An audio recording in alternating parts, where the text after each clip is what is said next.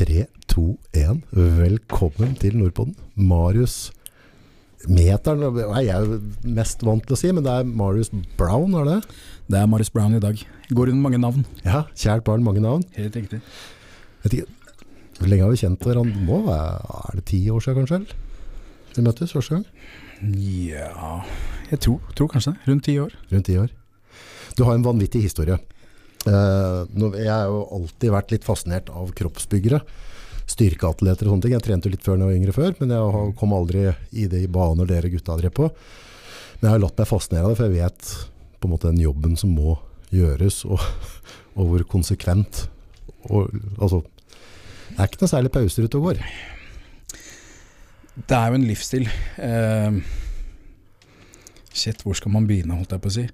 Eh, for meg begynte treninga veldig i det små, men det er, etter hvert så blir det en livsstil. For at hvis du skal vare den sporten, så må det være noe du trives med. Jeg ser veldig mange i dag begynne litt, i hvert fall i forhold til det med å konkurrere. De konkurrerer for å få en an- anerkjennelse, eller for at andre skal gi dem om det er likes, eller hva det enn måtte være. Eh, men da varer det som regel ikke så lenge, da. For det, det krever en del ofring, som regel. Jeg har vært litt der at jeg ønsket alt på en gang, så jeg levde et liv eh, eh, parallelt med bygging. Så jeg levde et hardt liv, eller festa, hatt mye moro. Ja. Eh, men det bærer jeg også litt preg av i dag. Og Har du for det, altså? Ja, alt som hopes you brings you up, takes you down. Så det, det er alltid noen konsekvenser av egne handlinger. Men eh, sånn sett så har jeg, har jeg det veldig bra i dag og kommet godt ut av ting. Men eh, ja, det har vært en livsstil i mange år. Du kunne, har kunne ha gått begge veier. Det kunne, absolutt. Eh, jeg har vært litt begge veier, men jeg har i hvert fall havna på riktig side. Når det kommer til crossfit, vi skal, um, bare få etablere det litt, men, men um, jeg har jo fulgt kroppsbygging en del, på, om det er Phil Heat, eller om, også, om det er Cutler, altså hele, Mm. hele den historien der da. Men du har jo hatt en fysikk som ikke har vært hverdagskost i Norge. Du har hatt en 3D. For en ting er på en måte å, å bygge meg stor, få på meg liksom 20-30 kilo nå, og, og, og få store eh, puffy muskler, men du har hatt den tre... Altså, jeg har sett, når jeg ser bilder av fysikken din, da, Mm. så er du på en måte I boka mi så, så ligger du oppunder sånn olympianivå der. Al altså Du kan stå på scenen med de gutta der, og så, og så ser de ikke at du er displassert. Uh, og det kan du ikke si om alle. For det, det, det er en sånn Den pro-level, det er noe annet. Du er nok inne på noe på veldig riktig der at det er mange som blir store. Og jeg kan komme på gym og se en fyr som bare shit, han er jo Jeg føler meg liten, men jeg vet også på en scene så vil han se betraktelig mindre ut enn meg. Litt av de grunnene som du sier, at man får 3D, det, visuelle blir annerledes, istedenfor at du er eller beste sammenligning er 2D og 3D. Du står Ja. på scenen og er eh, svær, men du får ikke den, de runde, poppende muskulaturen. Da. Og jeg er ikke født med de peneste linjene. Jeg vet ikke om jeg, det er kritikk til meg sjøl sånn sett, men jeg, jeg har alltid vært kraftig. Men det gjør at jeg har vært en liten plugg, så for at jeg skal få best mulig fysikk, så var det å få større lår, breiere skuldre, få midja inn. Eh, midja mi er egentlig ganske liten når jeg er um, hva skal jeg si, er 100 i form. Men fordi at eh, midja mi er kort, og med den strukturen jeg har, så må jeg må få det estetiske til å bli best mulig, og da må jeg dra meg langt ned. Ja.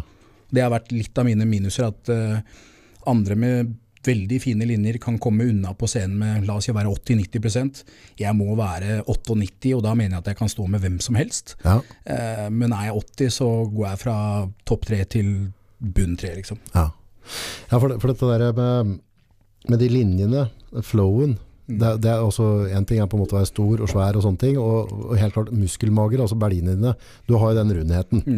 Eh, en ting er på en måte å få en god bredde og en vekt, og så er det noe med å få en dybde. Altså, og jeg tenker sånn der, Du skal kjenne til en sterk gubbe, da. så hvis du tar liksom, eh, tak i, i foran på brystet også på ryggen og klapper den sånn, så kjenner altså den tykkelsen Det er noe som uh, Nummer én, det er jo noe genetisk, men det skal mye, mye trening.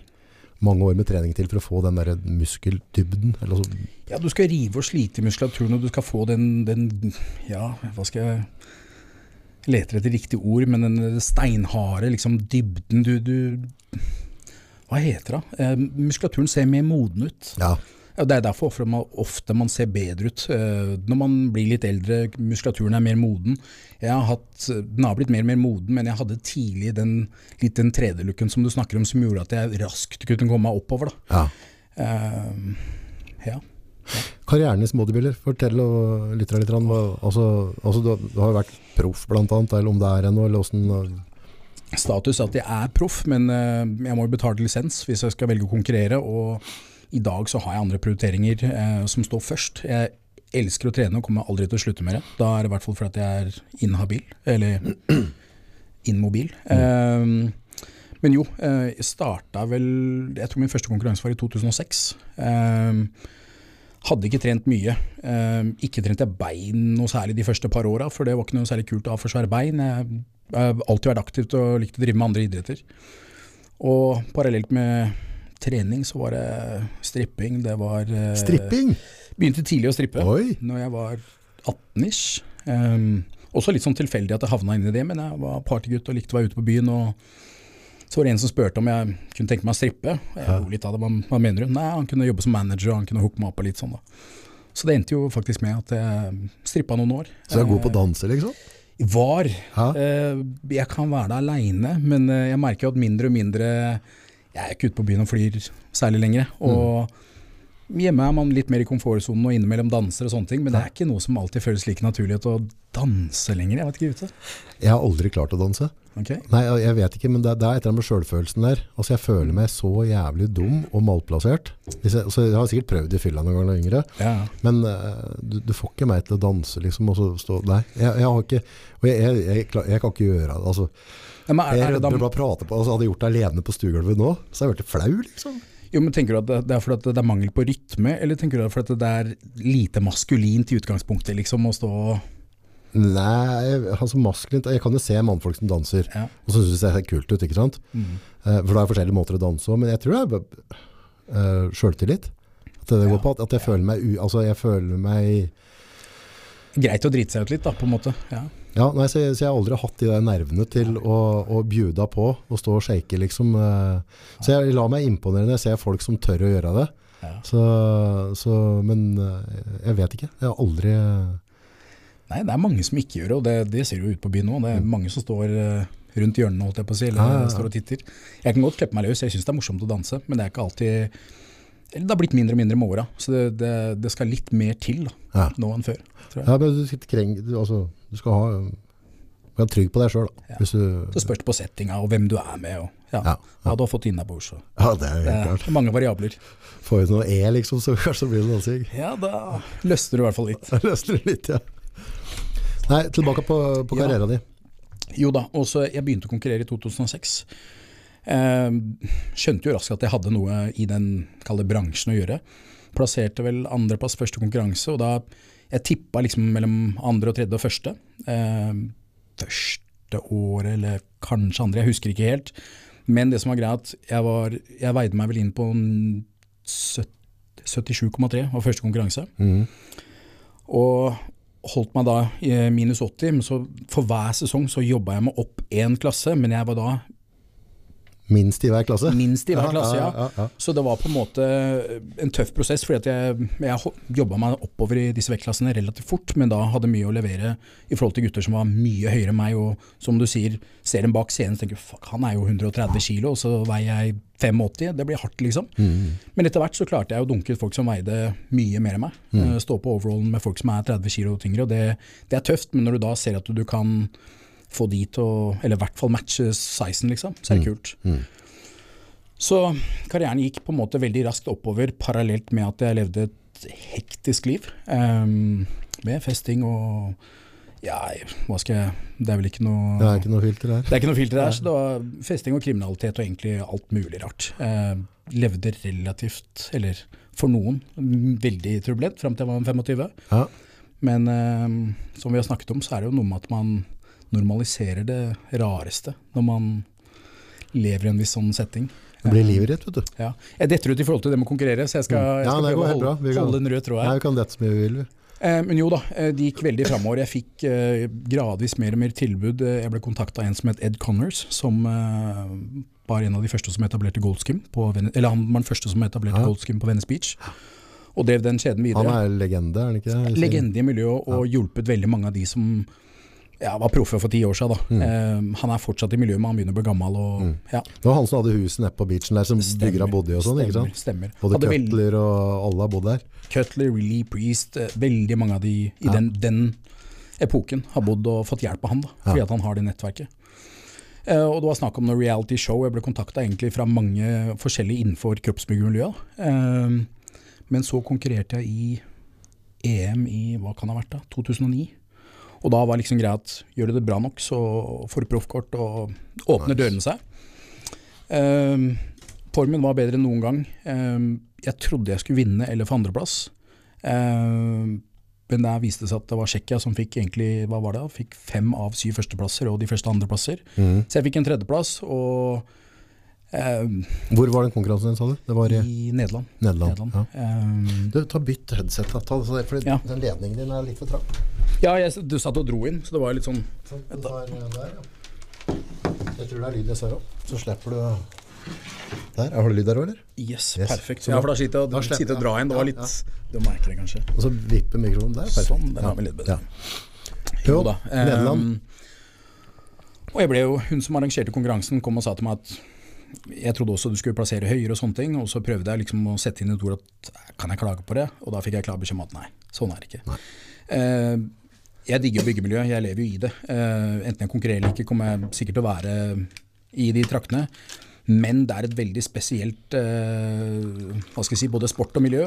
Veldig lukka, og da også mye jeg vet ikke om det er feil ord å bruke korrupsjon, men du må Ja, ja. trykke på de rette knappene. Du Det er politikk ute og går her. Veldig mye politikk. Um, det ser bare på Big Ramy nå, og, og dårlig han har gjort det for Olympia. Mm. Altså At han ikke har fulgt opp sosiale medier. Altså, det skal mye til at han vinner neste Olympia nå, altså. det tror jeg også. Ja, For han har ikke, han har ikke fulgt politikkboka. Nei, og det, Noen er heldige og klarer å komme seg opp av forskjellige grunner. Det kan være at du har en veldig stor X-faktor, eller det spørs, men som regel så handler det litt om hvilke sponsorer du har. Eh, stiller du New York Pro, jeg fikk beskjed om at hvis du ikke drar i en uke i forveien Har du stilt deg før? Nei. nei. Eh, men drar da og konkurrerer Nei, drar og, da må du trene på gymmet til han som har konkurransen. Du må la han komme og kritisere deg og komme på tilbakemeldinger, ellers kan man drite og bli plassert. Eh, så, så ja, det er mye politikk i gamet. Eh, det som skjedde, at jeg ble eh, dopingtatt i EM. Ja, bruker dere doping? Det, ja, det er det, da.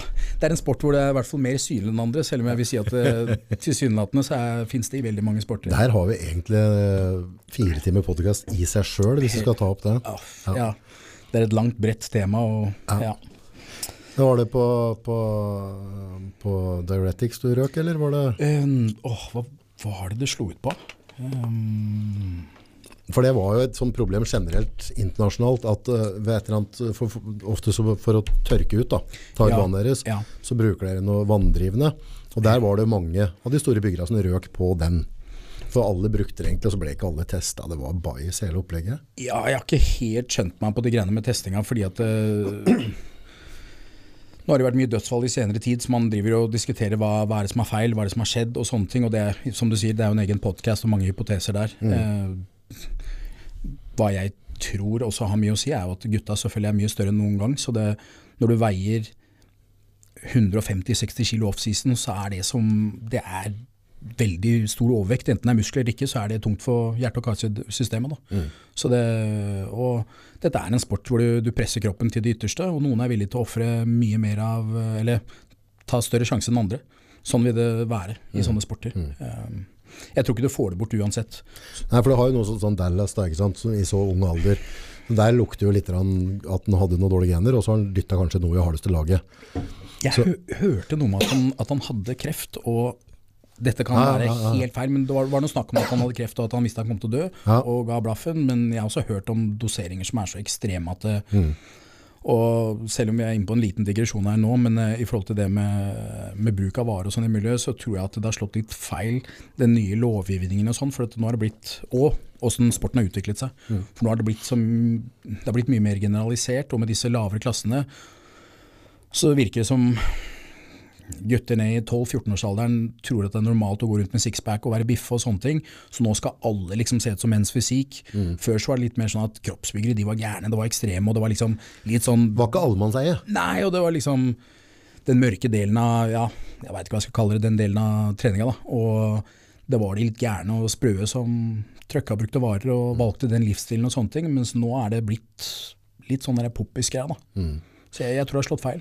Jeg tror mye av de dødsfallene altså Jeg har jo møtt Jeg kjenner jo mye folk samme som deg. Mm. Um, jeg har ikke mange historier liksom der Eller jeg har ikke noen historier å fortelle om der det har vært en steroideoverdose. Nei. Jeg, jeg kan nok fortelle et par historier om noen insulinbommerter, der Mm. noen har, har gått bort der. Men jeg er litt enig med deg på det i forhold til kroppsbyggeren at når du ser, altså, så Leverone da, Kevin, Mm. uh, han er jo en av de feteste Mm. fysikere, synes jeg. Da. At ikke han fikk Olympia, det fatter jeg ikke. Det er, det er litt sånn at han var litt snøttig, med veldig kul fysikk, Mm. fine linjer.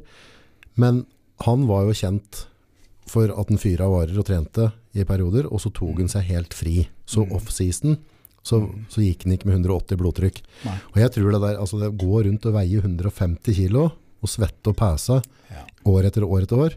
Det blir liksom sånn at du, at du kjører turtelleren på rødfeltet hele tida på bilen. Du knekker den. og Så, Mm. så, så jeg setter en knapp på det. Ja, det er i hvert fall én variabel som helt klart har en innflytelse på det med helse. Mm. Eh, 100 Og og, vet, jeg vet jo ikke hva, hva du, hva du altså hvilken doseringer av varer som du har brukt tidligere, men, men det, uten at jeg vet det, da, mm, så vet jeg med sikkerhet at jeg får ikke samme effekten av varene som du gjør. For det er, det er noe med genetikk, og det har noe med trening å gjøre. Og problemet er jo når sånne som meg skal bli som deg, så tror vi at vi løser det med å sette fem gram med testo i uka, og tygge tabletter som stover ut, ut av øra. Og da dreper du deg sjøl. jeg tror du er inne på noe veldig riktig der. Eh, jeg tror jeg med hånda på hjertet kan si at eh, mange av de mindre gutta på gymmet, som vet om, trøkker ufattelig hardt. Ja, ja. Eh, jeg har aldri vært en som har brukt mye, men jeg har testa ut forskjellig. Og der kommer jeg fram til igjen at minst mulig får mest mulig effekt. Men det har vært en trend der fordi det ikke er noe system som verken vil hjelpe. Det er ulovlig, man kan ikke snakke om det, man kan ikke rådgive andre. Og jeg tenker at Hvis du hadde kommet til en lege og du sier at jeg bruker steroider, og så sier han eh, Eller det typiske svaret vil være at du tar selvmord, du tar eget ansvar, jeg vil ikke ha noe med deg å gjøre. på en måte. Mm. Hvis legen hadde sagt ok, er dette noe du klarer å slutte med, hvis du ikke er noe du er villig til å slutte med, ok, da må vi sette inn noen forebyggende ting. Da, kanskje blodtrykksdempende, se på, ja, ta blodprøver og følge deg opp. og liksom være interessert i helsa di. Men det har vært noe som bare blir dytta til side og liksom stigmatisert. og nei, du er idiot, liksom. Mens folk velger jo en usunn livsstil og røyker og diverse, og det er greit. Ja, og så, har du jo også forhold til da Arnold og, nei, også, og seg Leverone, den tida, den epoken der da, så, så kommer jo varene i utgangspunktet fra apoteker. Ja. Så, så nå, nå er det jo det er, det er ikke til å stikke under stol at, at, at det er underdoserte varer, det er overdoserte. Du vet egentlig ikke helt hva du får. Så, så, så Nei, han, det er vel oh, Jeg lurer på om det er George, Peter, George Peterson som døde nå nylig. stemmer. Ja, Og de gikk gjennom eh, For da snakker coachen hadde full kontroll hva han brukte. han gikk brukte ikke mye, gjorde han? eh, Tilsynelatende så brukte han ganske mye nå, for han hadde valgt å gå all in, og dette skulle være liksom året. Men så gikk det gjennom blodprøvene, og så viste det at ting han har brukt, har, det har ikke inneholdt det han trodde. For det var helt andre verdier i, i henhold til det hva han har brukt. da. Ja. Um, Mye var han på liksom, i uka, vet, husker du? Å, nei, jeg husker ikke doseringen. Var Altså, det men, som at flere gram med test og uka, liksom? Eller var det Nei, jeg tror han har vært en av de som har vært eh, egentlig ganske sparsom, på en måte. Men nå skulle han gå litt hardere og sånne ting. Men han var absolutt ikke av de verste, etter hva jeg har hørt. Eh, nå har jeg en coach som har hjulpet meg siste, ja, siste tida, eh, som også er kjenner veldig godt de andre coachene og er veldig godt etablert i det miljøet. Så han forteller meg hva folk bruker. Og jeg får bakoversveis. Det er, eh, selvfølgelig er det variasjon på hva folk bruker, men mange bruker ekstremt store doser. Eh, og som han sier at det, du klarer å analysere og se om det funker eller ikke, og veldig mange forgifter seg sjøl. Ja. Det, det ser ikke bra ut. altså. Nei. Nei og De jeg, ser sjuke ut, liksom.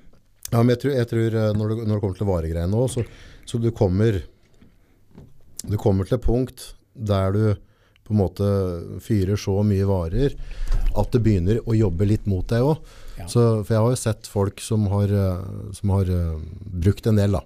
Ja. Og så, noen jeg kjenner, og så, så har det rydda litt opp i kosten der. Mm. Så halvert bruken av varen, og så bare skyter de i været. Så det virker som altså, altså de, har, de har brukt så mye trend at de ikke sover om natta. Og så skjønner de hvorfor de ikke vokser. Altså, altså Noen ganger så at man dytta det for langt, da, og så går de litt tilbake igjen og rydder opp i livsstil og kosthold, og så skjer det noe. Ja, vi veit jo det, selv medisiner blir jo gift med for store doser. Eh, jeg har et eksempel med en kompis som eh, har slitt en del med helsa si av forskjellige grunner. Både selvpåført, litt genetisk og sånne ting.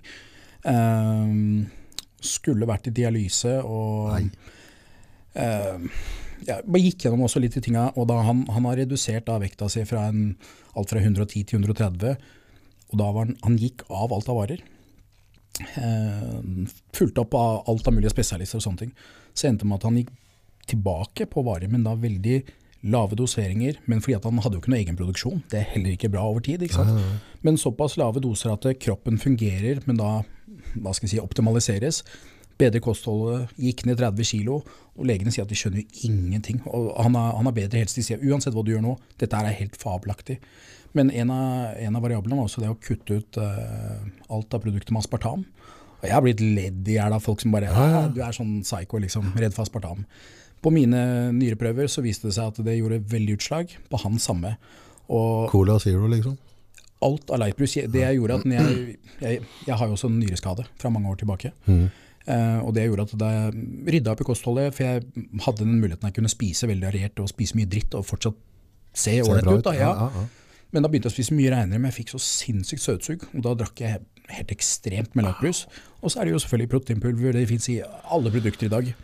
Og en, eh, når du tar blodprøve, så er det noe som heter EGFR, som er filtrasjon av nyra. Okay. Det viser da hvor god filtrering du har, og selvfølgelig hvis den ikke filtrerer, så blir du forgifta etter hvert og dør.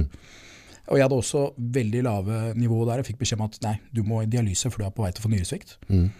Ante jo ikke hva dette innebar. Jeg var nei, jeg skal ikke noe dialyse. Ja, men da dauer du, liksom. Så jeg var ok, da fikk jeg en liten sånn wake-up call. Og da begynte jeg å ta blodprøver hver 14. dag, og jeg testa alt i forhold til kostholdet mitt. Og da viste det seg at det var lightbrusen. Jeg kutta den, så gikk alle gikk EGFR-verdiene, som er da filtre, eh, filtre, filtrering av nyra. Ja. Og da gikk den opp og stabiliserte seg på et nivå, og der har den holdt seg nå siden 2012. Jøss. Eh, og det samme visste jeg med han. Han var EGFR-en hans var nede på 17 eller sånt, nå, og når du er nede på 15, da må du i dialyse, liksom. Ja, Og nå er han oppe på 30. nice. Så det, det Ja. Ja, noen sier jo Jeg, bare, jeg har sett en dokumentar på forhold til aspartam og sånne ting. Altså, noen av de tilsetningsstoffene, da, der blir 1 pluss 1 10. ja. Ja, så når, altså aspartam sammen med andre ting, kosthold og liv og sånne ting, så kan du altså bare i en perfekt verden så trenger ikke aspartam i seg sjøl å være så farlig, men de andre tilsetningsstoffene som òg er i de sodadrikkene, gjør at den Det blir litt sånn altså, altså hvis, du, hvis du tar testo, Mm. Så er det det der, men får du på et annet bord, altså får du på noe deka eller får på noe annet etterpå, så får du en helt annen effekt ut av det, kontra at du bare kjører det alene. Da. Men det er det som er litt av problemet i en del forskning, at for en generalisert del av befolkningen så kanskje passer det, men så er det forsket uten kontekst. Så hvis du har brukt hormoner, så er kroppen din litt annerledes. Ruser du deg, spiser du reint?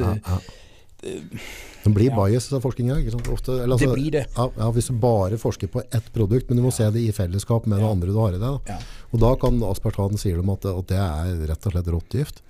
Jeg, Mange mener det. jeg tror vi kunne hatt en uh, egen podkast om det òg, men jeg, jeg føler ikke at helsemyndighetenes uh, råd i hvert fall alltid er til det beste for din egen helse. I hvert fall når du ser hva som produseres av mat, og hva vi blir Jeg spurte legene på Ullevål hva burde jeg spise, for jeg var veldig, selvfølgelig kostholder det nærmeste og letteste å regulere. Og Da spurte jeg hva skal jeg spise i forhold til nyrene mine. Nei, Gå på butikken og så ser du hva alle andre spiser, og så spiser jeg bare litt større mengder. Så jeg bare ok, så ferdigmat, pizza, liksom. Ja, sånn. Ja, spis normal mat, liksom. Det var ikke noe verre enn det. Pissprat. Ja, jeg tror jo vi kan, jo vi kan jo gjerne gå inn på korona. Ja, men også, hvis det var sånn der, Ja. Sånn, bare stille spørsmål da, til lytterne. Altså, nå trenger ikke vi å komme med noen påstander i hele tatt på dette der, men, men eh, altså, i pandemi, bla bla bla, og styr og Mm. stell, vi vet liksom at du må være, holde deg i form. Altså, jo, jo bedre form du er, hvis du blir hittet av et eller annet, Mm. jo større sjanse har du. Selvfølgelig. Uh, skal vi stenge, vi stenger gymma, og så lar vi McDonalds stå oppe. Er det, er det en fornuftig tanke? Hvis du er redd for helsa til folket ditt? Så vet vi at for, en, for god alminnelig helse så hjelper det ikke å isolere seg. Du skal gjerne ha sollys, du skal ha frisk luft. Du skal, det er så mange ting som Men bare det at McDonald'sen McDonald's er liksom Ja. tidenes råttgift, dem får lov til å holde oppe, der kan vi samles. Vinmonopolet. Ja, men gymmet? Ja, det stenger vi. Og selv om det ikke hadde Det, har ikke vist, det var ikke et sted med mye smitte, i hvert fall i forhold til statistikker og sånne ting. Eh, Og Poenget mitt er ikke å diskutere korona for eller imot, men det er bare jeg håper de fleste har lært seg noe de siste par åra, at eh, du må i hvert fall ta ansvar eh, eller autonomi for din egen helse og velvære, for at det er ingen andre som gjør det. Altså. Nei, for hadde du fulgt råda, bare spist pizza og kjørt på, så Shit, så er det sikkert, ja. Apropos daua. eh, I det du på en måte altså, Når du begynte å konkurrere da, og fikk litt blod på tann, og, og på en Mm. måte du, du lukter, lukter liksom på det, det søte liv innen kroppsbygging, Mm. Gjorde det deg noen tanker at du var villig til å gå i grava med det? Altså, ok, nå, nå, nå blir det det det blir. Eh, om jeg blir 30, så blir jeg 30, men jeg skal i hvert fall leve som en eh, løve. var, mindsetet var ikke helt der, men eh, for å forklare det, jeg håper at Eller jeg har lagd en TikTok som jeg forklarte, og det samme med her, at jeg håper at noe av den erfaringen man deler, kan gi lærdom. Og jeg har hatt det mye moro, men jeg ville ikke bedt noen andre ta den samme veien, for at den har vært kostbar på mange måter. Jeg var ikke sånn at jeg tenkte at oi, shit, eh, jeg er villig til å daue når jeg er 30, men det var litt sånn nei, faen, jeg tåler hva som helst. Jeg, jeg var ikke redd for å daue. jeg Ungdom. jeg festa hardt, jeg var, og det husker jeg det var Harald som sa til meg Hei, du kan ikke være kongen på gymmet, kongen på gata, du skal være kongen på byen. Faen, du, må, du må faktisk ofre for å få. Og sånn er det med alt i livet, at som regel så må du tilsidesette noe for å få noe annet. For du må ha litt nå, nåløye ja. Mm. Eh, altså byggekarrieren altså, Konkurrerte du nå i statene, og var det noe der og trente? Og har, du, har du opplevd noe av den Gold Beach area? Har du sett noe av det? Liksom? ja, det er litt, og det var jo til og med snakk om reality shows og sånn der nede. Før Rich Biana kom ut, så ville han uh, For han Han- ble stor, altså. Ja da, veldig. Det og eh, det var Ed Connors som var på de greiene at hei, du har kult utseende, du skiller deg ut, liksom sånne ting.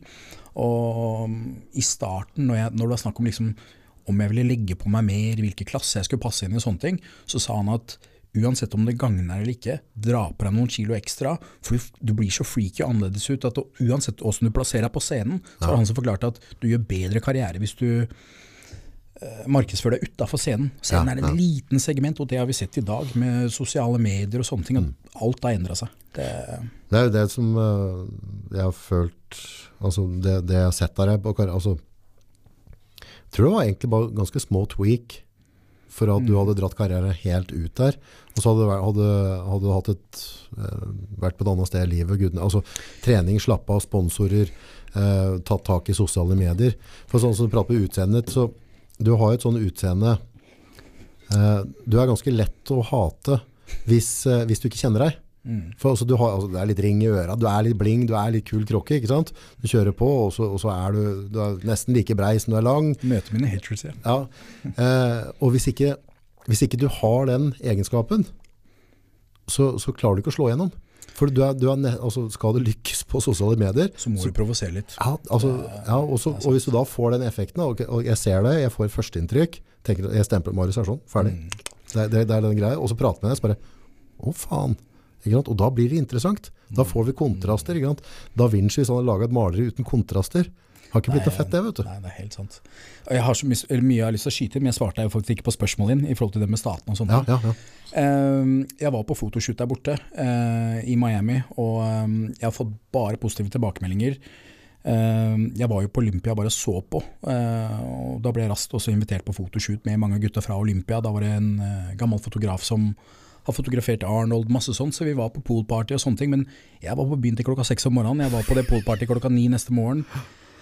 Sliten. Jeg husker bare at jeg hadde ikke fått i meg mat på sikkert et døgn, så jeg drakk vel to liter med eggehvite med sjokoladesmak, for det hadde jeg kjøpt på Olympia dagen før. Jeg holdt jo på å drite meg på det poolparty. Shit. Eh, så jeg har ikke utnytta sjansene mine.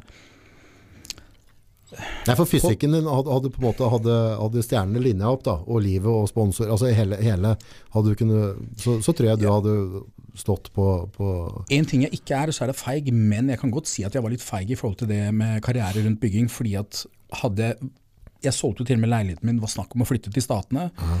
Men eh, tilbake til konkurreringa i EM, så ble jeg jo tatt, eh, dessverre. Eh, spist noe jeg ikke tålte, holdt jeg på å si. Eller var det, var det Marit Bjørgen som Hva var det? Leppepomade eller et eller annet? Så var, Nei, jeg får skylde- det var jo Johaug det. Nei, Johaug, så jeg får skylde på leppepomade eller et eller annet. Men eh, uansett, eh, Rett etterpå så ble jeg invitert til Arnolds, og det var da én Arnolds eh, totalt. Det var ikke rundt om i forskjellige verdensdeler sånn som det er i dag. Da ble det én konkurranse med alle proffa som hadde kvalifisert seg, og så var det én proff i verden som ble invitert, av alle proffa. Ja. Jeg fikk den invitasjonen, og det var liksom det var beste på en måte bekreftelsen du kan få på at du er på vei opp. Og, ja, og de la ut bilder av meg, og jeg sendte, sendte, jeg sendte bilder av meg sjøl og sånne ting tok det ikke mange dagene. Eh, først så ringte en kompis med og som bare Shit, du skal være med på Arnold. Jeg bare, Hva snakker om? Han bare gå og se på lista, det står Dexter, Jackson, Dexter Jackson, Marius Gråterud, liksom Ja. Så jeg ble jo superstoka. Sammen med Dexter, liksom. Ja, og det var åpen klasse. Ja. Eh, Så det var det jeg skulle stille i. Og så tok det ikke mange dagene før eh, navnet mitt var stryket i lista. Da var det antidoping som hadde sagt at han skal ikke få være med. Jeg fikk bare beskjed at det spiller ingen rolle om du blir tatt i EM, fordi at eh, hvis du klarer å plassere deg og vise deg fram, så får du proffkort. Så enkelt det var ikke. Nei. Eh, og da skal jeg fortelle kjapt, bare en liten sånn innføring av det med, som jeg mener at det er mye politikk i bygginga. Ja. Fordi at eh, senere tid så gikk jo det til min fordel. Eh, men det er ikke noe mer riktig av den grunn. Og det var at eh, jeg ble jo utestengt. Og så ba jeg om en uh, test uh, for at de kunne teste meg etter utestengelsen, sånn at jeg kunne komme tilbake. Mhm. Og dette betalte jeg for sjøl og kontakta og alt mulig. Og um, fortalte da at eh, jeg gikk på en hormondose for å holde liksom, nivåene naturlig. Og så sa jeg jeg kan godt gå av dette hvis det er ønskelig, eh, sånn at dere ikke ser at det er en kunstig tilførsel og sånne ting. Men da, dere må gi meg en dato, sånn at jeg kan planlegge dette, og, hvis det er dette dere ønsker. og sånne ting. Fikk ikke noe svar på det, og plutselig ringte man meg en dag på jobb. Og um, dukka på jobben min på kvelden, for da jobba jeg et døgn. Og um, tok en ny test. Og jeg hadde bitte lite grann for høy nivå. Uh, med da hormone replacement treatment-dose. 52 uker. Ja. Mm. Men det var i hvert fall ikke innafor. Og så ble jeg bare lei. Tenkte jeg drit i IFBB, det er så mye piss allikevel. Og det, da døde veldig mange av de ambisjonene mine rundt det med bygginga, fordi at drivkraften stoppa. Det, du skjønner jo sjøl, det var som å putte en kjepp i hjulet. Så jeg konkurrerte litt i andre forbund. Leverte ikke 100% men i de andre forbundene så klarte jeg å få anerkjennelse veldig fort. Betalte jo reisene mine, hotell, hva det måtte være.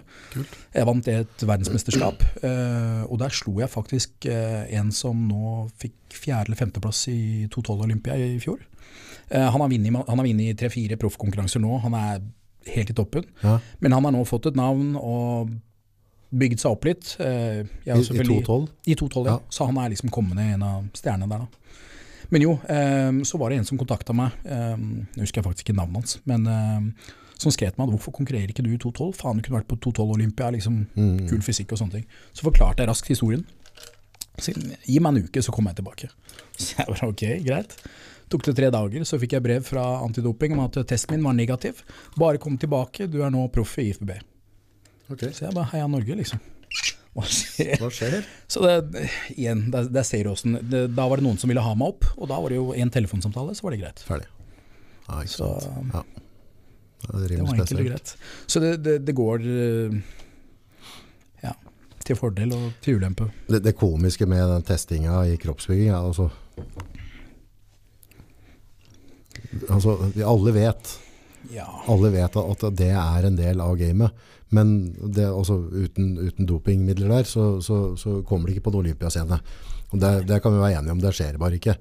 Men, eh, men det som er liksom sånn der, eh, dumt med det, er at, at noen tror at det er løsning. Altså, for, det hjelper ikke bare å sette deg i sprøyte, så kommer du på olympiascenen. Det er ikke sånn det funker. Ikke sant? Du skal ha riktig genetikk, du skal ha riktig flow, du skal spise riktig, du skal trene riktig, du skal sove riktig, og du skal gjøre dette i mange år uten to-tre ukers pauser imellom. Du skal drive på jevnt og trutt, jevnt og trutt. Uh, og, og så det, det som er liksom faren med den dopinggreia, Ja. at noen tror liksom at dette er en quick fix. Ja, men det, det, er det, det er det Eller gå tilbake til det vi snakka om tidligere, at eh, jeg tror det har slått litt feil vei med disse nye klassene og, og det med at det ble ulovlig eh, til bruk fordi at før så var det vanlig at du trente i ti år før det var snakk om å stille i en kroppsbyggerkonkurranse. Nå kommer folk inn på gym og så sier de at jeg, jeg vil stille om seks måneder. Ja, hvor lenge har du trent? Nei, jeg begynner nå, liksom. Ja. Og Det er ikke mange som kan gjøre Nei, for da, om, da kan de også ty til ting, og så kommer de inn i en klasse, og liksom, det er lettere for dem å hoppe inn der. Ja. Før så måtte du være freaky, og det tok mange år. og Da har du hatt mange år på å tenke deg om, eller hva enn det måtte være. da. Mens eh, jeg anbefaler ingen å bruke. og Det er det som er synd i dag, at så mange unge hopper seg på noe de ikke er klar over. Og det, det hjalp meg sjøl òg. Ante jo ikke hva jeg gikk til. Det er virkelig ikke, altså. Det blir så, altså, så er mange, ja, selv om Rodney Coleman Ja. gjorde det bra, altså, men det, det, er noe, det er noe genetikk som ikke er normal. Samme med engelskmannen nå. han, øh, si det med rimer dem til helt. Den, nei, han James, han, James Hollingshead? Nei, du tenker på uh, Dorian Yates? Dorian Yates, ja, og, ja. du, du har noen sånne, men så ser vi den på YouTube, og så tror disse yngre at ok, vi bare Ja. vi fyrer noe greier, og så, så blir jeg Dorian Yates. Nei, det er bare en Dorian Yates, det er bare en Jay Cutler, og, og Dexter Jackson, altså, det, det er ikke mange av dem. Det krever, det krever for det første ekstrem dedikasjon. Det krever en evne til å tåle en ekstrem smerte. fordi du, du må pushe deg forbi smertepunktet i hvert fall fem dager i uka liksom, i år etter år etter år. Du må ha ekstremt gode gener, være flink til å spise mat. Det verste er sannsynligvis maten. Det er der eh, de fleste streifer. for at du må spise så mye mat. Det krever såpass mye tid og tygging. Holdt jeg på å si. Ja, fy faen, du blir sliten. I tillegg da så gjerne hjelper det med litt hormoner. Men Mm. mange prøver å kompensere med, dårlige, eller kompensere med hormoner for dårlige gener. Det tror jeg er farlig. Jeg vet ikke om det er en påstand, jeg mener at, liksom at uh, i kroppsbygging, 70% av maten, og så fordeler du trening og det andre på, Helt enig. så, Um, hvis ikke du har den evnen.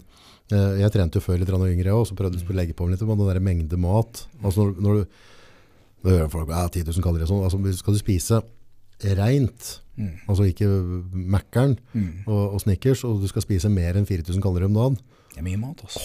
Ja. Altså, jeg hadde kommet til knekt. Altså, så jeg husker når jeg slutta å trene, så jeg var så glad jeg bare var ferdig med det matgreiene. For det, det var et sånn mat, mat og jag på hele tida. Å ha med seg mat, spise det, sitte og tygge, og så ble det kaldt, og så var det litt biffen litt trå. Og så, det har ikke noe å si, det skal i deg hele tida. Det er heftig, altså. Det er krevende. og det er det, jeg tror de fleste, det de syns er slitsomt til maten Alle sier det proffe, liksom endelig kan de slappe av litt, spise litt mindre. i- Ja, Mm. det, det krever mye, altså. Og det sprøe med mat nå er at, at øh, det er så store menneskelige forskjeller. Altså, sånn Jay Ja. Var det, var det 500-600 gram med karb han spiste liksom Ja. på inn, og, og andre må være nede på 70 gram karb om dagen før skal stille. Og, og han var i form på det liksom. Ja. Jeg, er kan, jeg kan ta opp en hypotese her. Dette er noe jeg tok opp på TikTok, og jeg fikk jo masse motstand. Og, Ja, så flott. og det var, eh, For jeg snakket om det om at jeg har vært veldig heldig med genene mine. Og Mm. dette er noe jeg har fått hørt i alle år gjennom alle segment, men eh, åssen jeg visste at jeg hadde bedre gener, det var jo ja, ingen eh, tillit til det. Og så sa jeg at eh, min mormor var jo afroamerikansk. Eh, hennes enten så var det mor eller tippoldemor var slave. Ja. Og så er det ikke Men folk klarte ikke å trekke den korrelasjonen mellom slave og at De jobba. de jobba, ja, de ble sterke, og dette her er, går i genetisk arv etter generasjon og sånne ting. Så jeg sa at det er nok henne jeg har det fra. Og jeg har også, hvis du ser på kroppen min, så har jeg en fysikk som tilnærmer seg mer den ja, Appellerer til det. ja. Helt riktig. Så, men der fikk jeg bare kritikk. Og nei, det var bare tull. Og hva har slave med, med din kroppsbygging å gjøre og sånne ting? Men ja. Ja, men, men øh, de mørke, Mm. øh, sånn, sånn generalisere da, Mm. så vil jeg påstå at dem på det generelle har en bedre genetikk enn meg som er sånn halvrød i håret. Uh, altså hvis du ser på sprinter eller om du går på Olympiascenen, altså, Helt riktig. altså dette er ikke noe rakettforskning altså. Helt enig. Og, og jeg kan jo se folk på YouTube liksom, nede i Afrika der, som Ja. antageligvis lever på sultgrensa. Altså det er liksom noen bananer og ris de finner i bakken. Altså det, det er ikke bra liv. De har, de, trener litt i garasjen. også. ja, de gjør ikke det. De driver som noen fisker og drar på Ja. nett, og, og, og de har lite mat. Og så, og så har de en fysiksen jeg kan bare drømme om å få. Om jeg hadde fyrt steroider så det pipla ut av øra mine, og sittet og spist proteinbarer. Og jeg, jeg hadde ikke kommet til å sette ut sånn. Altså, fra fødselen så har de, de har bedre gener enn meg, og jeg, og jeg kan ikke jeg, jeg kan ikke altså, jeg, må, og, og jeg sier jo ikke det for å si noe dårlig om dem. Altså, nei, nei, sier, de har jo bedre gener enn meg. De har vært heldige, eh, og jeg vil si genene har alt å si. Hvis du ikke har gode gener, så kommer du ikke til å bli en god kroppsbygger uansett. Eh, nei. Så, Det, jeg husker, eh, vi var inne på det, da jeg bodde i Afrika. ja. Da var det en afrikaner som var helt enormt svær. Selvfølgelig når man husker ting fra man var barn, så husker man det ofte litt annerledes enn hvis man hadde sett det i dag. For jeg husker at han var så sinnssykt svær. Ja. Og da, det var vanlig at hvis du kjørte, vi kjørte alle sånne Land Rover eller pickups og sånne ting, og hvis du skulle kjøre inn til byen, så ville alle sitte på oss. Da satt en 30 mann bak i en pickup. Ja. Og du husker at bilen ikke starta. Nei, alle skulle sitte i bilen. Han dytta denne bilen med 30 mann, altså. Så uansett om jeg husker feil, så han var enormt sterk, liksom. Og det var ikke noe gym da. Det fantes ikke gym. Ikke sant. Så, Du, Afrika. Ja. Hva, fortell, hva, hvordan startet dette der, og hva, hva skjedde? Altså, hadde tenkt å si jeg rømte hjemmefra, men det var ikke, det var ikke så gærent. Du ble sendt hjemmefra, Ja, jeg ble sendt, så det, ikke var, det starta tidlig. Skal vi grave kobolt. Ja. Nei, da vi, vi flytta ned da jeg var eh, åh, liten gutt, holdt jeg på å si. I To, en- tre, fire år? Eller? Nei, sju-åtte år. Ja, så husker du reisen? Ja, ja. med og 1991. da var jo Afrika, eller Zambia, i hvert fall noe helt annet enn var det, det Hva er i faen Hva skulle du nedi der etter? da? Eh, Foreldrene mine tok en jobb for Norad. Ah. Eh, De er litt sånn ekspertise innenfor mange felt, så de er agronomer, kan drive gårdsbruk, eh, metallfag, Oi. snekkere, tømmermester og sånne ting. Så de Mm. drev en skole da med opplæring av alt innen hånd, håndarbeid, jordbruk, metallfag og sånne ting. Ja. Og da fikk du beskjed om å pakke He-Man-figurene dine og gjøre deg klar? Ja, eh, shit. Det, det var en overgang, og det var, det var tøft da, altså. For, husker du reisa ned, eller? Altså, Ja. Bare det å åpne den døra, få den varmen og komme fra Ja, jeg husker mer at øh, Åh, shit, nei, nå sitter jeg og tenker om det var første tur. Jeg, har vært Jeg har mange- ikke det å si, ja. jeg, nei, jeg reist frem og tilbake, og så har vi vært eh, tilbake mange år seinere, for det har blitt litt sånn eh, ekstern familie. mm. Uh, men ja, Afrika var en veldig overgang. eh, I hvert fall så ung alder. og Er det ting du husker som bare sjokka deg? Liksom? Bare, hva, hva skjer? Åh, shit, hvor skal vi begynne da? Nei, vi, I starten, første året, så bodde vi i en liten landsby som het uh, Babala. Ja. Eh, jeg husker at vi, vi kom dit seint. Det blir tidligere mørkt der enn her hjemme. Det er liksom klokka seks på vinteren og sju på sommeren. Liksom. Og så blir det bammørkt Ja, det er plutselig. Dunk. bekmørkt. Og Det det, var en liten landsby, det var ikke mye gatelys. Uh, vi, det, det var en bolig som skulle være i orden. Dette er gamle boliger fra det var eh, Kolonitida. eh, koloni, eh, engelsk koloni. Så veldig dårlig stelt. Og våkna opp, vi hadde ikke gardiner, og da sto det sikkert 200 stykker og titta inn, av vinduene og syntes dette var dritmoro. Jeg var ganske lys i håret, og jeg husker i den varmen så ble jeg lysere og lysere. Eh, så der kunne godt folk trodde jeg var jente. Det ja, var litt kontrast fra hjemmefra. Ja. Eh, men absolutt en spennende tid. Eh, Kosthold, rutiner, skole, åssen funka det? Kom meg ikke på skole første året. Eh, da var meningen at vi skulle gå på en eh, privat, eh, nei, en privat, en, en vanlig standard afrikansk skole. Mm. Men det, jeg husker det ble klins med rektor, og det, det, det funka ikke. Det, jeg tror det var litt i forhold til sjalusi. Den skolen hadde jo ikke noe da. Det, det var ikke noe, på en måte. Eh, I 91. Jeg husker bare at vi dro i noe såkalte butikker for å handle noe, det fantes ingenting som var spennende for barn. Det var ingenting med farger i, det var, det var ingenting. Ehm, og hun dama som satt i kassa spurte om jeg ville ha kvittering, og sa nei, og da tygde jeg og spiste den.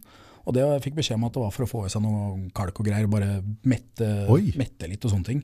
I 91 så var det veldig ehm, urbant, hva skal jeg si. Det, var, det var ingenting i Zambia da, altså, nesten. Det var, nå liksom er det jo fastfood-kjeder og det, alt mulig. Ja, ikke sant? Alt, alle har iPhone og Ja. sånne ting. Da, ingen hadde sko omtrent. Det var særegent å ha sko da. Altså. Fikk de kompiser og sånn på samme alder? Eller? Ja da, men, og mye eldre òg. Eh, Ja. Og ingen visste hvor gamle de var. Det var også vanlig. Det, er- De visste nei, ikke nei, ikke hvem de Nei, nei, nei. Jeg husker eh, Jeg har hatt kontakt med noen og sånne ting. Og der, da vi hadde vært borte fra Afrika så og så mange år Jeg hadde liksom blitt fem år eldre, mens han hadde blitt eh, 14 år eldre. Liksom. Det har ingen kontroll. Det betyr ikke noe. Det betyr noe. Så deilig sånn sett. Da. Men eh, ah, jo, hva, hva, hva skal jeg fortelle fra Afrika? Det Nei, altså er det, er, det, er det ting vi opplever, altså det du opplevde der nede som har vært med å prege deg i livet ditt nå? Altså er det ting du har sett og opplevd som gjør at du har dratt ned både ja positivt og negativt, holdt jeg på å si? Altså, Jo da, vi, vi har vært inne på det så vidt. Ehm, Det er så store kulturelle forskjeller. Eh, andre året så flytta vi til en farm, og da bodde hos eh, engelskmenn som har vært der i flere århundrer, holdt jeg på å si. eh, flere generasjoner. Og da begynte jeg på en privat engelsk skole, eh, og dette er da svære farmere som eh, har masse eksotiske dyr. Og måten de overlever på er å få jegere fra overalt i hele verden, og også skyte dyr som man eh, selger til hoteller. ja. Eh, men alt utenfor disse inngjerda områdene de er ekstremt store. Da, men utafor der så er nesten alt av dyr skutt og av krypskyttere. Eh, så du er avhengig av å vokte disse områdene, så ikke krypskyttere. Så da er det vanlig at du har patruljerende folk med våpen og sånne ting på områdene. Og når jeg gikk på skolen så var jeg der ni, og da var jeg eldstemann. De ville ikke ha så mange gutter på det, eller så mange um, over den alderen på den skolen, fordi at når du begynner å bli seksuelt aktivt og sånne ting, så blir det litt sånn problematisk. Ja. Dette var en liten skole, liksom. Så de ville ha opp til den alderen. Ja. Eh, men siden jeg var eldst, så var jeg med annet eh, eh, mye på jakt og skjøt dyr til hoteller og sånne ting, men da hendte seg også at man våkna på natta, da hadde det vært skyting, så det er jo krypskyttere som kommer og sånne ting. Og noe spesielt å se konsekvensene av handlingene der nede, selv om, som vi snakket om, at uh, alt normaliseres når man vokser opp med det. Men jeg husker krypkjøtt som ble tatt, og dem jeg Overlevde beskrive? ikke? Både ikke overlevde og får en juling som ikke er menneskelig i disse kulturene, for å si det sånn. Eh, kan bare skyte inn, eh, for heller klippe ut hvis det er for fælt. Men de, de lagde noe som het shambok. Det er flodhestkinn som det da strekkes og tvinnes og tørkes og lages til pisk. Ja.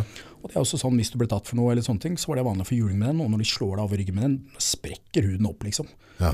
Eh, også hvis det var mye bråk i områdene, og det var spesielt den første landsbyen da, som vi bodde i, da kommer paramilitæret inn, og de vil du ikke ha utfordring med. De fikk gutta Jeg husker jeg hadde mm, skolen som faren min drev, så hadde det vært noen ting som ble stjålet, og så fikk han beskjed om kontakt paramilitæret, og det gjorde han. Og han forklarte jo etterpå at faen, det angrer han på. ass. For da skulle de finne ut hvem som hadde stjålet disse tingene. Og da ba de noen av de gutta som de trodde hadde gjort det, de skulle gå med bøtte med vann på huet. Og eh, hvis de sørte, for det var veldig vanlig at damer gikk med med vann og henta sånn fra bekken. Så hvis de sørte, da fikk de juling. Og når han første karen går med bøtta på huet, så får han en stokk i kjeften så han sikkert knekker kjeven, ikke sant. Selvfølgelig søler han jo. Og det var liksom gangen i det. Og disse gutta de var hissige, og de står og skriker og peker med maskingevær og ja. Det er sånn du bevitna, på en måte. Du, så det. Noe, noe av det, ja. noe ikke. Eh, fordi at jeg var såpass ung, men jeg husker de viste meg blant en som hadde fått juling, og da åpner de opp eh, bak en sånn eh, Land Rover. Åpner dørene, og da sitter en fyr som bare han bare klarer ikke å puste. ikke sant? Jeg skjønner knekt alt av ribbein og alt mulig. Og da fikk han jo litt mer juling, og de ler, og liksom for Det var vanlig. Men, eh, Menneskeliv er ikke så mye verdt der. Nei. eh, på sett og vis ikke.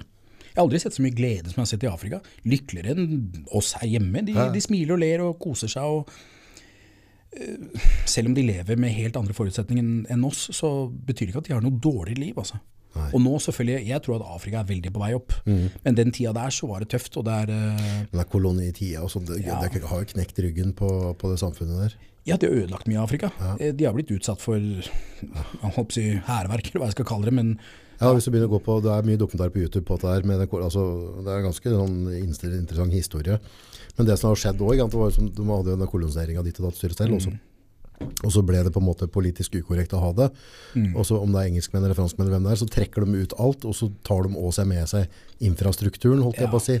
Eh, altså det som, så plutselig så, så er det ingen som vet hvordan de skal styre det. For afrikanere har ikke fått lov til å styre det sjøl før. Nei, det- Så over natta, og så får den der struggle med, med power.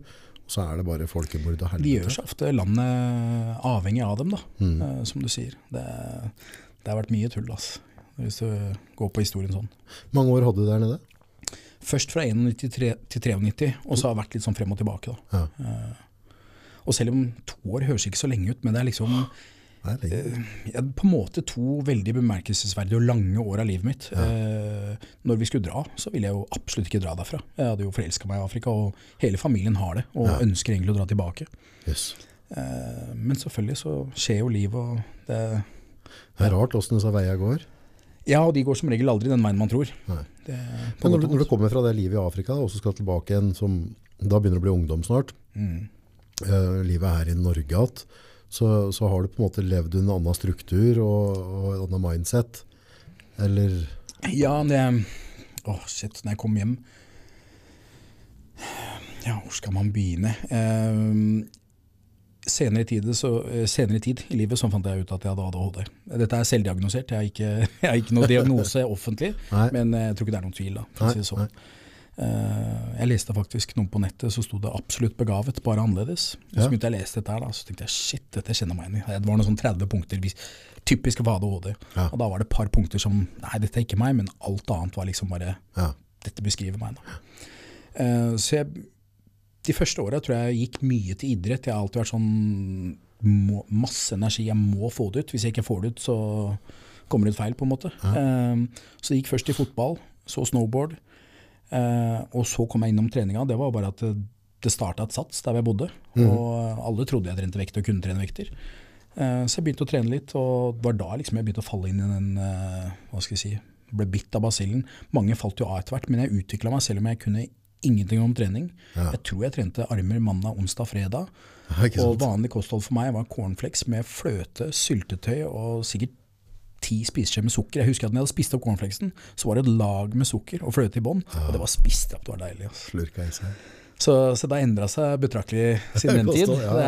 Er- Men jeg spiser cornflakes en gang i ny og ne. Det, er en sånn teori, men det er så jævla som har, det der, eh, har den riktige genetikken. Det er liksom bare tar jeg vekt og spiser et eller annet, og så, og så kommer dere Altså jeg skjønner jo, på, for å dra det derifra til, til siste skrittet, så, så, men hvis ikke du har den der eh, at du klarer å bli sterkere på cornflakes og sukker, så kan du gi blaffen og komme i det nivået du har vært i. Ja, jeg tror litt sånn hell i uhell, så har jeg Eller det er ikke mye hell i å trent feil, da. Jeg har skada meg, gjort alt feil, så jeg, jeg ville gitt, en- jeg gitt en forme for å kunne begynne på nytt. Ja, ja, ja. Eh, For selv om jeg sier at jeg ikke anbefaler noen å bruke, så tror jeg med riktig nettverk rundt det, så tror jeg man kunne gjort ting på en mye bedre måte. Mye bedre måte. Men da er du avhengig av å ha en økonomi. Du er avhengig av oppfølging, blodprøver, hva enn det måtte være, og det har du ikke når du er ung. Mm. eh, håper hoppsi, hvor var vi på veien? Eh, Nei, genetikk og, og på en måte jo, så, så jeg, selv den dag i dag, nå har jeg så mye skader, så jeg må trene smartere. Men så finne ut at det er så mange øvelser, det er så mange ting jeg ikke har gjort. Fordi at det- Nei, faen, jeg vokste jo bare tok i vektene. Nei, jeg var ikke noe flink til å variere og sånne ting. Så nå trener jeg andre øvelser og kjenner at det tar litt her. Jeg klarer å utvikle meg uten å pushe meg, og uten å trene så jeg eh, Nå ljuger jeg igjen, da. Jeg lider jo med smerter av ryggen, så jeg trener jo til jeg holder på å daue når det kommer til bein. Mm. Men, eh, men jeg trener mer behagelig og smartere og tar meg ut på litt andre måter. Mm. Jeg, ja. Ja, ja for der òg har du, tror jeg, en sånn derre um, Det òg er en sånn generell misforståelse, tror jeg. For det, eh, mange kan, hvis du går på YouTube, da, så ser, du, ser du noen som på en måte trener superlett, og så er de bare digre beist. Ja. Så tenker du nei, jeg kan bare kjøre 20-30 rep eller noe. Men vær klar over, i tidligere fase Mm. så var det balls to walls der, og da hadde de de tunge løfta. Så har du bygd på en måte en grunnramme, en base, en fundament. Og når du først har for Kroppen husker, ikke sant? så, de muskler du har bygd nå, om du hadde droppa Hvis du ikke hadde trent nå på to-tre-fire år, så hadde du klart downsigna, men også hadde du begynt å trene igjen, så løpet av bare noen få måneder, så hadde du på en måte flera opp veldig fort. da. Jeg tror du er inne på noe veldig rett, for jeg diskuterte dette med en kompis, og sier faen altså, jeg, hver gang jeg går tilbake til sånn som jeg liker å trene, masse reps, det bare svir og brenner, men med en vekt som jeg føler er så tung jeg klarer, men å utføre vekt, eh, øvelsen riktig. Men så sier jeg, men faen, husker du ikke når du trente faen før? Kasta meg vekten og var helt liksom sinnssyk. Så ja, jeg, jeg tror man må, som du sier, rive og røske litt i vektene, men gjerne gjøre det på en litt bedre måte enn jeg gjorde, for det var liksom typisk bryst på mandag, og da har jeg festa hardt på i hvert fall fredag, lørdag, kanskje, kanskje søndag òg, hvis du skjønner. Ja. Så jeg røyk jo labrum i begge skuldra for at jeg var sterk. Så jeg, jeg husker jeg hadde 18 reps på 70 hantler i høy skråbenk. Kasta opp de hantlene. Men du skal tenke når du skal slippe de ned, det er ikke så lett, ass. Så det er sannsynligvis revet av labrum i begge skuldra. Og den tida, det var ikke noe YouTube, det var ikke noe TikTok, det var liksom hvem skal du spørre? Og mentaliteten, det ser jeg tilbake fra Arnold-tida, det var liksom heller putt en kjepp i hjulet ditt. Spis Kvikk Lunsj. Spis, du skjønner jeg mener. Jeg la ut på bloggen min at jeg drakk Voss-vann, og folk begynte å drikke Voss-vann. og Liksom, seriøst, liksom, jeg med dritbra Voss-vann. For jeg vil ikke dele noe Nei, nei, nei, gode med noen. Ingen som hjalp meg. Nei. Så det var liksom litt av mentaliteten eh, den gang. Så eh, vi hadde jo ikke noen å spørre. Det var mm, mye mindre, i hvert fall. Hvordan eh, Gunnar Røssebø, var det ikke han som åt wienerpølser? da? Shit, jo. Drakk whisky og, og spiste wienerpølser? Kom i form? Jeg har aldri kjent den, selv om jeg har han på tror jeg, Instagram, eller hadde i hvert fall. han ble min hacka. Men uh, jeg har hørt mye historier om han, og han var jo ekstremt grov. da. Han var det 52 underarmer eller noe? Ja, helt ekstremt, altså. Men drakk mye, da. Glad i å drikke. Ja. Så var den, var den ikke så glad i all mulig mat. Så, så jeg, mener, jeg vet ikke om det er sant, men, men at eh, på diett da, så skal liksom kjøtt, eh, eller altså protein og fett. Og da syntes han pølser var en grei blanding, så han bare spiste pølser. That's it. Men jeg har gjort det sjøl. Altså. Jeg spiste øh, kokt torsk med wienerpølser. Jeg har spist kokt torsk med banan. Eh, Faen, så mye rart, altså. Men, men jeg syns det hadde vært morsomt å teste ut. Da, da, da lærer jo seg liksom sånn Du har noen som har lest masse forskning og er dyktig dyktige på det, men hvis du ikke kan sette det i et kontekst, hvis du ikke har en praktisk erfaring, sorry ass, men da er det nesten alltid for kort. Og jeg ser veldig mange typiske influensere eller PT-er i dag, og jeg skjønner at de er kunnskapsrike, men mange av de tinga de sier, veit jeg ikke funker i praksis. Altså. Ja, pro-science, som kaller det. Ja, og alle er eksperter i dag. bro- Bro bro- bro, bro, bro- bro- bro- bro, ja. alt er bro science i dag. Ja, ja. Så det, Og som du sier, du ser en eller annen fyr gjøre noe på YouTube, men du veit jo ikke som du sier, åssen har han bygd seg opp, åssen varierer han. og Det, det er individuelt. Og det er med kosthold òg. Ja. Ja, og så, og så er det jo genetisk der òg, for du, du har jo byggere som har bygd en sinnssyk fysikk med kun lette løft. Og så har du andre som bare det er fem ganger fem, that's it. Altså Ja. bare løft tungt som pokker. Sånn Leveroni og så gutta her, dem løfta tungt. ja. Som du sier, jeg tror det er så individuelt, og noen, noen kropper tåler det. Mm. Jeg ser jo han der Larry Wheels på, på faen, er løfter og røsker, og tenker at fy faen at Han han kommer til å ryke av. Mhm. Det er Det er imponerende vekter han flytter, Det er det. det, er det. og ser sånn ut ja, òg. ja, absolutt. Så også, som regel når du ser sånn ut og løfter innpå det, så ryker du som regel, for da er muskelpulsen så tørr og sprø. Men se på um, Branch Warren, se på han som trente Branch Warren, jeg har glemt navnet, men veldig mange av de som har løfta blytungt, til slutt så syns jeg fysikken blir mer og mer firkanta. For har du, gode, har du gode gener og kanskje dytter deg mye varer, så eser du kanskje litt ut. Men de gode byggerne liksom bygger litt mer skuldre, litt mer lats. Du, du blir en skulptur istedenfor bare et svært beist. Da. Og uansett så konkurrerer du mot deg sjøl, men da må du i hvert fall prøve å forbedre fysikken din. Det er målet mitt. da. Hvem er din uh, favorittfysikk igjennom? Det er sikkert flere, men er det noen som Jeg har aldri idealisert andre av en eller annen rar grunn. Jeg har aldri hatt direkte forbilder, men jeg har jo folk som jeg beundrer og syns ser fete ut og sånne ting. Lee Priest var jo alltid en fordi at Ja, ja. Og det hadde egentlig ingenting med høyde med. Han, han har freaky kul fysikk, og så var det noe jeg kunne måle meg litt med. Eller han var i hvert fall Dere har jo egentlig ganske lik fysikk på en måte, men han har kanskje litt lengre midje enn Han har deg. lengre midje. eh, Så du har ikke, for det, for det, når, du, når du er veldig kort da, Mm. så du har et sånn, eh, du har et sånt, punkt der du kommer inn i det dvergfenomenet, du, men Ja. det, du er ikke der. jeg holder meg akkurat utafor. Ja, du er utenfor der, så, men, men Lee Priest var, hadde et snev da, Ja, av det. Men ja. samtidig så var det jo jævla... De armene hans. Ja. gidder eller? Han kunne stå mot hvem som helst. Det, Eneste han hadde var kanskje kunne hatt litt mer fyll i brystet. ja, Eh. Han var litt, trang, flat i, ja, litt trang i, ja. i kassa. Så hadde han hatt liksom en litt videre kasse, litt Arnold-kasse der, så, så hadde det vært Men, han, men ser du, han ser bra ut en dag i dag, og han har jo virker jo ikke som han bare har hatt fokus på treninga. Det har vært alt annet. Han er jo veldig på det at han aldri har brukt mye varer. Og jeg- Det tror jeg stemmer òg. Ja, jeg tror jeg òg. Jeg, jeg, jeg, han- jeg tror faktisk jeg tror, han, jeg tror han driter i det om han har sagt det og brukt, men, eh, men, eh, men at han responderte veldig veldig godt på det. da. Du så jo han som 14-åring, Ja, jeg vet det. Helt og fysikk ikke jeg kunne fått nå som 40-åring, om, om du hadde hjulpet meg daglig. Ja, for det er vel noe klipp på han når han er 20, tror jeg. Og det er helt insane. Ass. Det er, altså- jeg syns han var best da, Ja, faktisk. ja, ja for da, da var det et eller annet sånn fresh med det òg. Ja. For han er en av de få som da, selv om muskulaturen poppa, så fikk han den graininessen, Mm. Ja. selv om han ikke hadde 30 år Ja. med maturity. Ja, da. Altså, han. Han så så moden og hard ut og bare ja, og den jævla. Supermann-tatoveringa. altså. Han var, han var rå, for han skilte seg ut. Jeg husker at jeg hadde hva Var det Muscle and Fitness eller noe av eh, Å, shit. Uh, Så bra. Plutselig glemmer jeg navnet. Ja, ja. Ja, han ble da skaut og ringer i øra. Faen, jeg har nesten så jeg sier Jay Sean. nei, og han drittsekken. Ja, ingen liker han, helt riktig. Ja, ja, altså, Gidder du, eller? Brian, nei, Sean. Sean et eller annet. eh, Sean Rain. Sean Rain. Sean Rain. Han klarer ikke jeg svelge. Jeg driter i fysikken hans, for han syns jeg er bare så tvert gjennom motbydelig. Jeg har fått med meg mer og mer at uh, han er ja, det er Ja. det samme. Ja, Ja, for det, for det sam- Samme hvilket inntrykk jeg hører folk som har hatt noe med han å gjøre, Ja, så så har han bare vært kukk hele veien. Med, veldig mye negativt. Men du hadde han andre eh, som er i samme størrelse som Sean Rain, han som nå kappa et ben nå.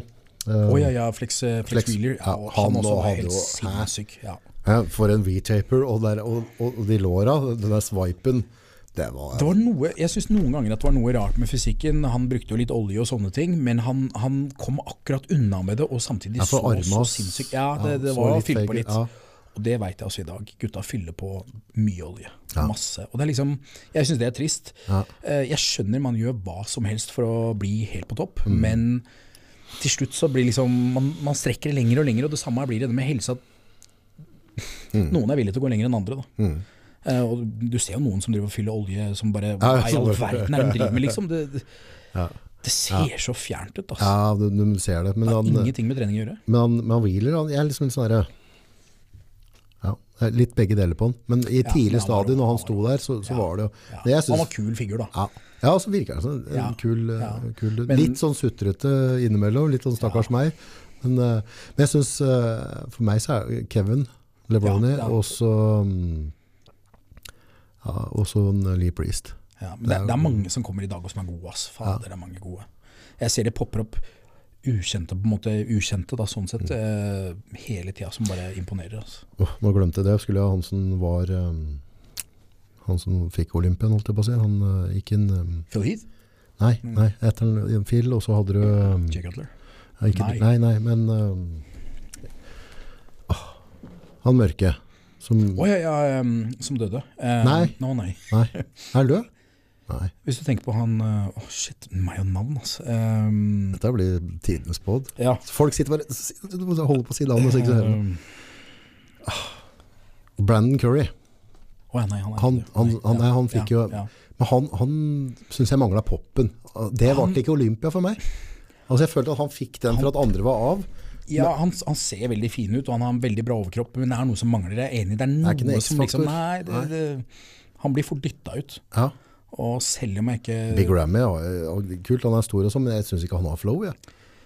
Jeg så noen bilder, jeg, det kan hende jeg sier feil, men jeg tror det var fra 2012. Da syns jeg han så bedre ut. Så Ja. han burde da ha fått en eventyr til 2012, men jeg tipper at han måtte få liksom ansiktet sitt litt mer ut og bli anerkjent litt. Som du sier, han må være en ambassadør, på en måte. Men nå har han jo ikke vært det de siste par åra, så vi får se om han holder tronen eller ikke. Jeg er skeptisk. Ja.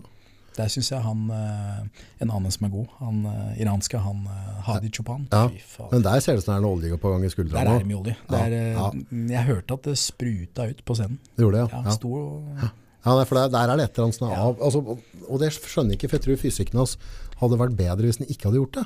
Han fikk påpakka dommerne nå sist at du må gjøre noe med skuldra, og nå syns jeg de så enda mer der. Det blir litt firkanta, da. Det blir litt Ja, ja, det- mister der, du ser at du mister en sånn naturlighet. Ja. Kroppsbygging er litt spesielt, for det er veldig mye følelser og hva du, hva du syns, men noen ganger så ser du bare noen som bare altså Coldman, da, som, som på en måte er tidenes, men han var jo mest freaky ditt og datt, men jeg syns ikke han var den beste. Nei, for, Jeg, vil- jeg syns Wheeler hadde fetere fysikk, og jeg syns Levroni hadde fetere fysikk. eh, jeg tror bare at du kan ikke ta ehm, ehm, Coleman. eh, Coleman på noe. Eh, han var så grov, han hadde separasjon, han hadde alt. Ja. Men som du sier, ofte så spør folk ja, men hvordan skal man dømme det. Og så er det liksom, Det som ser estetisk ut for øyet, selvfølgelig så er det liksom han skal være vaskulær, han skal ha separasjon, han skal være størrelse. Men ser det behagelig ut å se på, ser det fint ut. Ja. Og så er det selvfølgelig variasjon på hva vi syns ser fint ut. Men som du sier, det skal være en flow der, det skal være en struktur. da. Mm. Ja, for det, der Apropos den som tilsa døde, han fra Midtøsten, han som fikk noen nyregreier eller hjerte, ehm, som var på den tida der med Coldman og Levroni. Som jeg sier, meg og navn, det er Ja, nå glemmer jeg. Jeg kommer på det etterpå. Google. Men han var jo en av de Han hadde runde briller. Å ja, ja, Nasser. Nasser. Ja, ja, ja. Han, og, han burde jo også egentlig tatt en Olympia. For Han var og, ah, Han han, ja, men han flowa ganske bra, syns jeg. Ja, men han var en av beista, da. Men jeg Ja. vet at også han Jeg husker ikke alle konkurranser fra den tida, men jeg husker også han sleit med middag, for han ble så grov at han var liksom Men jeg vet jo han Ja, han øh, Når, når du sier at du ikke husker land, så husker jeg ikke Nei, noe. da- da Ja, det er ferdig. Engelskmannen som vant, uh, som satt egentlig uh, Ja, Dorian, mener du? Dorian, ja. Ja. Og Nasser. Da hadde Jordan revet av bicepsen og greier. Ja. Da Den burde gått til Nasser. Ja, jeg har hørt det har vært noen sånne Ja. diskusjoner om Men, men sånn vil det alltid være i toppen der òg. Det Ja. er mange Olympia nå i det siste hvor folk har eh, reagert litt da, Ja. på plasseringer. ja, der kan det være litt politikk innimellom. Ja, Lee Priest ble kasta rivelig rett ut. Han har blitt eh, Og han kjefta jo opp folk og, og hadde ble- meninger. Jeg tror han ble livstidsutestengt fra Ja. FBB. på grunn Ja, ja, men da hadde konkurrert i noen forbund og noe greier. vet du, søren. Jo, men der ser du også det går, For noen så går det greit, for andre så er det krise, og så ja, viddig nok, så Savner du noe av det stillelivet? Altså prep, konkurranse, også dietter.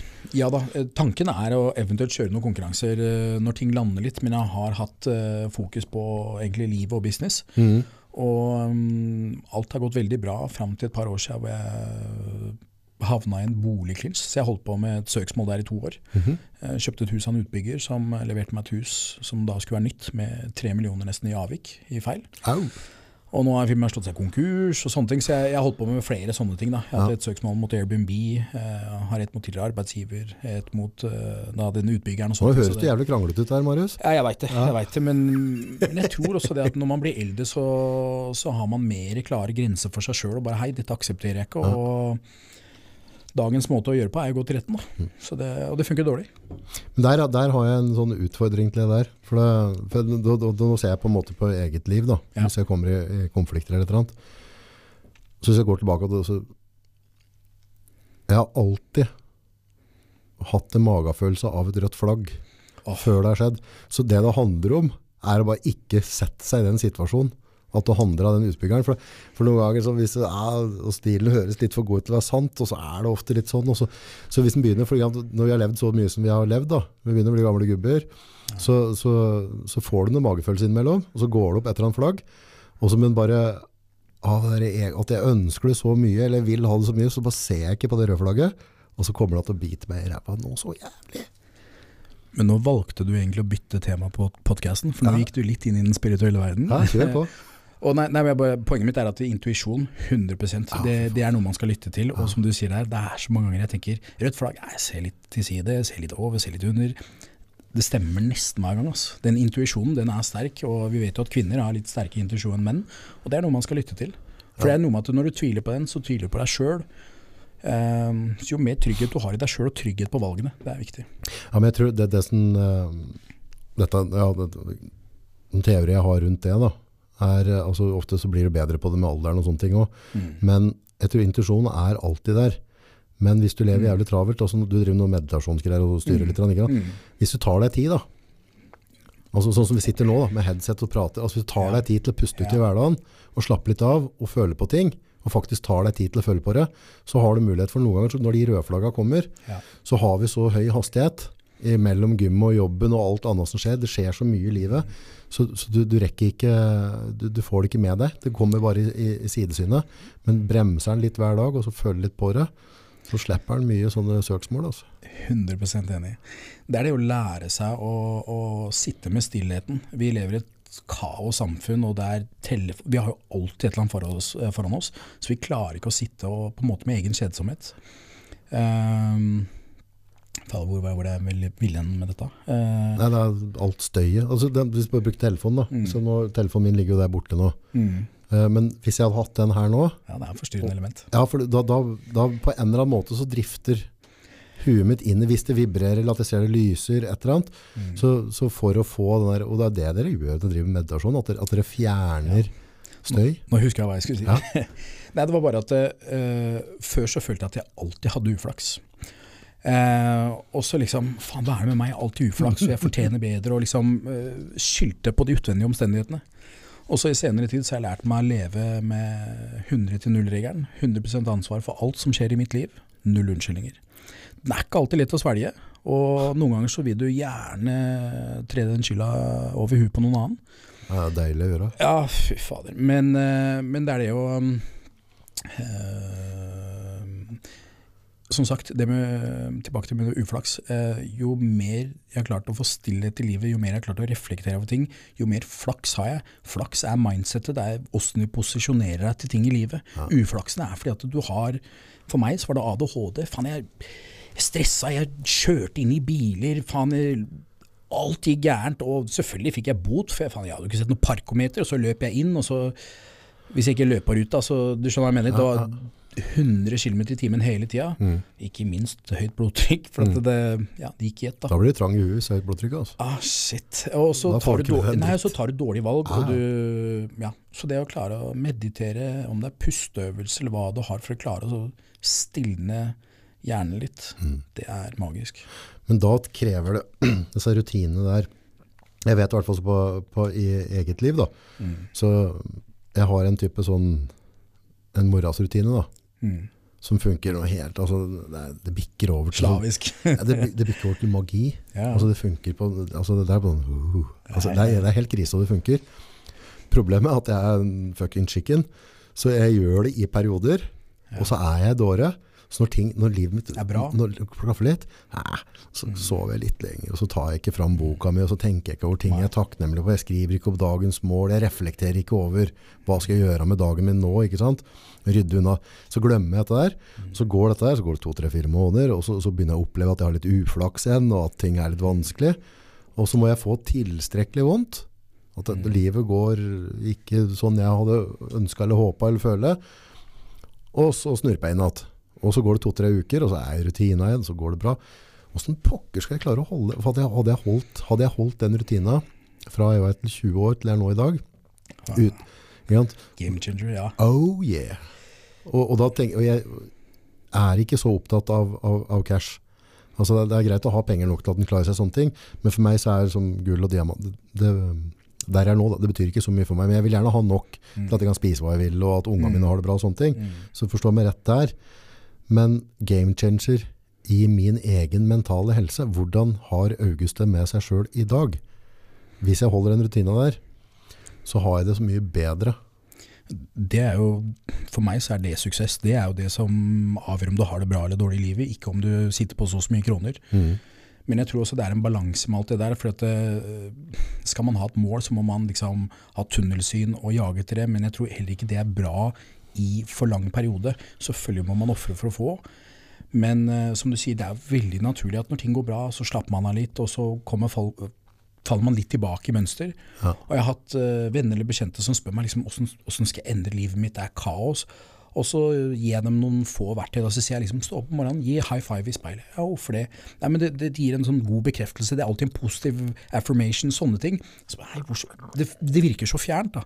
Men når du begynner å meditere, du gjør det som du sier, skrive ned hva man er takknemlighet for, du begynner kanskje med litt pusteøvelser og setter i verk mange av disse tingene, så blir det en helhet, og så endrer energien din seg, og så møter du andre typer mennesker, og så åpner du dørene for en helt annen verden. Men det virker så, som du sier, eh, fjernt og kanskje litt sånn magisk for, eh, for de som ikke kjenner til det. Men jeg er helt enig med at det er magi. Ja, og, og ordet magi det har, liksom, det har fått sånn fail rap. Altså, altså på en eller annen måte da er det er så, kunstig på en ja, måte. Ja, det, det er ikke ekte. men Magi er jævlig ekte. Ja. Ja. Hvis du ser på Magerike, jeg, synes, jeg har aldri vært noen sånn superfan av å se på Magic Show eller noe sånt. der. Men hvis du ser på at de bruker, hva heter det på norsk, sånn neuroscience, men de bruker ja, nevrovitenskap. Ja. Så det er kunnskap, det er ikke bare at de gjør triks. De, de leker med hjernen din, de, de en spiller en illusjon. Ja. Ja. Og det, igjen, det er det livet handler om. Du, du skriver din egen historie. Det, hvis du skjønner hvilken kraft du egentlig har, så hadde du respektert deg sjøl litt mer, på en måte. Men jeg tror når livet, da, hvis livet går fort og sånne ting, altså vi, og, og det kan være bra, du kan ha mindset, og du kan ha mål og ditt, at vi kan kjøre på de tingene der. Men husker du liksom når du var, når du var liten gutt, og så om du drev lekte, og så du drømte deg bort da. Mm. Du kan sitte i bilen, sitte i biltur, skal bortover, så drømte deg bort, så var det en time som var borte, du, bare, du, du, du hadde en drøm, du tenkte, du så for deg der, så fikk jeg den sykkelen, så kom jeg ned bak, og så er du der. Hvor sunt er ikke det egentlig? Vi glemmer å drømme, og det er det jeg mener med den boka, men tenke, vær takknemlig. Altså, når du skal være takknemlig for ting, da, så tenk på den tingen, tenk på dattera di, tenk på, og så se det for deg, eh, opplev det, og sett pris på det. Og i et hvert som blir voksne, og jeg driver jo med reklameproduksjon og content marketing, og der, der handler jo alt handler om visjoner og fantasi. Jo lenger jeg da, jo mer alvorlig livet mitt blir, jo mindre kreativ blir jeg. Så jeg er avhengig av å være litt sånn drømmende. 100 eh, Nå hadde jeg et innspill, det datt helt ut. Kommer helt sikkert. Det er, vet du hvorfor det er blitt sånn? Det er for at vi begynte å prate på at vi skal glemme ting i dag. Ja, jeg vet det, plutselig- da, da, da får vi det. Får den tenker, vet du. Nei, men, På drømmer, magi, altså det, det med å liten, å ha de der barndomsdrømmene og sunnheten av det. jo, det var det. Jeg, jeg kom jo på det, selvfølgelig. Du minner meg på det. Men eh, jeg sa det Tanken var at dette er en helt egen podkast i seg sjøl, det også. Men åssen samfunnet på en måte er bygd opp i dag. Jeg føler at samfunnet jobber veldig mot oss. Det, er, det legger jo ikke opp til at du skal være en drømmer, det legger jo opp til at du skal være en arbeider, du skal passe inn i en nisje, de, disse normene, disse tingene. Og jeg har aldri likt det. Og jeg, jeg har alltid skilt meg ut, men jo mer stigmatisering eller utfordringen jeg har fått for utseendet, har på en måte gitt meg push til å gjøre det enda mer, istedenfor at jeg, mange andre har sagt hvorfor gidder du bare tilpasse deg litt, så vil du få et litt lettere liv. Men istedenfor at jeg slutter å skylde på de yt yttervendige forutsetningene, så har, jeg, har det gitt en drivkraft at fuck det, liksom, jeg skal være meg sjøl og koste hva det koster. Og møter jeg de utfordringene, så møter jeg de, men det, det gjør livet mitt mer fargerikt. Men hva tenker du rundt det da? For det, øh, jeg har klart å få mye ting gjort da, produsere det, eh, på, på irritasjon, hat, eller at folk ikke har trua på meg, eller folk prøvde, ah, det jævla dusten her kommer han aldri til å få til, og så blir det ok, så går det en faen i meg. Og så, pga. at irritasjonen eller aggresjonen jeg har mot dem som ikke har trua på meg, eller mener jeg er dust, så gasser jeg på mer, og så klarer jeg å oppnå ting. Og så etter hvert som jeg har blitt eldre, da, så har jeg blitt mer og mer opptatt av at jeg ikke har lyst til å gå rundt og hate. Jeg har ikke lyst til å gå rundt og være sint på deg, eller for hvis du sier et eller annet altså, jeg, jeg vil ikke gi det noe energi, men samtidig så møter jeg da føler jeg at jeg mister litt av drivkraften min nå? Så hvor, hvor er den jævla balansen der hen? Fra liksom å være alfa, bare horna kommer ut, ok, fuckers, nå, nå kjører vi. Ja, Det er gjenkjennelig det du sier, faktisk. Altså, Fordi Jeg blir en eh, stakkar òg, vet du, oppi der. Sinne er en veldig bra drivkraft, men som du sier, jo mer du lar noen andre på en måte styre dine emosjoner, jo mer har de kontroll over deg, og det, det forgifter deg litt. Da. Det sinnet, det forgifter deg litt. Men ja, det Det er er, det er, en, ja, det er, en, det er en motivator. Ja. Helt klart. Jeg vet det var, var et menneske som, som på en måte som jeg opplevde da, som tråkka på, på, Mm. på en sånn og det ble liksom som du bare trygga tre-fire semitrailere med jetfull inn i garasjen og bare ga meg bare rett i veiene. Og jeg hadde liksom to-tre år som var bare helt sinnssvake Ja. med, med dedikasjon. Og, og, og, driv, og så jeg bare kjørte, kjørte, kjørte. Og så begynner jeg liksom å jobbe litt med meg sjøl.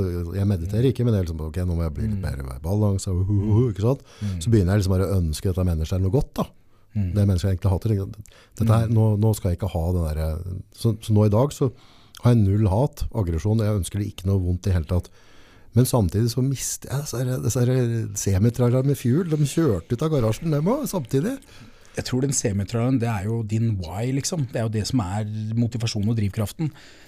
Men, men jeg sitter med de samme tankene. Jeg ønsker ikke å sitte med hat, jeg ønsker ikke å sitte med sinne. Og jeg kan ikke si at det alltid er vellykka, men, mm. men man blir bedre. Ja. Og ja, klare å bruke energien positivt på en annen måte. Jeg, Ja, for, for jeg blir, eh, og dette er jævlig rart, men kanskje jeg finner ut av det en dag òg, men, men um, jeg har positive tilbakemeldinger da. mm, Så, altså jeg har jo på det med deg, og jeg har på det med mange andre, og, og, og av at jeg på en måte sitter midt oppi det, så får jeg også en del positive tilbakemeldinger. mm, Uh, helt sånn der magisk egentlig, og lite hat jeg har fått fra denne podden. ja. Jeg hadde egentlig trodd det skulle bli mer, men det, bare, Ja. det har egentlig ikke vært noe. Men masse sånn positive ting. Mm. Eh, og så tror jeg liksom det skulle bli mye mer fuel, da, for at jeg kan bli litt høy på meg sjøl og kjøre på litt. Men det biter ikke på meg, liksom. Men hadde du skrevet noe skikkelig dritt til meg, så hadde jeg sparka ut døra i morgen tidlig, og så hadde vi kjørt på hardt, og så hadde vi peisa. Så er litt, Jeg oppfordrer ikke folk til å begynne å hate oss, men eh, Jeg tenkte du får få noe kritikk. Nei, men det tror jeg er åssen vi er styrt. ass. Jeg, jeg har alltid vært sånn at hvis jeg får mm, konstruktiv kritikk som på en måte virker negativ, nei fuck, da finner jeg noe annet. Liksom, for jeg, jeg må vite at dette er noe jeg kan være best i. Ja. Og selvfølgelig må jeg jobbe og, og slite, men jeg liker ikke den at du er ikke Eller ja Det spørs. Man må finne sin måte å bli motivert på, da. ja. Um, For motivasjon, det er interessant. Og det, det, også kroppsbygging, det du har drevet med. også det, det, er også, du kan prate på, på, på Grete Rode sine vitaminbjørner, og, og mat og trening og sånne ting. Men en faktor som også er en prosentgreie, det er motivasjon. Og hvordan bevarer du motivasjon uke etter uke, måned etter måned, år etter år, tiår etter tiår. Det bevarer en motivasjon. Det, er- det er ikke lett. jeg tror ingen gjør det. Tror du ikke det? Jeg tror du, du bevarer disiplinen din, og så selvfølgelig vil kanskje disiplinen variere. Motivasjonen kommer og går. Det er ikke alltid høy på å dra på gymmet. Men jeg veit at det er bra for meg, jeg veit at jeg kjenner meg bra etterpå, stort sett i hvert fall. Og det er, det er noe jeg ønsker. Eneste boka jeg har lest i mitt liv, bok som heter The Compound Effect. Og det, Der skriver han om det med at å gjøre en prosess Ofte så slutter folk. Du er like rundt hjørnet da du har fått liksom eh, krediten for det. Og kroppsbygging er en idrett hvor at eh, du får ikke belønninga før lang tid i eh, frammarsj. Og det tror jeg er en bra ting å bruke senere i livet, at du aksepterer å gjøre noe uten å få en premiering. For vi er vant til å få en like, vi er vant til å få en, en ja, gratification, hva det nå heter på norsk, men at du hele tida får det belønningssystemet, og det, det er jo en dopamindriver, men til slutt så blir du en dopaminjunkie. da. Det, jeg er sikkert litt der sjøl, jeg tror vi alle er det. altså. Fordi at vi lever i et samfunn som hele tida har triggere. Ja. ja, for den belønningsgreia der, det, det ser en jo Det kan en se om, om det er i bis... Altså dem jeg kjenner da, som, som har lykkes, om det er eh, forretning og økonomisk, de har liksom drevet og gnagd, gnagd. Altså de, de, har, de, har aldri, de har aldri feiga ut. Og, og du kan jo se, jeg husker tilbake fra noe med, med trim og sånne ting, eller trening, at du kunne liksom trene et helt år, så skjedde det ingenting. Og så bom, ja. så har du to-tre måneder, og så har du tidenes framgang. Så tror du at ok, hva spiste jeg nå? Jeg tok eh, den bananen fra der, og så spiste jeg de vitaminbjørna der, og så var det sånn og sånn. Det var det som gjorde det. Det var ikke det, vet du. Det var for at du har møtt opp et år i forkant, og så plutselig så finner kroppen ut at nå, Nå skal jeg betale Marius for det. Han får igjen nå. Og den vil jo uansett jobbe seg mot homeostase, så det, den skal pushes i en lang tid før den liksom gir etter. For at den har jo sin prosess og skal ta vare på deg på en annen måte. Så du presser jo kroppen inn i en unaturlig setting, for å si det sånn. Da. Så nei da. Disiplin, det tror jeg er nøkkelen uansett. Altså. Ja, disiplin og, og rutine. For det går til rutine, så øh, Jeg hadde en periode altså, det har vært sånn, eh, vel, litt sånn dårlig sånne ting, og da har det øh, Jeg har tillatt det da, å flytte på min rutine. Ja. Eh, og så Jeg pratet med en kamerat i telefonen i går og så, som, er, eh, som driver seg sjøl, tjener veldig godt og er veldig veldig disiplinert hele tida. Så har pratet på sånn mental helse. da, altså depressiv følelse, ditt og datt styrer selv. Uh, og han har på en måte klart å holde seg motivert og, og vært bra, positivt innstilt til livet hele tida. Mm. Men holdt rutine hele tida. Der føler jeg òg at jeg har vært. Men med en gang jeg kom i en, at jeg satt meg i en båt da, som gjorde at jeg mista noe av den rutina mi, Ja. så har jeg også fått noen helt andre utfordringer med tankene mine. Altså jeg har fått et tankesett, en måte å føle og oppleve ting på som jeg ikke har opplevd før, så jeg begynner å lure på hva, hva er greia her, August, liksom. Hva, ja, da tenker du at det er negativt fordi at du har sluppet på rutinene. ja. Ja. så jeg tror, men hadde jeg, hadde jeg holdt rutina, så tror jeg ikke de negative tankene, eller måten du velger å leve, eller altså, Jo, men det vel rutina holder deg litt på, på, på shapen da. Ja, Men jeg tror rutinene viser på en måte, eller gir deg styrke. Det er jo som jeg sier til folk også, at hvis du lager en avtale med deg sjøl, da bør du i hvert fall holde den. For det er det som bygger selvtillit. At du, du holder deg selv ansvarlig og ja, bygger tillit til deg sjøl. Det er det som gir deg selvtillit. Så hvis du glipper på ting som du vet du burde gjøre, så sier du egentlig til deg sjøl at "Æ, shit, eh, jeg setter meg ikke sjøl først, eller så høyt. Og da, da glipper det litt, og da endrer jo selvfølgelig mindsetet sitt. Ja, for har du, hvis du har rutine, og det har du, også rutine med å trene, Mm. Og så river du av skuldra di, og så dropper du treningsrutina di, og, og din, din rutine i livet, så kommer ikke den skuldra til å hiles noe kjappere enn om du beholdt rutina. Nei, og det i, Vi snakka jo selvfølgelig i forhold til det med kosthold, hvor mye det betyr for bygginga. Før, hvis jeg ikke fikk trent, hvis jeg ble sjuk, hvis et eller annet faen, jeg, jeg spiste ikke, alt endra seg. Det jeg har vært flink til nå, jeg har hatt flere utfordringer eh, sånn sett med helse. Jeg hadde en operasjon her i fjor, eller hva det var, forrige fjor. Ja. Men jeg spiste Hva opererte du da? Åh, lang historie. Ja. Åh, jeg holdt på å blø i hjel. Det var det vi? Ja. oh, skal vi gå inn på sånne ting? Ja, bare kjør. Ja. Jo da, eh, det, er, det, det, er ikke, det er ikke helt uh, uvanlig med kroppsbygging at uh, du spiser så store mengder mat, og, og så plutselig går du på diett og magesekken blir mindre, og så konkurrerer du, og så spiser du plutselig 10 000 kalorier om dagen for at du, du har ingen begrensninger. Mm. Det har jeg også lært meg til, det er jo ikke sunt. For jeg har spist meg opp nest, ja, Det verste jeg spiste var 8,7 kilo på noen timer. Svimte jo etterpå, og du, blodtrykket, alt mulig. Så øh, senere tid da så begynte jeg å slite med hemoroider. Det er ikke Oi. noe særlig. Det er ikke sex og ikke, ikke digg. Eh, ikke noe sånn ekstremt, men eh, når jeg konkurrerte en gang i Romania, så um, jeg vet da faen, Det har ingen betydning på scenen, men jeg tror jeg barberte ræva mi. Og da Ja. tror jeg sikkert har fått et lite kutt da, i en, sånn, en av disse greiene som har vært litt uh, ja, livlige. Så da fikk jeg en absess. Og jeg har vært veldig pertentlig i mitt liv, så jeg, jeg går ikke og jeg går ikke til legen og spør om så mye undersøkelser eh, der jeg ikke vil. Nei. Så jeg drøyde dette lengst mulig, men til slutt så faen begynte det å bli jævla vondt. Og så begynte jeg å si at faen, jeg blør jo, for det der absessen fylte seg opp med blod, og så sprakk den, og shit, jeg bare dette her. Ballet. Baksiden med kroppsbygging nå inne på TV. Ja. Eh, og så, um, når du går med en sånn absess lenge, så er det et eller annet kroppen gjør, så den danner sin egen kanal, som da heter fistel. Det er jo det mest nasty navnet på disse tingene også. Ja, fistel. Selvfølgelig, ikke sant. Ja. hvorfor sier du det om Ja, skjønner du hva jeg mener. Jeg vil ikke høre ordet engang. Feil kombinasjon. My ass fist. Men ja, eh, så eh, Da måtte jeg operere. Og eh, det var, det var traumatisk. Blodpøl i ræva. Ja, fy faen. Eh, Jeg opererte jo det greit, eh, men så Faen, så går det med sting og driting og sånn etterpå. ah, Shit, ass. Jeg husker at jeg prøvde å Nå, nå er vi ja, personlige ja. på den poden, så jeg husker bare at jeg jeg skal ikke si alt jeg inntok, men jeg, men jeg hadde jo noen morfintabletter og greier. Og jeg husker ja. bare jeg holdt på ræva mi for ikke revner og søl ned dreit. Så jeg bare tenkte dette her skjer dette meg igjen. Så jeg, håper, jeg kan ikke kjøre på meg sjæl, men jeg hopper ut av det høyeste jeg finner. Det, det, der, det der er ikke kult, ass. Og det som skjedde, at så ringer jo leieboeren min, for jeg har noen leieboere. Jeg har noen enheter som eh, eh, jeg leier ut. Og da Nei, nå var vaskemaskinen som var ødelagt. Jeg bare fuck, rett fra sjukehuset. Ja, faen, få flytte den, da. Så jeg bar jo den, og så tryna jeg. Jeg sklei. Så kjente jeg at det røska i Ja, bak der, da. Ratatan. Og så tenkte jeg nei, dette går bra. Jeg gir faen, ass. Så jeg gikk og la meg, så kjenner jeg bare at det pumper og pumper på kvelden. Jeg tenkte faen, og det var jævla varmt. Så jeg bare åh, skal jeg gidde å sjekke, liksom? Og så, bare, så går jeg på badet, og så bare drar jeg ned buksa, så ser jeg at det, Jeg tror jeg kledde meg av alt, og så ser jeg bare ned på gulvet, etter kort tid, så ser jeg at det er en bloddam der, liksom. Så ringer jeg legevakta, og så sier jeg bare at du, ehm, jeg har operert. Jeg tror det har revna, liksom. Eh, Det er mye blod. Og så sier hun nei, det ser ofte mye ut som mye blod. Det er, det er, det er ikke så gærent, sikkert. Så jeg er ikke den som skriker så høyt hvis jeg Stort sett, da. Nei, jeg tok, så enhver unnskyldning for at folk skal dra ja, i ræva di, så bare liksom- Ok, ja. kjøp den.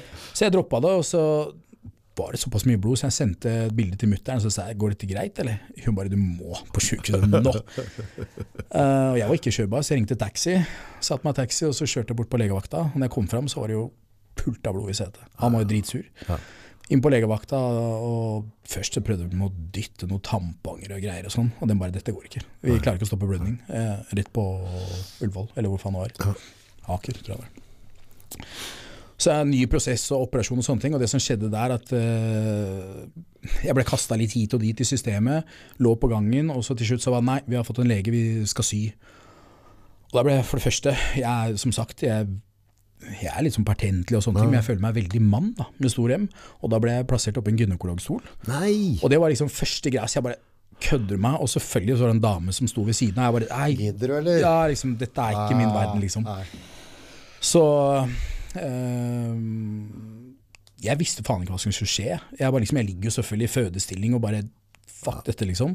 Så ender det med at jeg kjenner bare noe jævlig i ræva, og da skjønte han drev og stakk meg med sprøyte.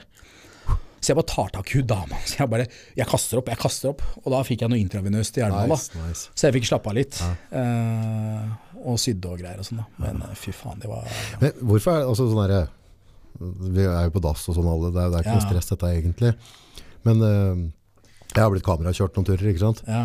Men det, det er altså, Det er bare et eller annet. Når nei, altså, får, får jeg sånn dum sånn drakt på meg, så det er bare høl rundt ræva, liksom. Så skal jeg legge meg og skal jeg vri rumpa ut på sida. Står det en sånn jævle med sånn plastikkdeksel foran og stikker ting inni meg. Og det er, det er ikke noe sånn derre Det kameraet er ikke noe tjukkere enn pekefingeren eller noe. Det hjelper ikke, ass. nei, nei. men det er bare prinsippet. Så nå har jeg sagt bare ja, altså, Gjør hva dere vil, men bare putt på et eller annet i åra, sånn at jeg bare svimer. For jeg, jeg gidder ikke å være med på den reisa her. Jeg skjønner at det må gjøres, men jeg, bare la meg slippe. La meg slippe å være med. Altså, det, er, det, det er ikke smerte, men det er den syk... Men Ja, ja.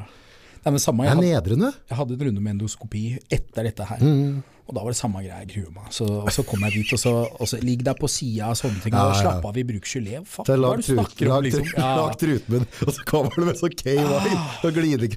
Og så slapper han det bare sånn mellom pungen og ræva, og så bare swiper han opp, liksom. Så, så sparkel. Gidder du, eller? Han min, han spytta han. Nei. Nei da. Men, men, men, eh, men eh, Nei, helt ærlig. eh, Jeg husker at hun ga meg noe intravenøst, og sa jeg det funker ikke, funker ikke. Du, jeg har, jeg har levd hardt, så jeg bare kjør på, liksom. Og da husker jeg at det tok ikke mange sekunder før jeg Og så jeg bare våkna opp, så jeg bare Da var jeg ferdig. Jeg ante ikke at vi hadde Ja, gjort så bra. Så bra. Så, men uh... Nei, for det eneste du kjenner er når de, skal, når de mater på med kamera, så kommer det rundt en sving der. Eller, altså, der tar, Nei, jeg fikk ikke med meg dritt Nei, og der, da kjenner du liksom hele tarmsuset flytter, og så tar du masse sånn der, de klipper ut. I hvert fall for jeg har sånn kron ja, som ja. drar ut masse forskjellig. Jeg tror. Det er nå kjenner at det drar liksom hele tarmsystemet. Bare, men, men for meg så det plager meg ikke, men det er liksom det når jeg legger meg, og ligge, liksom, Ja. ligge i sånn fosterstilling, sånn småsøtt ut med, med og den der glide, det, det er bare dette som ikke funker for meg. mye intime, samtaler. Men først når jeg kom til legen, før jeg opererte og hele pakka, Ja. så sier legen dra av buksa. Nei, nei, nei, jeg kan ta bilder. Ja. Da tok jeg snap og viste ham på snap. Han bare du, jeg, jeg må undersøke. Jeg bare fuck, se på snap, da. Men eh, nei. Det måtte undersøkes. Nei, jeg har jo sånn der eh, i, i en liten sånn kul, eller sånn, nei, litt mindre enn en ert da, Ja. som jeg henger i nærheten av, av en i nøtta mi. Ja. Og det er ikke at jeg har hatt det et år, liksom. Så jeg må bare dra. Men jeg bare Jeg, jeg syns skal jeg stå der med buksa på kne og skal Nei, altså, faen. Og, men samtidig så er jo ikke sant, jeg er jo bare en gris. Altså, det har jo egentlig ingenting å si. Og han det er jo også den som skal kjøre kamera oppi deg. Det er han som trekker det korteste strået. Altså. For det kan ikke være noe særlig stas. Ja, han gjør det hver dag, sikkert. Så Ja, han så han har jo ja, kanskje valgt seg Så, men det er rart at du på en måte utsetter disse greiene der.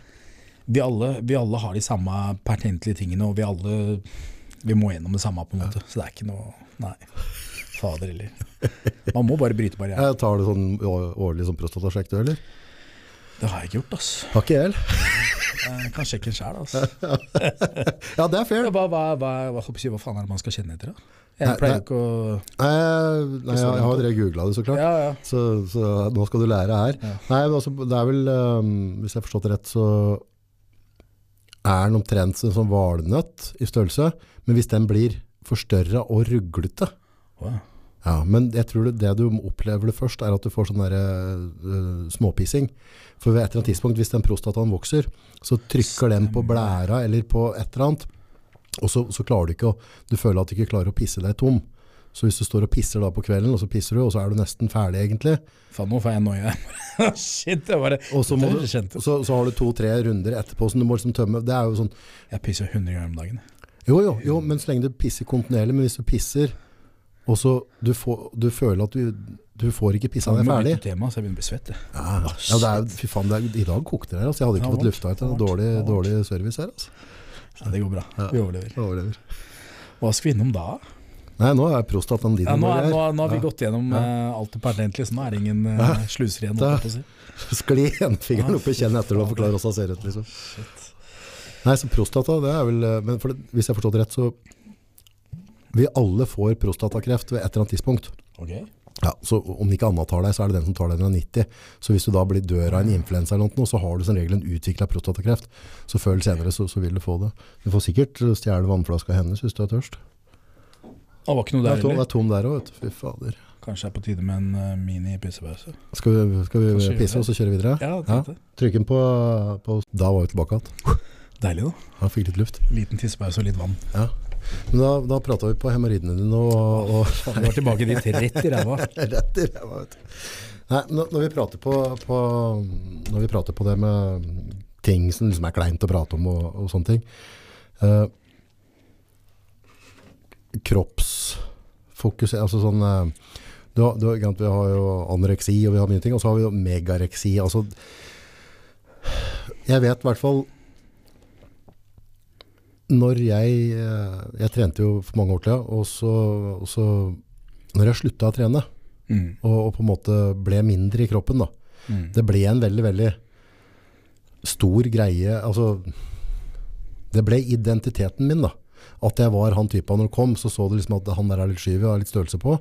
Og så plutselig så måtte jeg på en måte rykke inn i vanlige rekker og ha på en måte en vanlig pappakropp og ikke ha noen muskler. Uh, og det, det kjente jeg litt på de første tre-fire åra. Det skjønner jeg veldig godt. Altså. Eh, det var litt sånn frykt faktisk da jeg var yngre. Tenkte jeg, shit, eh, Som du sier, man identifiserer seg mye med selvfølgelig utseendet. Eh, jeg er litt heldig der at jeg alltid har vært lav og kraftig, så uansett eh, den dagen jeg ikke bygger på samme måte, så vil jeg nok sannsynligvis være muskuløs i forhold til de fleste. Mann i gata, i hvert fall. mm. Men eh, Det hjelper ikke det hvis du føler deg litt Nei, helt klart. Og jeg tror at alle som driver med bygging på et visst nivå, har en form for megareksi. Eh, jeg føler meg mye bedre nå enn jeg noen gang har gjort i mitt liv. Så jeg føler meg allround veldig bra, men jeg har gode dårlige dager. Og jeg har dager hvor jeg ser meg selv i speilet og tenker fuck, ass, liksom ser tynn og dårlig ut, eller hva det måtte være. Men jeg veit også at det er veldig små justeringer fra å se veldig bra ut til hva jeg selv syns ser på en måte ikke dårlig ut, men fordi at det er estetisk, så muskulaturen ser annerledes ut. Om jeg har spist karb, hva jeg har drukket, alle ting. Og det er også det med å få litt sånn mer ro i sjela. For da jeg var yngre, så hadde jeg mer stress rundt det med trening av mat. Det var mer tvang rundt det, og det er ikke bra. Jeg tror også, som vi var innom eh, den andre delen av livet, litt mer sånn spirituelle, at jo mer eh, du trives med det du gjør, jo bedre trives kroppen din, og jo bedre responderer den. mm. Så hvis du tvinger kroppen din, selvfølgelig må man pushe den, men hvis du tvinger den inn i noe som ikke føles riktig på en måte, da, Mm. så er ikke det bra. Da vil du heller ikke ha det samme estetiske utbyttet.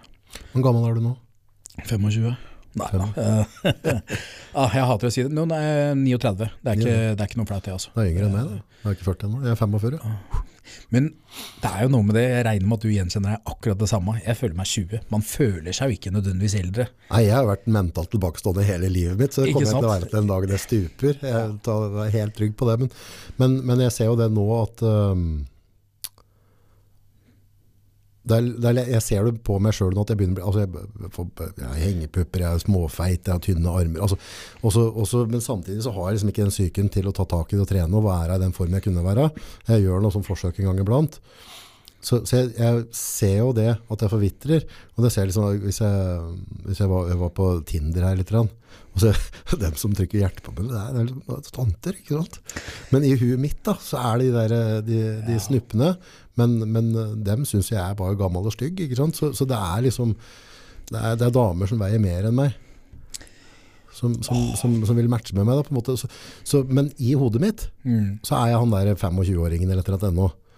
Men uh... Jeg tror det er bra at prioriteringene endrer seg med alderen, uh, på mange måter. Uh, jeg tror jeg er så sta at jeg kommer aldri til å gi meg før jeg ikke kan, liksom. For jeg, ja, men så- er det stahet, eller er det at det har blitt en så stor bit av deg, Marius? ja, At, at du ikke vil gi slipp på den? For jeg har, sett, jeg har noen kamerater som er digre som noen hus, mm. og sterke som bare pokker.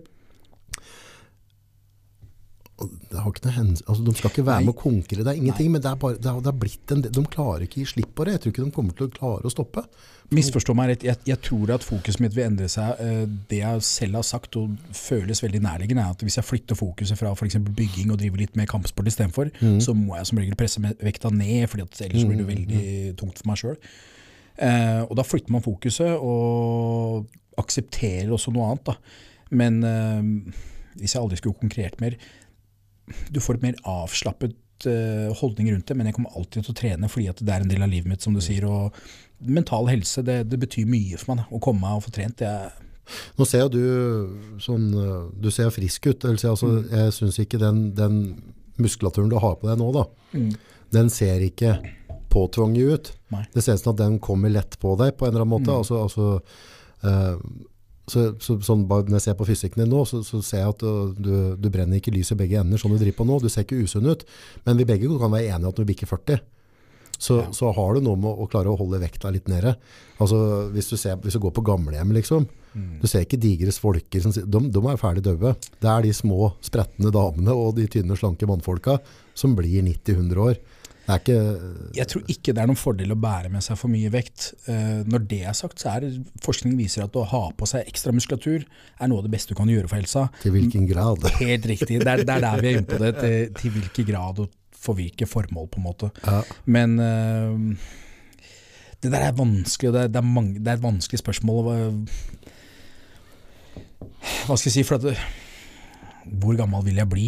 Hvor, hvor høy livskvalitet i gåsetegn? Da? For det spørs jo hva du selv betegner som god livskvalitet. Hvis jeg føler at jeg har et bedre liv fordi jeg har litt ekstra kilo på meg på muskler, da, og det gir meg hva enn det måtte være, så tenker jeg ja. Men Men det er det som er så magisk, for det, det vi sier, altså, hva er god livskvalitet for meg da, for eksempel? mm, Men jeg må alltid huske på at jeg kan jo flytte på den.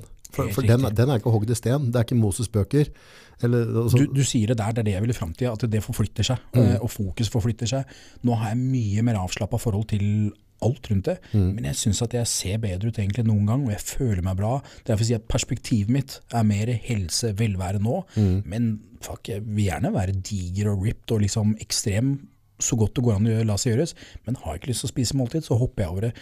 Har jeg lyst til å spise ekstra en dag, så gjør jeg det. Har jeg lyst til å spise is, så gjør jeg det. Selvfølgelig, hvis jeg skal konkurrere, så må jeg nøye. Men til og med det, de siste par gangene jeg konkurrerte, jeg gjorde alt mulig annet samtidig, fordi at jeg hadde et annet fokus. Det var ikke konkurransen som var nummer én, det var eh, boligkjøp, det var helt andre ting. klar, er det, har du lett for det å holde deg i form? Altså, Ja. Har du rask forbrenning? Eh, problemet mitt er å spise nok. Det som skjer er at når jeg ikke spiser nok, så blir jeg flat, og så ser jeg ut som jeg har blitt dårligere form. Men det er bare at jeg har litt lite trykk i, i muskulaturen. Skal jeg være fyldig nå, så må jeg spise 500-700 gram karb om dagen. Eh, I hvert fall gjøre det over en gitt periode før jeg kan droppe litt. Eh, så jeg klarer ikke å spise nok. Det er det jeg sliter med hver eneste dag. For å klare å fylle meg opp. Det er ganske bøst. Eh, For altså, hvis du Det er en tenker, deilig problematikk på én måte. jo, ja, men men, igjen da, så altså, altså, I 100 gram ris er det 70-75 gram karb, er det det? Ja, Ja, 75-80 Ja, et eller annet sånt. Ja. Og koker du det, så blir det til ca. 300 gram. Ja. Ja. Og er, da, da har du fått i deg 80 gram karb. Ikke sant? Ja. Så det er, Det er noe mat. Og det jeg gjorde, jeg fikk han som hjalp meg, så sa det, vi, vi så litt på kroppen, hvordan skal jeg estetisk, hvordan skal jeg se ut, åssen ja, prøve fram forskjellig. Så han, nei, men legg deg på 1000 gram karb hver dag nå, i hvert fall en uke fremover. Åssen får du det? Det er nettopp det, det, var så, det er så vanskelig, så det jeg har gjort, det er liksom for eksempel koke opp 250 gram med svarte ris. For den er litt sånn søt, litt, litt smaker litt. Blande det med en boks kesam, litt stevia, litt kanel. Spiser jeg opp det bare som grøt, liksom. Hvis jeg skal ha i meg 1000 gram karb, så må jeg hive på noen hundre gram cornflakes, for dette cornflakes det er greit. Eh, Ja, fair. cornflakes er dritt, for det er genmodifisert ofte, og det det, Jo, jo. det er ikke sunt, men det er enkel karb. Riskaker, hvit ris, søtpotet, men, men du, da blir du stappa, liksom. Ja, da går, altså, hvis folk, vi alle har spist for mye på julaften. Mm. Du har sånn hver dag, du da. Det har blitt veldig mye bedre etter jeg begynte å faste. Eh, og det vil si faste alt fra 12 til 18 timer i døgnet. Ideelt sett så er det nok 12-14-15 for meg. Ja. Eh, også det for magen å gi en pause, få den til å jobbe med andre prosesser, som kvitte seg med avfallsstoffer og alt mulig sånn, og så komprimere maten. Mm. Eh, jeg føler faktisk at jeg nesten blir mindre stappa av å spise veldig mye mat i en kortere periode enn å gå og fylle på hele dagen lang. For da går det med maten i halsen. Det er nesten så du ikke får svelge den før neste bit kommer inn. Og så går det, du, er helt, du føler deg ikke fresh. Så jeg klarer å spise mer mat i en kortere sitting, men det er slitsomt. Det er 100 det, Bruker du sånn eplesyreeddik og sånn for å lette opp det? Eller? Litt, litt, litt ja. sånne ting også. Uh, ja. For det syns jeg kan hjelpe litt hvis jeg blir litt sånn stappa. Og så bare, ja, du regulerer blodsukkeret litt og sånne ting også. Ja, du gjør. Eh, ja. Eh, men eh, jeg prøvde å se hvor langt jeg kunne pusha vekta ned, for å se om jeg klarte å få en bedre fysikk på en lettere vekt.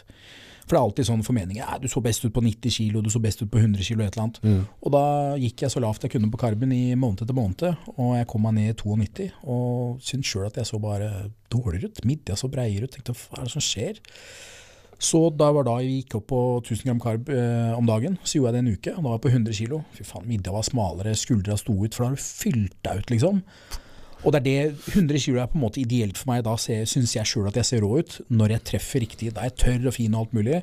Men så ofte så vipper jeg mellom 6, 97, 98, fordi at det, det er lett å ligge der, da. Mm.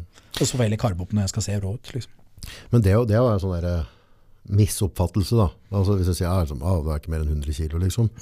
Eh, 100 kilo form og, og 100 altså. kilo i lubben form som jeg er nå, det er to forskjellige verdener.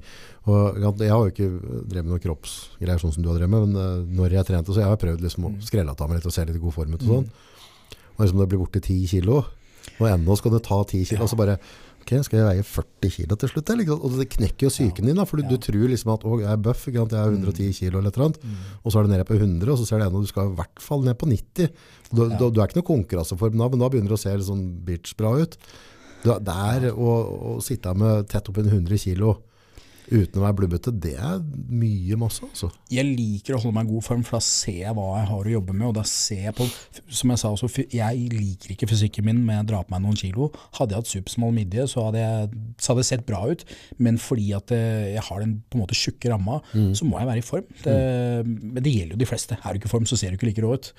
Og jeg husker jeg hadde en eh, barndomskompis, det var en av de første eh, Jeg tror han konkurrerte før meg. Og han var vel en 110-12 kilo. Og han han var jo ikke i form da han sto på scenen, men da var han vel 78. Og den er tøff, som du sier, for han var biff, han var grov gutt. da. Ah, Men du må ofte dra deg mye, i hvert fall de første gangene. Så, Nei, skulle jeg fått velge fritt, så hadde jeg, hadde jeg vært i god form på 80 kilo. Altså, nå snakker jeg ikke konkurrent, men hadde vært god sånn at du ser på en måte at det er ruter og sånne Ja. ting, så tror jeg det hadde vært en fin vekt med, for da ser jeg atletisk ut. Og så, Ja. For det jo med utseende, altså, øh, nå jeg mener ikke å være gølle, men du ser jo bola ut på det. Ja? Det er forskjell på å se bola ut og se atletisk ut. Og så har du, har du dem som ser ut som sånn birkebeineren ut. mm. Eh, Det er heller ikke en god look, på en måte. Nei, nei, nei. Men innimellom så ser du noen som har en sånn atelier altså du ser, De ser sterke ut. De har greit kutt i kroppen og kan se ålreit ut. da. men, men det er derfor vi er våre verste kritikere. Jeg kan se en annen en som er 30 km mindre enn meg. og sier faen, kul fysikk og sånne ting. Så sier kompisen liksom, hva snakker du om, se på deg sjæl, da. Liksom. Men, nei, man, jeg syns looken ser dritkul ut, og derfor jeg sier du trenger ikke å ha pakka på deg så mye muskler. Det spørs jo ambisjonen din, og, men som regel så forflytter man dette målet. Jeg hadde ingen ambisjon om å veie 100 kilo rippa. Nei. Jeg husker jeg så på en sånn derre Hvor mye har du veid på de beste offisene? 112, tror jeg. Og det, da er det tungt å knytte sko. Og det er tungt. Det jeg gjør nå, er at jeg vil bli mer bevegelig. Jeg skal få en bedre kropp, for jeg sliter så mye med ryggsmerter. Jeg sliter med disse skuldrene mine og sånne ting. Så nå er fokuset Det høres snart ut til å bli mer atletisk igjen, men liksom tilbake, og jeg vil gjøre andre ting. Og faktisk skal jeg få barn, som jeg klarer å løpe og være aktiv. Og jeg har energi og kan drive med alt, men da må jeg ja, være funksjonell. altså. Ja, men så fall nå, den vekta di som du har nå, den ser naturlig ut på deg. da. Du, ser, du, Ja, altså, den- du, du er ikke, du er ikke stappa pølse. Nei, Det ser, altså, det ser ut som at kroppen din har godtatt den vekta der. Ja. Han er ikke der på altså, Jeg tror den har landa litt der at det, er, det føles behagelig. ja, Skal ja, nå, Det ser ut som det er naturlig for kroppen din å ha den vekta. skulle jeg veid 110 kilo nå, så må jeg begynne å utsette helsa, da må jeg pushe, og da Ja, for for hvilke hva? formål? Ja, for hva? For hva? For å kanskje få en tittel eller en kreatinboks eller et eller annet. Så det, det er, ja, nei. Fy fader, ikke man betaler for ingenting med den kroppsbygging og greia. den sporten, det var, det var en som kommenterte det, og sa han skjønte ikke for den sporten her, vi risikerer liv og hva det enn måtte være. For hva? Og selv om det har blitt mye bedre lønninger i dag, så er det jo fortsatt småplukk i forhold til andre Pianet. idretter. Så skal du tjene penger i kroppsbyggingindustrien, så må du være ressurssterk og flink og bygge opp noe eget. Sosiale medier. Ja, it. 100 det er Du driver jo TikToker det, da. Gamle gubben. hæ? begynt nå. Hæ? Jeg har fått litt, eh, litt pepper for det, men eh, Ja, så bra. nei, jeg syns det er morsomt. Hvordan funker det? Moro. Jeg hadde jo en eh, Instagram, den ble hacka, Ja. og de ville ha penger. Og, skal vise seg for gryn. ja da, og jeg veit et par andre som betalte og fikk tilbake. Mm. Og det var ikke rare pengene, men for meg så ble det sånn. Betale for, nei, for Ja. Instagram? Fjern, eller? Ja. Ja, vi kan legge ut bilder av det. Det er ingen skam, med. Det, er, det florerer alt mulig, så kjøp på. Ja. Og da ble den solgt. Nå er det en magiker fra et eller annet arabland som har den. Døvt. Så hun har mine følgere, men eh, det er en magiker, og det er ikke meg, i hvert fall. Nei. Så jo, da, da begynte jeg med TikTok. Og um, TikTok er morsom på den måten at uh, algoritmene funker annerledes, så du får igjen for å, hva du legger ut. og Det er litt mer sånn, hva skal jeg si, kommunikasjon med de som følger med og sånne ting. Så det, er- målet er bare å gi litt verdi tilbake, da. Ja, sånn som meg, da. Som, eh, som eh, er, i hvert fall er gammel gubbe. To unger og dattera mi er på TikTok. Og, hva, hva skulle jeg hva skulle, Altså, jeg har jo Altså, du må velge giftpillene dine, da. Mm. Så, så jeg har eh, Facebook er jo på en måte mm, på, Jeg har jo den Segenor Media. Der har vi noen følgere og sånne ting. Og vi har på en måte lykkes der til våre formål. Og så har jeg en Instagram som jeg ikke følger opp. Så har jeg en Snap som jeg, på, på, på Nordpodden. Mm. Uh, som jeg også bruker, liksom, men det er liksom av og på da. Så jeg liksom tenker at hvis jeg skal være med på alt, jeg må, jeg må, finne, jeg må finne giftpilla mi da. Uh, men Facebook er jeg litt drittlei. Uh, for kundene mine så fungerer den veldig bra, sånn reklamemessig. Jeg når ut til potensielle kunder og sånne ting. Mm. Men det på en måte, å, å, at de skygger meg hvis jeg har hatt feil gjester, prata om feil ting, så plutselig merker jeg, for jeg, Ja. jeg vet ikke, er det 50 eller 60 Facebook-kontor jeg er administrator for noen forskjellige kunder. Ja. Så, så jeg vet jo hvordan algoritmene funker, jeg lever jo av Ikke det. sant? Og så plutselig ser jeg bare, jeg er vant til å ha en sånn og sånn rekkevidde, få så og så mye, og plutselig bom, så er det stille. Men på Snap, der sender folk meldinger, altså der får jeg tommel opp, folk kommer, Altså, så, Mer samspill, mer, eh, mer samspill da, ja. men samspill på Facebook er veldig vanskelig. Facebook har på en måte dødd ut litt. Eh, nå sies det jo, du følger jo Gary V sjøl, eh, han sier jo bruk alle plattformene. Men jeg er enig i at det, det, det, tar tid, og ja. Og så gjerne hvis du skal legge ut forskjellig, og ikke bare dele på alle plattformer samme content. Ja, jo- det er fake å gjøre det, liksom. Ja, Men hvordan skulle jeg bruke TikTok da? Hva, hva, altså, hva som helst. Jeg tenker alltid storytelling, så lenge du gir verdi til de som ser på. Og du må ikke danse. er, det er eh, Nei, jeg skjønte også at det, det er så mangt. Det er eh, Dele mer. Det, tanken min var bare gi litt verdi tilbake, og istedenfor bare poste at jeg poserer og står på gym og flekser, liksom. Så svare på spørsmål, og gjerne litt informativt tilbake. men er det bare yngre som er der, eller er det eldre som er på der nå? Alt mulig, men selvfølgelig mye yngre. Det merker jeg. Ja, for jeg tenker altså, det du driver med, det er jo kropp og trening. Og det, det er jo midt i blinken for de yngre. Veldig mange. Og så er, jeg syns det er interessant hvis du deler ting som trening, men, men som en podcast, da, hva, hva skulle jeg delt da, liksom? For det, plutselig sitter jeg og prater med deg, og så sitter jeg og prater med en lege, og så det er litt forskjellig. Jo, men jeg tenker at uh, er man, er, jo, men er man voksen, så har man masse erfaring. Har du erfaring, så har du noe å dele. I hvert fall hvis du har klart å reflektere litt rundt erfaringa, og det har du. Ja. Eh, ikke minst, du har en podkast, du har masse interessante gjester, du har noe å dele. Så hvis man deler litt snutter fra podkasten, det gir jo litt teasers fra, på TikTok. Mm. Og TikTok er også mye bedre reach hvis du har Glem algoritmene på Instagram og, og Facebook. På TikTok så det er veldig raskt at det går viral, liksom. Ja. Det er, ikke, vært- det er ikke fingra med, liksom. Nei, det er, for min, min del i hvert fall så opplever jeg det som mye mer reelt. Og faen, jeg har holdt på i aktivt noen måneder, og 10 000 følgere. Og Instagramen min, etter den ble hacka, fikk jeg meg ny. Der er 1000 etter sikkert åtte måneder, for det skjer ikke en dritt. Og jeg ser jo at reachen ikke når ut til noen, fordi at jeg har lagt ut ting som da går litt imot den formelle narrativen i samfunnet. Ja. Så hvis du kritiserer ting som skjer, enten det er politisk eller medisinsk og sånne ting, Ja. nei, da, du ikke, da når du ikke langt, da. Jeg kanskje skal prøve. Hvor mye pes er det å følge noe på? Jeg kjenner jeg Teoretisk sett, så, sånn jeg tenker, så burde man jo legge ut ting hver dag, men jeg ser med meg sjøl, så har ikke jeg vært flink nok. fordi at eh, noen dager så har jeg stress, og så gidder jeg ikke å dele. Men vi har jo snakket om det. Det er ekstremt mye man kan dele, selv om det ikke virker interessant for deg. Så er det nok interessant for allmennheten. Ja, også det, når, du, når du sier det på en måte Jeg har ikke tenkt på det på den måten. For jeg tenker sånn, hvis jeg skal inn på TikTok, da, så er jeg han der eh, gamle pedoen som dere skal inn og se på. ikke sant? altså, skru, Skruktrøllesen er inne og skal liksom være, være altså, vet, du, vet på diskoteket, vet du. Du, du, har, du, har, du har ikke vært ute på leggen, så kommer du, og så ser du samme gubben står der og danser 20 år etterpå og sikler på bare jentene som er da var 20 år yngre. Eh, Jeg, skjønner- jeg, vil jeg ikke skjønner- være han, ikke sant? Nei, jeg, jeg skjønner hva du mener, og um, jeg tror alle som er voksne som er inne, tenker liksom å shit, jeg håper ikke Eller kanskje rart å si det sånn, men, men eh, nei, alle mulige er der. Og det er faktisk Jeg har fått mer informativ informasjon på TikTok som jeg faktisk selv synes er verdifull, kontra disse reelsene på Instagram. Så TikTok Nice. er, det er mye bra. Altså. Ja, det skal Overraskende. Ikke give it a shot, da, prøve. Ja, det er, det er bra. Altså. Hvorfor ikke? Vet du, hun eldstedattera mi uh, Mora fikk TikTok, vet du. Ja. Og så, og så drev hun la ut noe dansing og sånn. Ja. Og dattera mi holdt på å dø. Og venninnene ser meg, mora di danser. Og bare fy faen, mamma. Men jeg tenker at hvis du, hvis du er på TikTok, så burde man ikke prøve å legge ut det som man tror passer inn på TikTok. Du må legge ut deg. For det er nettopp det, hvis du legger ut en dansevideo, det er jo ikke deg, eller hva det måtte være, nei, nei. så blir det rart og kunstig. Um, Men er ikke det litt sånn, for vi prater på, jeg er jo veldig fan på, på at du bør, uh, altså en ting er jo at, at damer i- som har interesse i filming og klipping, burde ha forhold til det med at dere vlogger litt og sånn. Men uh, jeg er jo veldig pro at du må banke i veien en podcast da. Og der òg har jeg tenkt sånn her med, jeg hadde vel egentlig ikke noen sånn klar plan på når jeg begynte pod eller et eller annet, men eneste som er liksom altså, når jeg kommer hit nå i dag og skal ha pod med deg, så er det for at jeg har lyst til å sitte og ha en samtale med deg, og, og, og vite mer om deg da. Eller altså, hva, Uh, og det blir jo sikkert litt samme over på TikTok, altså, det, må, det må være ektefølt, ellers kan du la være, for hvis jeg skal bare lage podder for at, nei, nå, nå, var det, nå er det dette som trender, så nå skal vi bare prate om det. Hvis ikke Ja. det interesserer meg, så kan jeg gi faen. og det skal oppleves som naturlig. Det er, det er nettopp det. Det er jo godt utgangspunkt at man har noe man ønsker å prate med. For det er jo som regel så er i hvert fall samtalen interessant, da. Ja, så blir det ganske koselig hverdag da. Ikke sant? Det er kult. Møte folk du har Eh, lyst til å møte, liksom. Helt enig. Og for meg så, jeg syns podkast virker dritfett sånn. Og det var det som var tanken litt med TikTok, var å dele litt verdi.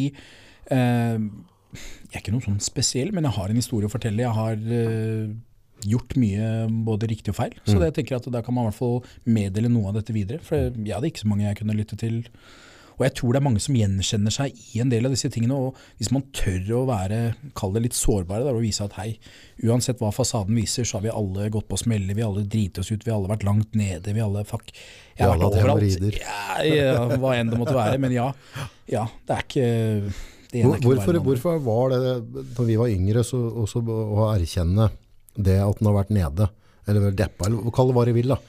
Eller, og, Det er jo ikke maskulint, det er jo, det er jo på en måte Mange har trodd at det er tegn på svakhet, men jeg tenker at det, det skal mer til for å vise følelser og en myk side enn faktisk å være tøff. Mm. Tøff er faktisk en emosjon som eh, bunner i frykt. Eh, og det er lett å på en måte det er, det er vanskeligere å åpne seg og vise sin sårbare del. og Det er derfor du ser på ta TikTok igjen, da. Veldig mange slenger dritt, og så går de inn på brukeren, så er det ikke noe bilde, det er ikke noe navn. Du, det er anonyme mennesker. Er derfor jeg sier det er ikke vits å kommentere engang. For det, de har ikke et ansikt, de vil ikke eksponere seg, for da får de kritikk. Det, er det du projiserer ut for verden, er det du føler innvendig. Så hvis du bare kommer med hat, fuck, da har du det ikke godt inni deg. Ja. Du gjenspeiler det du kjenner på innvendig. Men det, det å dele følelser, eller eh, den biten der, og forhold til om det er mann eller ikke mann, også, eller kvinne, for det, altså, jeg tror eh, da han på en måte klarer å stå i det da, og si det som det er, så, så det er da kanskje da det egentlig begynner å bli litt sterk. Ja. At, eh, at når du bare tør å være Du tør å være være sårbar. For ja. Se på utviklingen til Tyson. Jeg har alltid vært fan av Tyson sånn sett. Han er en som virkelig har skilt seg ut. Kan vi, kan vi bare bli enige om det nå med en gang, at det har ikke vært noen over eller under av han? Altså, de- helt enig. Når folk, hva hadde skjedd med Mohammed? Glem det, Ali. Jo, men han, han, han hadde ikke hengt på i ti sekunder engang. Tyson hadde bare et den opp. Jeg hørte, Enten så var det Instagram eller så var det TikTok, så var det en som ble spurt om han hadde klart seg Jeg tror det var han Butcher Bean, da. Han ene han har vært med i noe, jeg husker ikke helt hva han det er. Men om han hadde klart seg mot Tyson i sin prime. Glem da, Tyson knuste alle. Så jeg er helt enig med deg. Tyson Du får, det, er- det er, er ingen i nærheten, liksom. Men hvis du ser hans utvikling, åssen han har på en måte kommet inn i den spirituelle verden, åssen han har forandra seg, Mm. det er beundringsverdig. For det er en mann som omtrent har skremt en hel verden. Han har de mykeste sidene. Han er, han er helt sjef. Han er rå. Ja, jeg synes det, han er, Og tenk deg, tenk deg hvis han ikke hadde hatt den talefeilen. Eh, tenk å viralt altså for, for, Mm. Ja. du, du må, for å forstå Tyson, så må du ta deg tid til å lytte. Helt enig. Og så, altså, du, må liksom, du, må, du må føle vibbene hans for å skjønne hva han mener. For han sier jævla mye kloke ting. Men hvis ikke, Mm. Ja. du, hvis ikke tar deg tid til å lytte til han Nei, for han kan fremstå som litt sånn fjern med den stemmen, og så hører på han så shit, han har kunnskap, han har erfaring, han har noe å komme med. Ja. Men uh, det er veldig lett å stigmatisere og slenge dritt istedenfor å ja. Nei, nei det er konge. Det var han, han Rogan, vet du. Mm. Uh, det var første om det var første podden, eller det var i hvert fall en eller annen podd. Han pratet om at han flytta studio. Mm. Så sa han at grunnen til at bordet nå Jo, det var andre poden han hadde. For først var Tyson her bare røyka noe grønt og slappa av og tok livet helt med ro. ikke sant? Ja. Og så skulle han eh, trene opp, for han skulle gå Stemmer den kampen. Og så ja. da, da begynte han å fyre seg opp. Og Rogan er jo en fighter. Han, drev, han har jo slåss i 30 år. Er liksom en, en bra gubbe, det. Mm. Så altså, etter det så fikk han et bredere bord. For han hadde følt seg så nervøs av å sitte så nære Tyson. For den energien Ja. med den volden. For han sa forskjellen fra første podden til andre podden da han begynte å skru på konkurranse, løven i seg. Ja, ja. Så han sa bare Han hadde rett og slett syntes det var ubehagelig å sitte i rommet med. Men han sier jo sjøl, han ble jo spurt, for han gråter jo foran masse kamper. Ja. Og det er jo bundet i frykt, enten om det er frykt for motparten, eller om det er frykt for deg sjæl hva du er i stand til. Det, det er mange elementer her, liksom. Men jeg synes det er kult å høre på, for han er Fet. fete, punkt, det, det, det som liksom bare setter rammen rundt Tyson. Jeg husker ikke noe, noe navn, da, for det har vi bestemt oss for i dag at ingen skal huske. Mm. Ja, ja. Men vi vet å huske Mike Tyson kan det. Men det var i hvert fall en eller annen, kamp, og så var det treneren til motparten hadde PP med at det var et eller annet på en måte hansken som måtte ta på hansken på nytt. Ja. Og så har han vært i garderoben, så hadde Tyson vært sint, ikke sant? Så han begynte å pounde waggen inni der. Så han motstanderen hans, da, ikke sant? Og hørte bare grynt, og det slag, og, og var på tur gjennom veggen. Så han knakk psyken totalt, så, så motstanderen turte ikke å se henne i øya. Nei. Så han andre han hadde begynt å nekte, hadde ikke lyst til å gå inn i ringen, ikke sant? Men det tror jeg da var hadde- mange alt Tyson også. Det, Ja, det er sånn der... eh, det- Fire millioner ville ha gått i ryggen, men glem det. nei. Han, er, han er en av de få på en måte man Du blir slått i hjel, det liksom. er ikke verdt ti millioner engang, liksom, for sjansen for at du, at du blir sikledyr etterpå er jævlig stor. Hva syns du om han er youtuberen? Den fightinga hans? Før jeg uttaler meg om Han, jeg han, han, han, han Ja. uh, Det er begge brødre. Jeg vet ikke hvem som er verst. Nei. Paul. J. Paul. uh. Jake Paul og Jake Paul. han faen heter broren hans. Men uh, Nei, altså i utgangspunktet så syns jeg de er bare noen snørrvotter. For Eh, kampene har sett Nei, det er nei, vanlig. nei. Det ser fjernt ut. det. Nå er det snakk om at Tyson skal gå med han. Da. Tyson kommer til Ja, jeg vet det. det er liksom, jeg håper virkelig at det blir en ekte kamp. da Men han- de Paul-brødra det, er- det, er sånn, det er sånne mennesker som er lett å hate. da men, eh, Og de legger jo litt opp til det. Men samtidig så har jeg sett noen inntur der de Helt enig. Jeg har sett podkasten til han ene, og da faktisk eh, ja, endra litt syn. altså. Ja, Ja, ja, så, så ja, det, det er litt liksom rart, for fader så lett det er å dømme helt Det er lett å dømme. Bare du ser en, så dømmer du, og så ferdig. Jeg har alltid sagt jeg hater folk som dømmer, og så tar jeg meg sjøl i det og så tenker jeg skjerp deg, altså. Det, er- det er så lett. Men eh, nei, prøve å åpne med, møte med et åpent syn, i hvert fall. Ja, men det er ikke lett. Nei, det er Det er fader ikke lett, altså. Den dømminga. I Norge er vi jo vokst opp med å dømme. da Det er janteloven og alt mulig. Ja, men det er et eller annet gøy med det òg. for poenget er at hvis, hvis, eh, hvis du og jeg hadde satt oss ned på, på Karl Johan nå da, på Winston eller et eller annet, og tatt noen kaffe og noe greier, og så, så bare sitte og se folk som går forbi. For faen, det er deilig er å sitte og lage historie. Nå skal han hjem og banke kjerringa si der, ja, og, og har kjøpt seg nytt slips i dag, ja, og så hyggelig. Å sitte og lage historier. Helt klart, jeg tror, jeg tror det er naturlig å gjøre, men jeg tenker også at det er greit å gjøre det, men du trenger jo ikke å skrike ut til mannen i gata at hei, du er ditt, eller For jeg, jeg opplever mye positivt, men jeg, i hvert fall før. Da husker jeg liksom folk er raske med å skrike ut noe pga. noe de føler. Altså liksom, hvorfor trenger du å si det høyt? Ja, hva er? Om du ikke liker meg, hva det måtte være. Ja, Og så må folk være klar over kommentarfeltet. Det er det samme som sier det høyt. ja. Klarer du å avstå fra å skrive negative ting?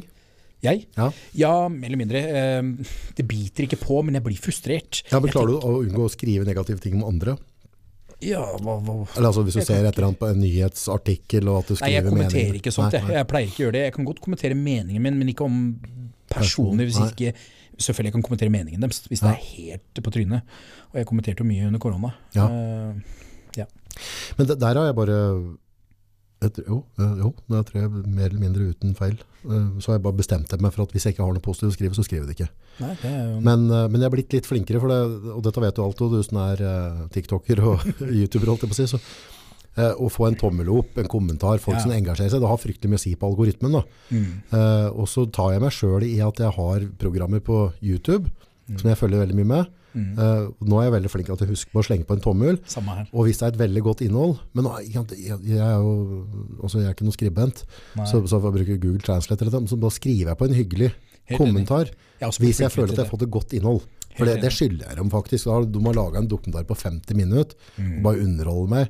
Og, og gir meg masse lærdom og ditt og datt. Og så gidder jeg liksom ikke å skrive takk for et godt innhold engang. Men det tror jeg vi alle kunne vært flinkere i hverdagen også, ikke bare på sosiale medier. Men hei, gi kompliment da, til han på gymmet, hun på gymmet, bare fordi du ser at de har trent, kommet i form eller et eller annet. Det skader jo ingenting.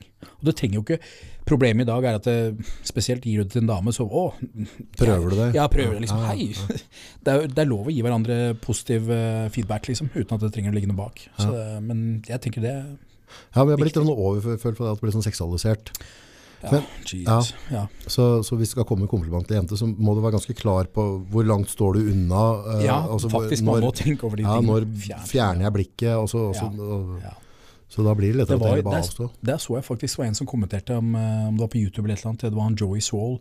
For da var det en dame som hadde kledd av seg, og så har hun filma seg sjæl. Og de gutta bak de ensa henne bare så vidt, men hun begynte å heve stemmen. Ja, er det noe dere vil? Hva er det dere lurer på? Bare for å skape blest, liksom. For at de så på henne. De så ikke, de var ikke egentlig interessert engang. Så selvfølgelig, det er alle variasjoner her. Men uh, jeg tenker å gi hverandre kompliment, eller andre folk på gata, et eller annet. Hei. Et smil, kommentar. Et hei, liksom. Er Koster lite, og det kan gjøre veldig mye, da. Men når du, når du er tiktoker, da, så får du noe, der får du jo litt Jeg tror den fanbasen du får på TikTok er litt annet enn det du i hvert fall på Face og, Insta og sånne ting. Da vil jo folk komme bort til deg igjen på gata. altså At, du blir, at folk kommer og sier noe. Hvordan forholder du deg til det? Det er veldig strange. Altså, for, at for mange år siden så var det kanskje mer vanlig at jeg ble stoppa på gata. Det har egentlig alltid vært sånn, men jeg har kanskje farta litt mindre ute på den måten. Men på, jeg merka ikke jeg merka ikke at Instagram hadde noe å si på hva jeg møtte i hverdagen på gata. for å si det sånn. Nå på TikTok så er det fire av fem dager hvor noen kommer bort og kommenterer, og det er superhyggelig. for da tenker jeg også at folk har en positiv opplevelse. da, Når de smiler og sier hei. Og at, eh, for jeg har også levd litt med den greia at folk kan synes jeg ser skummel ut. Jeg, faen, jeg, prøver jo i hvert fall å gjøre meg litt mer uh, Ja, drev du tok Botox her om dagen, eller var det det jeg sa? Ja, ja, ja. Hva er dette for noe? Det er ikke noe jeg gjør ofte, men jeg, jeg holdt på å si mye sinna. Jeg er ikke det, altså, men den sinnarynken min den eh, er det eneste som plager meg litt. For at, jeg kan bli litt sånn dratt nedover i trynet. Og, eh, Rynker så på meg, ja. ja, men Toget har gått for meg. Panna har jeg aldri giddet, for jeg har masse mimikk. Og Ja. begynner å lamme den, da henger banna i Ja, trynet. ja. Si. Så det er bare sinnarynken. Ja. Eh, men jeg er forfengelig. Jeg har operert øyelokka, for de var tunge. Ok, Ja, men det er jo litt med syn å gjøre. Altså, nå du får migrene hvis du Ja, Det var det jeg prøvde å skylde på, men jeg fikk det ikke støtta, så jeg Nei. måtte betale sjøl. Ja. Men eh, litt sånn jeg tenker å ta vare på seg selv, det bare viser at du, du setter deg sjæl høyt, på en måte. Ja. Og, uten å være forfengelig. Så det er ikke noe sånn at jeg har ambisjoner om å operere hele trynet, men litt fiksing og litt Botox og litt hudpleie, det er greit. Det kjenner jeg, det, det, det er utenfor min komfortsone. Det kunne jeg aldri gjort. Det er kanskje fordi du er bare et par noen år eldre enn meg, så er det litt mer uvanlig. Men jeg tenker å ha en sånn morgenrutine på hudpleie og sånne ting, det er helt uh, innafor det. altså. Nei, jeg, Men- ja, nei, Men jeg ser også at flere og flere gutter sminker seg. Flere og flere Det er, det, det er jo Du kan fort dra dette for langt òg, da. Hver generasjon drar det litt lengre, så jeg Bare Det sies jo at um, Åh Åh, shit, nå prøvde jeg å huske på ordtaket at uh, dårlige tider skaper uh, svake menn svake, yes. eller, Gode tider. Gode tider skaper svake menn, Ja. svake menn skaper harde tider, harde tider skaper sterke menn. Ja, Ja, du skjønner, ja, ja, du skjønner regla. ja, ja. Så jeg tror vi er inne i en epoke nå hvor uh, litt sånn snowflakes og jeg opplever i hvert fall denne generasjonen etter meg som veldig todelt. Enten veldig våken eller så sårbar at å shit, du kan ikke snakke til meg, du kan ikke se på meg, du kan ikke Ja. Når, når du sier våken, da, woke, eh, hva de sier i USA, go woke and go broke. Ja. Eh, eh, men eh, eh, du prater også for å kommentere og sånne ting, også i den der eh, forkjølelsetida vi hadde her nå på en par-tre år. ja. Kommentarer og sånne ting der. Hva er du sånn engasjert i det der? Jeg, det, jeg skal ikke Er du sånn si vaksinenekter, eller? Ja, hvor skal vi begynne? Nei, ikke vaksinenekter. Jeg har tatt masse vaksiner. Jeg har jo bodd i Afrika og, og hele den regla der. Men selv om jeg har gjort mange dårlige valg i forhold til min egen helse, så er jeg opptatt av å vite hva jeg får i meg. Enten om det er gift eller ikke, så vil jeg i hvert fall vite at det er eget valg. Ja. Og når andre skal begynne å bestemme hva jeg skal gjøre for allmennheten, og det var så mye som har blitt da, tilbakevist, og det var så mye som, øh, som ikke gjenspeiler seg som sannhet. Mm. Så jeg syns at øh, det har vært en krevende og spesiell tid. Da. Det blir jævla splittelse i folk. Å, shit, Mye aggresjon. Jeg føler at samfunnet sier til oss nei, man skal ikke hate, skal ikke forskjellsbehandle, alle skal bli hørt. Men så opplever du at det er det tvert motsatt som, som skjer. Mm. De skaper konflikter, vi er mer splitta enn noen gang. Øh, nei, det, det er derfor jeg er ikke for alle disse nye greiene. og alle skal få lov til å være seg selv, men vi trenger ikke å bruke 100 pronomer. Nå er det ikke lov med pepperkakemann. Det er ikke lov, det er helt, For meg dette er blitt Det helt barnehage. Ja, er gått for langt. Ja, jeg ser, jeg ser dattera mi, eldste, som er snart 15. De jentene, de ser jo gjennom dette. De sier, hva, hva skjer da, pappa? Ja. Hva, hva, hva, er greia, liksom? Ja. Eh, Hva, altså, hva er det dere driver med? Mm. Altså, dem må bare, de fnyser jo av det, liksom. Ja, er derfor jeg sier jeg opplever at mange av dem er veldig reflekterte tidlig. Det er kanskje pga. sosiale medier, informasjonsflyt, internett, sånne ting. Men klart, sosiale medier, jeg kan si at det kommer en post, og så, i den posten, Mm. så har jeg da mulighet til å uttrykke meg. Mm. Og så, hvis jeg uttrykker meg da i en eller annen ekstrem, og sier at ok, gå og skyt deg selv, Marius, for du Mm. er ikke med å vaksinere deg nå. Mm. Jævla Adolf Hitler, du er en nazist, eh, og rasist er du også. Så, og så får jeg masse kommentarer på det, så får jeg feedback på det, og så, Ja. og så til slutt så får mine endorfiner kickback på at jeg hater. Ja. Og så- men hvis jeg skriver bare sånn, ja, nei, men det er greit, jeg respekterer at Marius tar Mm. sine egne valg, Så så er det ingen som kommenterer. Da skjer det ikke noe, ikke sant? Så det virker som at det dytter dem som ikke ønsker å vaksinere seg, ut i det ekstreme, Ja. og så dytter den andre, og så sitter vi begge, da sitter du uvaksinert, og er redd for at du har gjort feil, Mm. Og så sitter jeg vaksinert og redd for at jeg har gjort feil, og så har vi blander litt frykt oppi dette der, og, så, og, så, og så blir det sånn derre Hvis du ser på psykologien, så er jo dette her mønster, liksom skape frykt. Du, ikke minst ser på mass formation, det kommer fram ting, men folk lever, som du sier, du har en sånn kognitiv bias, det du tror på, det for, du finner grunner til å forsterke det, uavhengig av hva som ligger foran deg. Du blir blind for bevis og for forskning og alt mulig. Det, det, det komiske er jo på Eller det er mange ting som er komisk der, men hvis du ser på den, var det, Ja, du var jo i Afrika, men, men du, på skolen så hadde vi en sånn film som heter Bølgen. Eh, jeg tror de får det på ungdomsskolen en dag i dag. Det er noen som var laga i USA, en professor som gjorde et eksperiment med noen elever Mm. for å på en måte finne ut hvorfor kunne eh, Adolf få med seg så mye folk, altså massesuggesjonen da. Ja, Ja.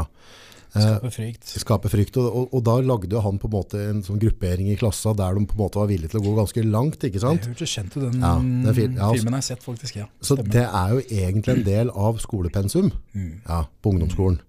Men folk har Også, men, ha- Følger dere med på innholdet, folkens? Liksom? Ser, er det ingen som ser noen paralleller her, liksom? Nei, men det Altså, det, det vi har opplevd nå, er jo akkurat det er bølgen, liksom. Ja, jeg veit det. jeg vet det. Men det har vært så mange sånne. Jeg, jeg, jeg, håper jeg orker ikke å gå inn på hver enkelt Nei, ting, for da begynner vi en lang diskusjon her. Men, men det har vært så mange aha-opplevelser, og det har vært så mye konspirasjon som har blitt bekrefta som bare Ok, du ble kalt sinnssyk for seks måneder siden, men nå er det allmennhet, og nå er du ute på nyheter, og nå er alt greit. Mens du ble sett på som sinnssyk. Ikke minst eh, Jeg har ikke tatt vaksina, moren min har ikke tatt den, eller ingen av i familien har tatt den.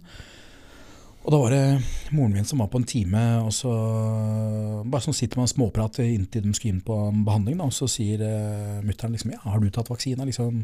Han bare ja, ja, jeg har tatt den og sånn. Og så spør han har du tatt den. Hun bare, nei, jeg valgte ikke å ta den. Ja, det er din skyld at folk dør, du, du har drept folk, liksom sånn. Jeg bare, herregud. Nei, nei. Som du sier, det skaper veldig splittelse. Men har, tror du at de tallene stemmer på hvem som har tatt og ikke tatt? For det, Nei. Nei, for, det, for, for uh, jeg, jeg har jo ikke tatt den, og, og døtrene mine har ikke tatt den. Uh, Eksfrua Togen, den, det er hun som var mest syk av oss når vi fikk Mm. koronainnlegget, men, men det, det kan være tilfeldig.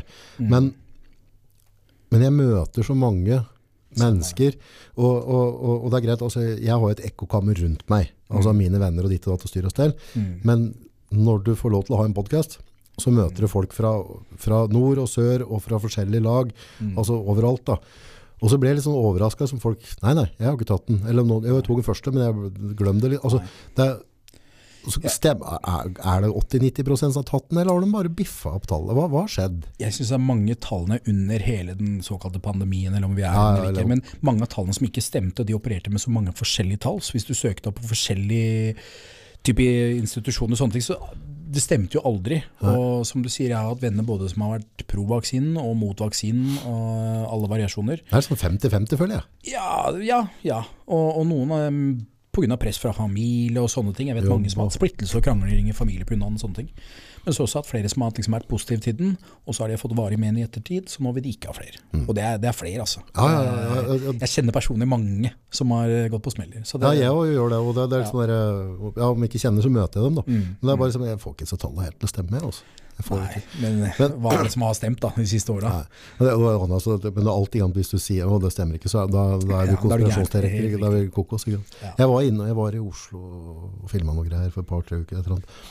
Og så klarte jeg ikke å la være, når jeg først var inne, så kjørte jeg, så kjørte jeg bortom FHI, Mm, Uh, og så bare gikk inn i, for da kan du gå, det er liksom en port, og så kan du gå inn i bakgården der, mm. og så på veggen der, så står det digert sånn bronseskilt, det er litt mørkt nå, Uh, og da står det «Founded from Rockefeller Fam Ja. Foundation Ja. and the government». Følg penga, så Ja, ser det var på tidlig 1900 da, og, og, og du trenger ikke være sånn konspirasjonsteoretiker til å skjønne at uh, disse folka i hvert fall var, var veldig orientert på dine penger. Og, og da, da er liksom, men folk tror at FHI, folkehelse, at, at det er et statlig organ som kun har statlig interesse. Eh, nettopp. Og det er jo ikke Nei, riktig. Det, stå, altså det er bare å gå og se, altså jeg tok, De fleste vil ikke søke opp. De fleste vil ikke vite. Det er bedre å lukke øya enn å stille kritiske spørsmål. Og det samme er det med seg sjøl. Du må stille kritiske spørsmål for å bli bedre. For å, for å analysere deg sjøl og gjøre endring, så må du stille kritiske spørsmål. Og det gjelder med alt, enten det er deg sjøl eller samfunnet. Og jeg tror ikke folk vil vite. Det er lettere å se den andre veien. Ha det behagelig.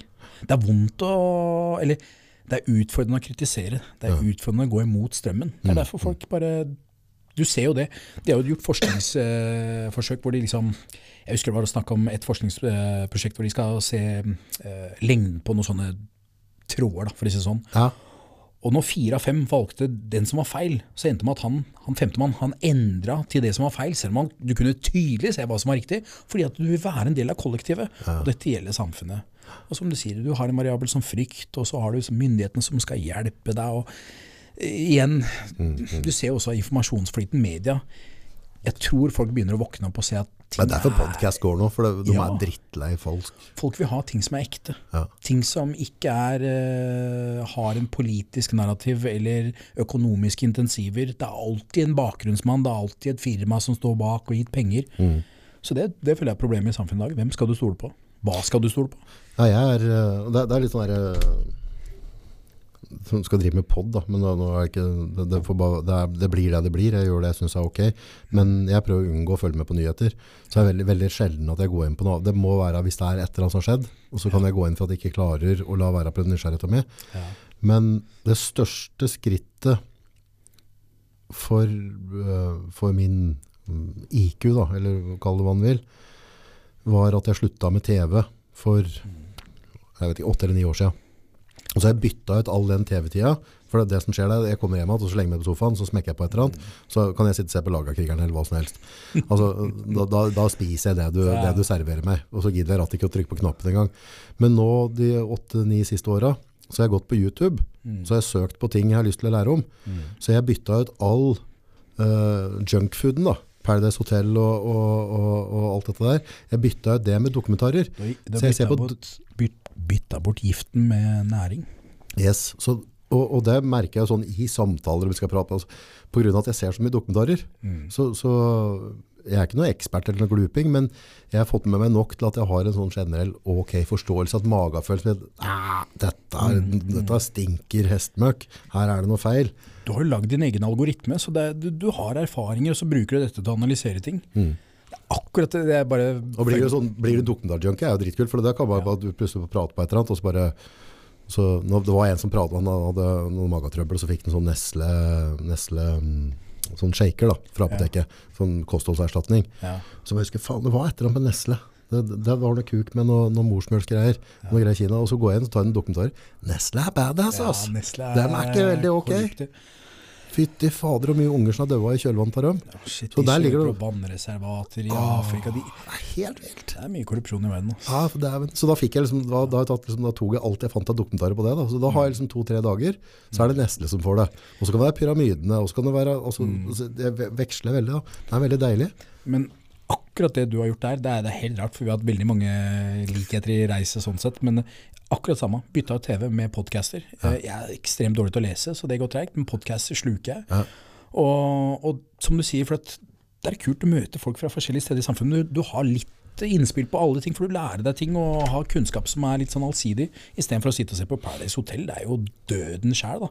Men det er underholdende, så er det liksom du har jo ingen fokus på hva som skjer i verden. Du følger med på de dummeste av de dummeste tingene, og de premieres enda dummere, liksom. Så Ja. Hvilken uh, podder er det som er eh, høyt på stigen din nå? Oh, det har variert litt, men uh, Louis House uh, Hva handler det om? Oh, Da skal jeg gå inn her på telefonen, så skal jeg finne alle. Så sier jeg ikke feil navn, i hvert fall. Ja, ja. det- Men det, det som er fett da med pod, la oss si hvis du, hvis du, hvis du kommer med mm, hvis du kommer en påstand nå da, Ja. uh, og folk har hørt på en måte hele podden, Mm.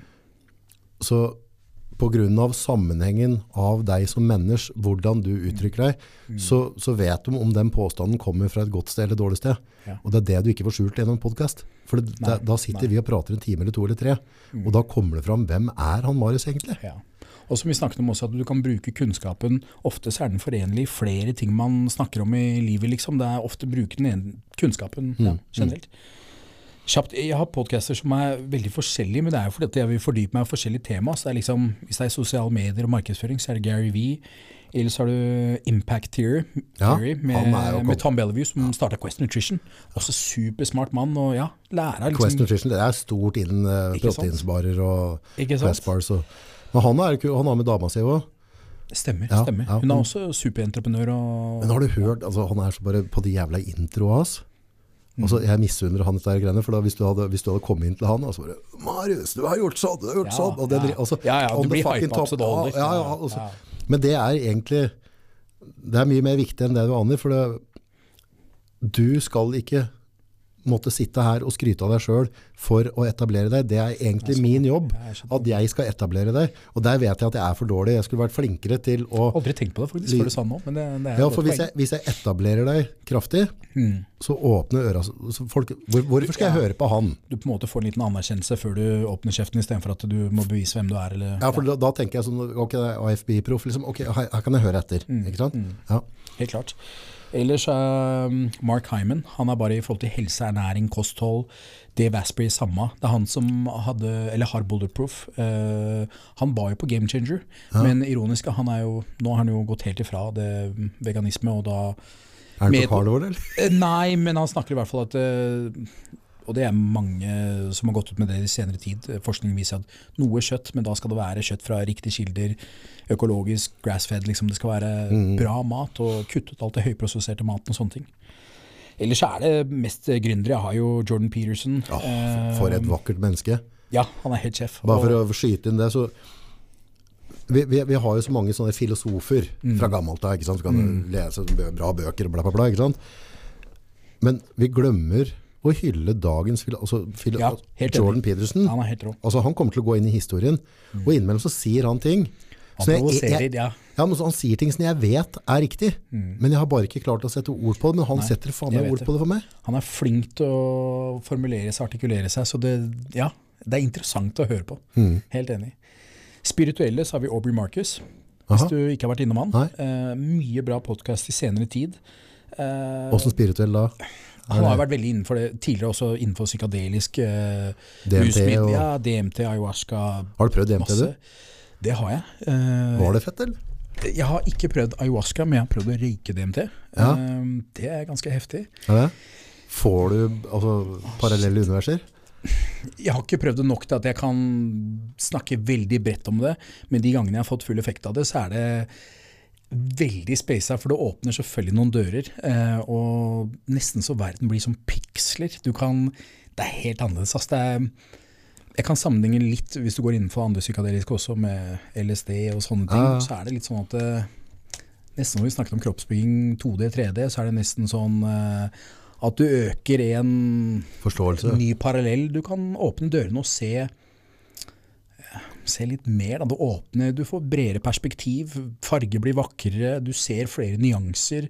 Men selvfølgelig, alle disse tingene også må respekteres. For at det Altså, som DMT og sånn. lite faresignal det man må passe på. Respektere Ja. disse tingene. DMT og dette greiene der. Mm. Jeg har ikke prøvd det, men, men det, det er en ting jeg har liksom Det og, og sånn sopp og greier, og Mm. heller ikke og syre. Men jeg tror liksom derfor jeg ikke har prøvd det, da. Altså Jeg er litt redd for at jeg åpner noen dører jeg ikke får lukka igjen etterpå. For jeg føler at altså, det er en del grums inni meg. Og det er en del opplevelser som, som kan være greit at de bare ligger der, at de kan få lov til å ligge i fredhugget, så de ikke trenger å ta opp alt på en gang. Så jeg har bare vært litt sånn, der, litt sånn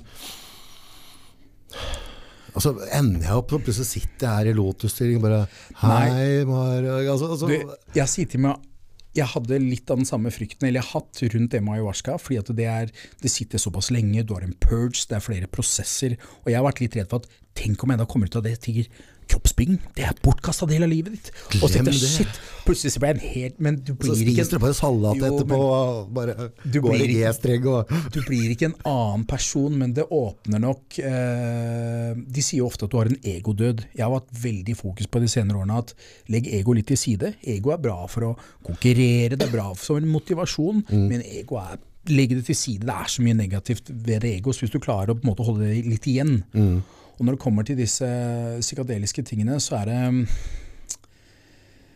eh, Ofte får man eh, åh, Hvor skal vi begynne, eller hvordan skal jeg forklare dette, da? Eh, Ja, men det er interessert, jeg-. Ja, jeg må tenke meg litt om, ja. Jeg, Men kan du gå til litt på det med ego, da. ja. Det er, det er noe som har på en måte interessert meg mer og mer. Mm. Jeg har jo det, uh, så klart. Eh, og det kan bli en sånn samtale som det her nå, da. Mm. At, uh, at, um, at jeg begynner å snakke på et eller annet. Eller, så, Mm. så tenker jeg etterpå, og så var det, begynte jeg å snakke på det temaet der for at jeg var interessert i å høre din side av det, eller gjorde jeg det for å liksom heve meg litt opp her nå? Altså, hadde jeg behov for å liksom bru- ah, Den har jeg òg lest. Altså, Ja. eh, altså, hva, hva var hensikten din, August, med å, å stille det spørsmålet eller fortelle en historie? Uh, Vi alle har en del av det. Vi alle har en del av det, tror jeg. Fordi at det, vi ønsker å eksponere oss, vi ønsker å få anerkjennelse for de tinga vi gjør. Eh, til en viss grad, i hvert fall. Ja. Men du ser jo liksom type munker da, som klarer å tilsidesette disse tingene og få en helt annen perspektiv i livet.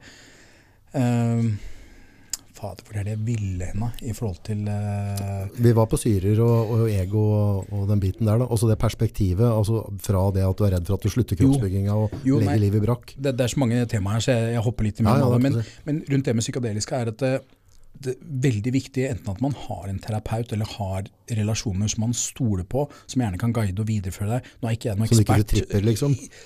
Det gjør du nok eh, hvis du får i deg en grei dose, Ja. men nå skal ikke jeg sitte her og, og være ekspert, men i hvert fall ut ifra egne erfaringer så lønner det seg å ha noen som man er trygge på, noen som kan guide deg litt, for du, du kan falle litt utafor. For meg så opplever jeg, hvis jeg opplever angst med noen form for rusmiddel, så tenker jeg at det er noe å lære. Veldig mange får litt panikk fordi at det, Angst kjennes jo ikke alltid bra, men jeg tenker at da er det noe som har kommet opp som du må ta tak i. Hvorfor kjenner du på denne angsten? Hva handler det om?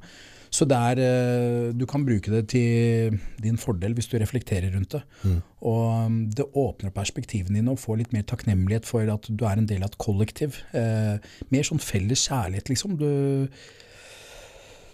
egodød. Ja, Når du sier det kollektiv der Jeg har eh, Marriage, eh, ei sånn yogadame. Så Mm. har ligger to podder jeg meg ute. Det går på engelsk. Mm. Uh, hun har en del kule take på dette her. Mm. Uh, utrolig oppegående, flott dame. Men så er det et eller vi alle er stjernestøv da. Um, så fikk jeg en sånn følelse at den dagen jeg får nok kontroller på egoet mitt til å fatte 100 da, at det er ingenting. Altså, altså, akkurat her og nå så er jeg noe for deg når jeg sitter og prater, men om en time så er dette bak, og så hvis vi, hvis vi da zoomer ut på gata, ok, nå er Marius og August her, og så zoomer vi ut på innlandet, så er vi bare en liten dott, så vi på verden, så er vi ingenting. Men ingenting er det samme som alt. Ja. Det er derfor jeg mener at du er en del av et kollektiv. Vi, vi, mennesker separerer oss fra resten av omverdenen og tror at vi er noe helt særegent, men vi er en del av et økosystem, vi er en del av en helhet. Alle brikker bidrar til det funksjonelle hele, og så driver vi så veldig mennesker og ødelegger dette ja. Ja. Nei, for I det du forstår at du er en del av, at Ja. Mm. egoet ditt blir så lavt, at du forstår og innbefatter at du er, bare er en del av kollektivet, Ja. at, at Det er det jeg mener med den det bra, egodøden. ja. Egodøden, ja, fordi at det Tror du det hadde vært krig i verden hvis du følte deg separert fra andre? Det er jo den separasjonen, den eh, at du føler deg annerledes. Hadde vi følt at vi var den samme, så hadde vi ikke kriget. Da hadde vi ikke hatt det der ego som styrer forskjellene, og at jeg hater deg for at du har større eller mindre muskler, eller høyere eller lavere. Eller, du skjønner hva jeg mener? Ja, ja, ja. Det, det spiller ingen rolle. Så det, mm, det er ikke nødvendigvis nøkkelen til, til en bedre verden, men jeg tror også at innenfor psykiatrien så har det blitt mer vanlig med psykadeliske, fordi at det åpner opp. Det kan gjøre også at man fremkaller minner som er litt sånn du har tilsidesatt og glemt, men det kan, det kan hente opp igjen gamle opplevelser, ting du har fortrengt og sånne ting. Det åpner opp en del sentre i hjernen. Mm. Så det er spennende, men også noe man skal respektere, fordi at du kan møte utfordringer, og det kan være tøffe ting du møter. Det er ikke ved alle. Nei, og det, det handler jo om eh, om du er klar for å ta tak i de tingene. Da. Så Så- mikromanagement av, av, av sopp vet jeg noen som driver med. Det har også blitt veldig vanlig, ja. Ja. Eh, Jeg ser masse Hvordan funker det? Eh, nå er ikke jeg noen ekspert der heller, men, uh, men der igjen bare små doser. Du trenger nødvendigvis å merke noe av den psykedeliske delen, men det åpner perspektivet litt. Du får litt mer kreative tanker, du får litt bedre vokabulær. Du, du, du på en måte bare åpner opp sansene litt. grann, liksom. Ja. Jeg- vet at veldig mange entreprenører snakker om at de bruker det. Ja. Uh, type sånn derre oh, Hva heter det? Det var alle tech-gründerne Ja, liksom at det, det har blitt mer og mer vanlig da, med sånne ting. Eh, og det, ja, når jeg var veldig ung så var det veldig mye rus i form, i form av utagerende rus, hvis du skjønner hva jeg mener. Mm. Ikke at det er feil, men festing, hardt, kaos, liksom sånne ting. Mens i senere alder så ønsker man kanskje mer dybde, mer forståelse, bredere perspektiv av ting. Skjønne seg selv, ikke minst. Skjønne sitt eget ego, sin egen atferd. Hvorfor er jeg sånn? Hva er genetisk? Hva er det jeg har lært fra mine foreldre? Hva er det jeg har tatt med meg som ikke er gunstig? arv og miljø, det er innom lærebøker, alt jeg på å si, men du skjønner hva jeg mener, at man, alt det du har opplevd, gjør deg til den du er i dag. Men det er ikke alltid som er, ting som er gunstig. da. Nei. Så noen ganger så lønner det seg å gå litt i seg sjøl. Mm. Der hadde jeg faktisk en rar opplevelse. Nå er jo jeg på flyt, holdt jeg på å si. Ja, Men eh, jeg ligger noen ganger i sånn floating tank. Har du prøvd det, eller gjør det? Eh, Ja. Eh, Det er ikke noe tenkt på prøvd. igjen, bli eldre, mer eh, Ja, jeg prøver å ta vare på foreldrene mine, så jeg tar med moren min en gang i måneden, og så floater vi. Nice. Og spiser middag. Og da, Forklar folk som ikke vet hva det er. Da ligger du i en tank, ikke veldig stor, men en sånn, eh, hva skal jeg si, en og en halv ganger tre meter. Mm. Et eller annet sånt noe. Og er, den tanken er eh, fylt med vann, si 30 cm med vann, med ca. 200 kg med Epson-salt. Ja. Så da ligger du og flyter oppå vannet. Eh, når du trekker inn eller puster, så merker du at det reguleres litt i forhold til hvordan du flyter. Så går lyset av, så er det helt stille, og da har du en form for meditasjon, eller det er jo det som er meningen, da, at du sentrerer tankene dine Og da er vanntemperaturen samme som kroppstemperaturen. Helt riktig, Du skal så du skal liksom være mm, ikke-eksisterende. Ja, Ja, nesten. Bare ligge og flyte. Og stort sett, eh, eller jeg har bare hatt positive opplevelser, men en av de siste gangene jeg gjorde det, så mediterte jeg og lot tankene drifte og gikk innom barndommen, og det var bare positive opplevelser. Men det ble så følsomt at jeg måtte bare åpne en luke og bare puste, fordi at eh, jeg vet ikke, jeg fikk litt angst, eh, men ikke noe negativt. Men jeg bare kjente på at å shit, det ble mye. For det var akkurat som jeg falt tilbake i den følelsesleiet som jeg var i de tingene. Og det var litt spesielt, for det har jeg ikke erfart før. Jeg føler også at når du floater, så er det en øvingssak, så du blir flinkere og flinkere til å klare å gå dypere. Men Kommer det lett inn i den flowen? lettere når det ligger en floating tank, ja. Ja. Uh, igjen, der er det også mange som bruker hjelpemidler. Ja. Alt fra psykadelisk til røyke, Ja. sånne ting. Da, men ja. Men har du, har du prøvd sånn sjølhypnose før, du? Ikke som jeg Nei, for det, det ligger noe greier på YouTube og sånn der. Okay. Det, det syns jeg var litt skremmende til å begynne med. Nå igjen, så det var så rutiner som detter av. Men jeg gjorde det en periode da. Um, det var en av de der hypnosegreiene. Det eneste- som er liksom viktig, da, at jeg, at jeg på en måte, hvis jeg er inne i rommet her, da, så må jeg låse dørene, må vite at ingen kommer og forstyrrer meg. Så at jeg på en måte må skru av lyset og bare prøve å, å bare tenke pust. Mm. Uh, så sju av ti ganger så klarer jeg det ikke. Men det er en relaxing, altså jeg føler meg opplada etterpå. Mm. Men noen ganger så har jeg kommet, og da øh, jeg har et sånt bestemt sånt sted da, altså under et tre og noe greier, Mm. og, så, og så kan du se for deg at det bare åpner seg opp en sånn, en, en sånn jordtrapp, korridor ned, så går jeg ned den trappa. Dette er ikke ekte. Jo, jo. Nei, nei, i hodet Ja, mitt. Ja, i hodet ditt, ja, jeg begynte å lure om det Du har ekte- sånn skjult kammer nei, nei, som. Nei, sånn ekte, ektefølt, holdt jeg på det. Så kommer jeg inn, og for meg da, så kommer jeg inn der, så går jeg liksom inn, går jeg til høyre, og så, øh, det er liksom sånn, nesten se på sånn scary film, Ja. bortover, mørkt, et sånt jordete, og så er det noen lamper bortover, og så får jeg forskjellige dører.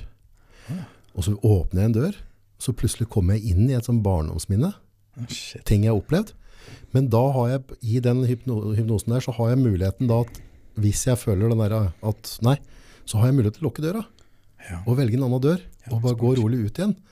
Eh, Så på en eller annen måte så klarer jeg å kontrollere, for det er jo litt sånn der, pokker, skal jeg, skal, jeg, skal, jeg, skal jeg huske på et eller annet jeg har brukt et helt liv på å fortrenge her nå, eller hva skjer, Ja, ikke sant? ja. Men det å, de ganger jeg treffer der, så har jeg rett og slett kjent type aggresjon, sløppe litt, altså jeg føler meg mer i balanse. Men det skal jeg, men det skal jeg kjøre mer til, for det var jævlig behagelig. Jeg er ikke kjent i den prosessen, men det høres jo ut som på en måte du har satt i gang i verktøy sjæl, eller selv, da, som du på en måte har trygge rammer og kan ta egne valg. For det er jo en annen måte med terapi, på en måte, det at du Ja, for han sier det hele tiden, du kan bare lukke døra Ja. og gå ut igjen. Og så kan, Jeg tenker det er samme hvis du åpner, åpner en dør, så må du på en måte akseptere at ok, dette er ikke noe jeg vil gå inn i, men at du går den andre veien, eller lukker Anerkjenner at ja, er skjønner, ja. At den er der, men så går jeg videre. det er kanskje litt samme følelsen du fikk på den floating-tanken, at, at du Ja, følte at ja. ok, nå, Ja, nå vet jeg ikke om jeg er helt moden for det i dag, så jeg må bare få inn litt luft her, og så, og så Helt starter det. riktig. Og det er, det er spennende, fordi at du skjønner at det er naturlig så kan du åpne en del dører. Altså. Eh, men det krever trening. Men det føles jo, den følelsen jeg har fått der, jeg vet ikke om det er det samme, men det er liksom der, hvis du er ferdig med floating-tanken at når du går ut da, Jeg er dødsliten. er det ja? Du får energi på sikt, men etterpå så er jeg tung. Altså det, Men jeg sovner ofte, da. ja, Og da føler jeg at den søvnen har vært så dyp at når jeg kommer meg ut, det er nesten så jeg sliter å komme meg ut av tanken, men det er bare for at da har jeg vært langt borte. Altså. Det er en reise. ja. Jeg kan føle at jeg lukka øynene i 30 sekunder, og så har jeg vært borte i 45 minutter. Det er jo det de sier med DMT òg, er det ikke det? Jo, jo, det, jo at du forsvinner føler- litt, da. Ja, du Ja. føler at du har vært borte lenge, og så har du Ja. vært borte i fem. Ja. Ja, for når du røyker DMT, så sitter det igjen 10-15 minutter, 20 minutter maks, liksom. Mens ayahuasca sitter jo i timevis, så det, det, det, høres heftig ut. Ja, jeg har lyst til å dra til Peru og Ja, hvis jeg skulle gjort det, så skulle jeg dra dit, Ja. og så løpe rundt i en sånn bladtruse. Jeg vil ha hele greia da. Det må Da være autentisk. Det må være det. Ja. Noen Og, som dere slår meg på ryggen med blad og ja, eller- og noe chanting og Mm. Ja. Jeg husker en gang jeg var i, var i Asia, og så var jeg noen som mente at det var noen som hadde kastet en sånn trolldom på meg, eller noe. Så var jeg i hvert fall en sånn trollmann da. Ja. Og, så, og så skulle han ha ut, og det var noe hellig vann, og vann som har gått under sju templer og greier. Ja. Så da husker jeg da satt jeg i trusa ut på en sånn risåker, langt ute på en sånn bygd. Så drev han og skvetta sånn hellig vann, og dere klorte meg på ryggen med sånn avkappa hønefot. I det sola kom opp da. Så tenkte jeg, altså, jeg følte jo ikke noe, men jeg tenkte at jeg, dette, jeg må jo bare godta dette her, for det, hvor ofte er det du kan få oppleve noe sånt? da? Jævlig fett da. Jeg har en veldig lignende historie. Ja. Eh, det var en annen gang det var noe som ble stjålet eh, i Afrika, i Zambia. Og det kan hende at jeg forteller noe av historien feil, men essensen er den samme. Mm. Det, det greia var at Fattern ville ikke bruke da paramilitære, Mm. så de gikk til heksedoktor. Og det er veldig vanlig, eller var i hvert fall vanlig da, eh, i den tida.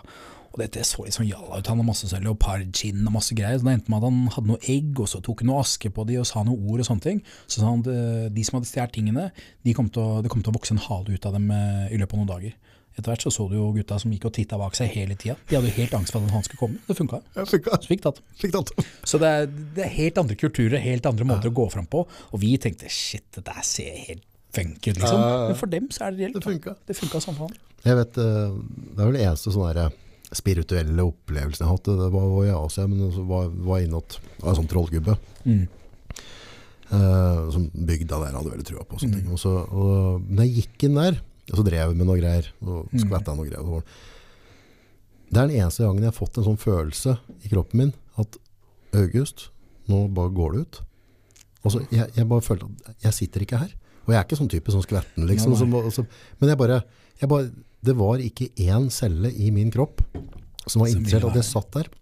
Så jeg bare, bare reiste meg opp, og så bare boka og så bare gikk jeg ut.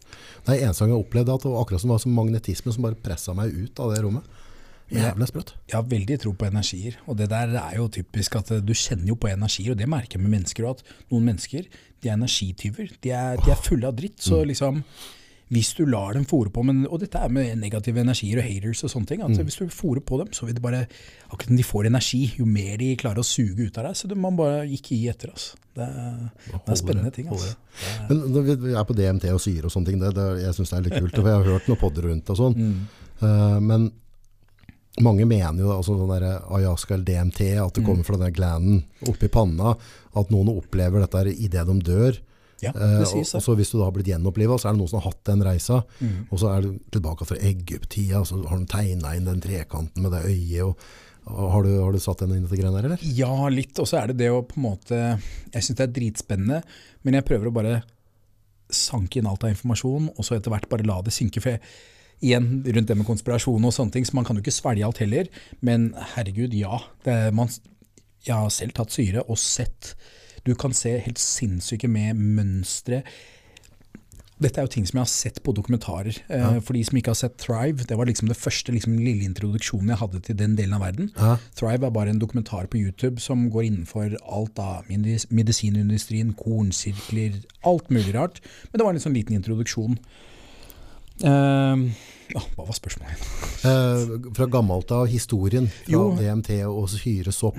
Jo, men poenget mitt er at når du har tatt syre, så har jeg sett en del sånne visuelle ting, og det er typisk formelen på eh, fornybar energi. Du kan se ting som du ser på gamle indianerdrakter og sånne ting, deres mønster. Samme tingene ser du når du tar psykadeliske. Og det er jo veldig mye fra disse kulturene, maya-indianerne og sånne ting, som Så det er, Ja, for det, det er det de sier da, i forhold til hva du ser på sånne hieroglitter og hva de må tegne ja, og male. så er det ting som har funksjon. De, de snakker jo om at eh, nesten DMT er en sånn åpner en dør til den ekte realiteten. Det er jo mange hypoteser her. og Hvis man går inn på det, hvor dypt skal man gå i forhold til Ja, hvor reelt er det bordet her? Altså, Ja, jeg altså, tenker i forhold til eh, bevissthet, ikke sant. ja. Er vi bevissthet, og vi har en Jeg har jo hørt fenomener rundt det med at vi er bevissthet, men vi har fått lov til å ta del i en på en måte reality her i en kropp. Ja. Og når vi går ut av den bevisstheten, så forflyttes energien til noe annet. Det kan være en ny kropp. Det, det er jo mange Vi har jo all, ikke fått helt svaret på På- Nei, for de, de sier jo også sånn der um, Var det noen noen så store komponister da, fra gammelt av, har skrevet noe sånn der Nå skjønner ikke jeg meg noe på musikk, men i hvert fall kompleksiteten og, og, og vakkerheten av, altså, Det er bare helt Og noen av oss gjorde dette i 10-12-årsalderen. Og de sier at ja, åssen klarte du å komponere, åssen lagde du dette her? Så jeg gjorde ikke det. Bare, Det kom liksom, ja. det kom bare til meg. Så noen sier liksom at, at den energien, intelligens Noen har en sånn opplevelse av at det snakker at det, at, det, at, det, at det er i universet. Og hvis du er på en måte åpen og i vater, så åpner du opp reseptorer som har mulighet til å laste inn kreativitet, tanker. Jeg føler nesten at den realiteten vi lever er en form for nedlasting, og hva du laster ned er jo litt opp til deg og hva du er tilgjengelig for. Eh, shit, hva var det jeg skulle innom egentlig i forhold til det med Åh, jeg datt ut igjen, altså. Ja, ja, jo fælt i dag. Men, altså. men, men, men det, det, det med mm, å laste ned, da. Og det, også hvis du sier energi Hvis jeg kommer inn her nå ved bordet nå, da, og, så, og så har jeg en fiendtlig negativ energi, Mm. så vet vi begge at jeg kommer ikke til å laste ned noen av dine tanker og ord. Og jeg kommer ikke til å ta med noe av dine erfaringer videre. Men hvis jeg da er åpen, Helt klart. og samme gjelder det universet, liksom? Jo, men er derfor jeg sier at jeg har superrespekt for gamle kulturer, gammel vitenskap. På mange måter så sies det i dag at vi har mer vi har glemt enn det vi nesten har å lære. Det er jo selvfølgelig en rar hypotese. Men nå har det jo funnet ut fra moderne forskning at ting vi gjorde for tusen av år siden, er ting Åssen i all verden kan vi forklare at vi hadde den kunnskapen? Nå Ja. kan du snakke om egypterne og sånne ting, men det er mange ting altså, som du ser på. Alt fra medisin til helse til forskjellige ting som er litt sånn magisk. Som uh, de kunne før. Hvorfor? Åssen? Jeg, jeg har jo fulgt med på Joe Rogan og flere, eller Ja, ja, ja. typiske sånn utsnitt fra hans podcaster i forhold til at er tidligere sivilisasjoner, sånne ting. Det er jo dritspennende. Ja, men Graham Hancock og sånn. Ja, jeg, ikke, jeg er ikke god på navn og sånne ting, det vet det jo. er en, men, eh, en sånn gråhåra type med briller. Han i forhold til med mm, The Gods ja, et annet, Han har skrevet en bok, men det er forholdet rundt Pyramiden pyramidene i Egypt. Ja. At han mener at det var datert feil, at det er lenger tilbake osv. Så, videre. så ble han Shona fra akademia, fikk ikke være med og ble kasta ut. Ingen ville høre på han. Så viser det at de finner da noen noe nye Ja. funn. Og så Competly, Depley eller noe. Okay. 12 000-14 000 år gammelt, så viser det at vi hadde agrokultur da.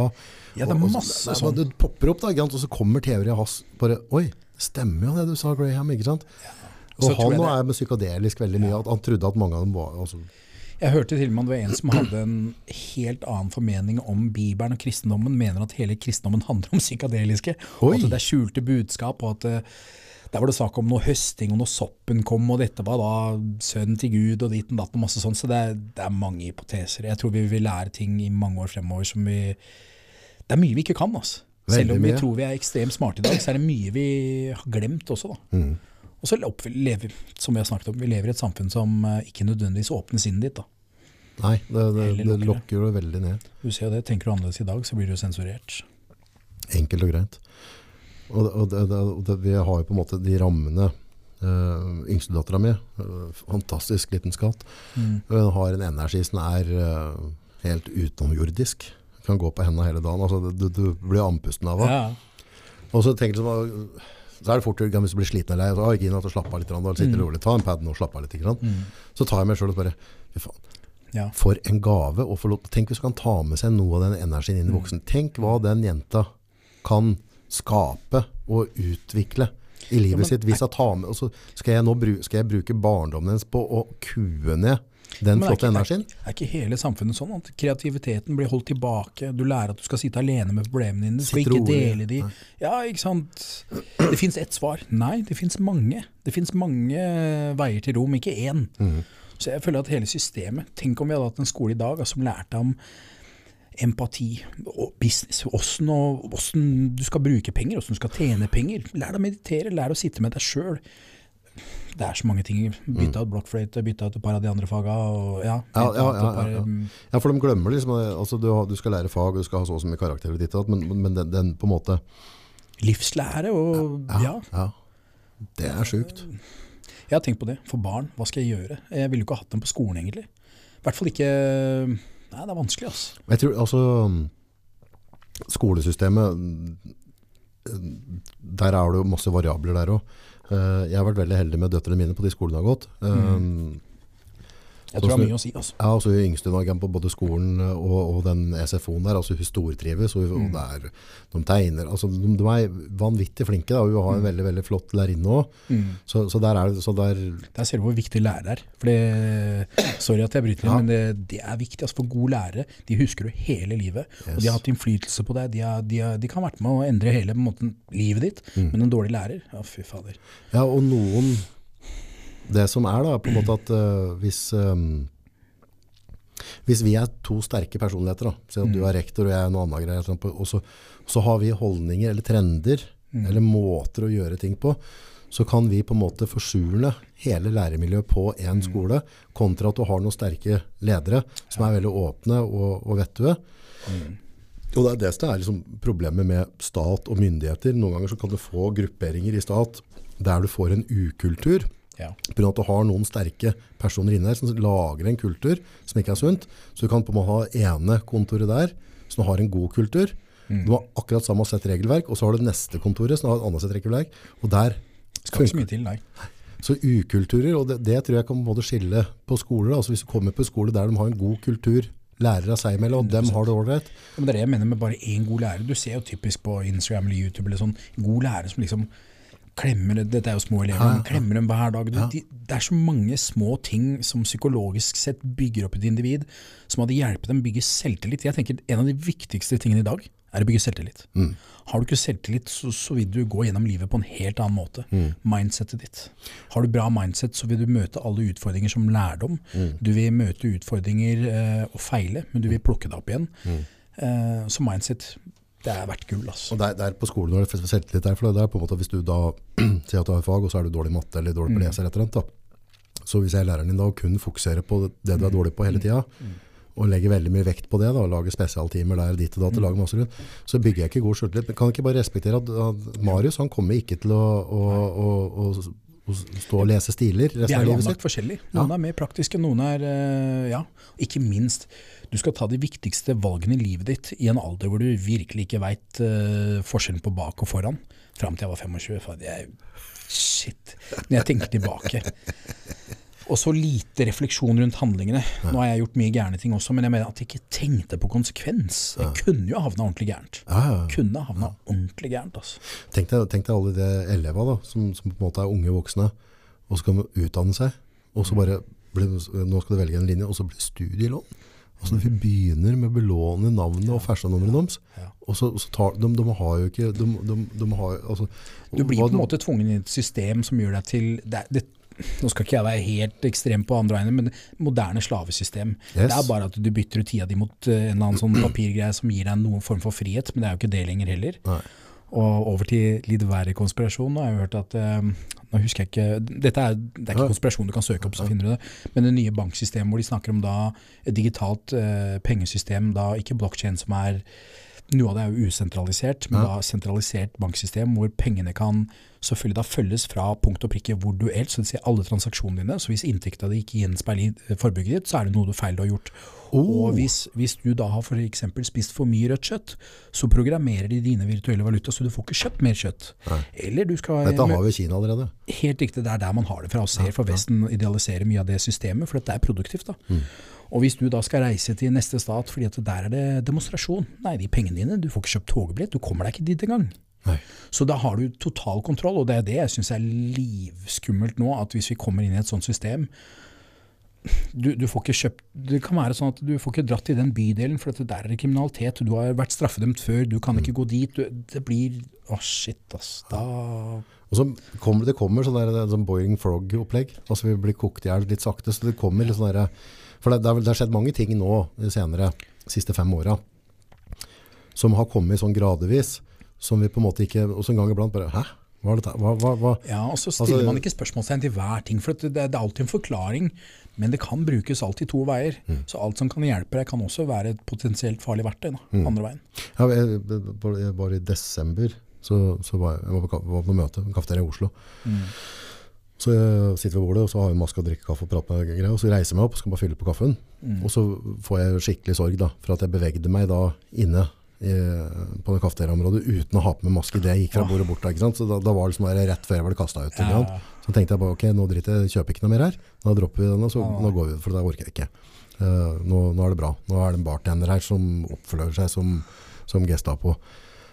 Og så går det da fem måneder, tar med unga og greier, og så er vi på 17. mai i Oslo, Mm. og alle går rundt og blåser i fløyte, og, og sitter oppå hverandre. Og fem måneder før, så Ja, men- følte jeg at det var rett før jeg ble anmeldt. Men ikke fem måneder før. Jeg husker to dager før restriksjonen ble tatt bort, så var folk livredde. De skula stygt på deg hvis du kom uten munnbind. Mm. Og så dagen de slipper restriksjonene, så sitter alle oppå hverandre i parken. Det sitter 400 stykker. Jeg er for at de skal sitte sammen, ja, ja. men hva slags tankegang har du at du, du var livredd dagen før, men du tror at tirsdagen fjernet all smittefare fra mandag til tirsdag, eller hvis du er så redd for helsa di, og så liksom en rett ut og på fylla og gjør alle mulige ting du ikke burde gjort, i så fall hvis du er så superredd for, for helsa di. Og så, det er maskegreier nå. Det, det, det, er jo, en podcast i seg selv, men, Ja. men, men uh, hvis dem som lytter nå da, tar liksom høyre hånda og så legger det over hjertet sitt, Mm. og jeg tror det er ganske få som med tro og ære sier at de ikke bare bretta sammen den maska, putta den i lomma når de satte seg i bilen, og bretta den opp igjen, og satte den på seg igjen, Mm. og gjorde dette her eh, gjentatte ganger. De tok på seg maska for at de ikke skulle stikke seg ut, Ja. men vi alle vet at denne maska som vi da har kladda på, ordna og brukt flere ganger, på og og putta i lomma og opp igjen og har den på. Og på toppen av det hele så begynte til og med sånne masker fra firmaer med sånn logo på. Ja, ja. Stoffmasker som ikke ble vaska på en måned. For hvis du, altså, Bare den bakteriebomben ikke sant, som skal redde livet ditt. det blir verre enn noen gang, ikke sant?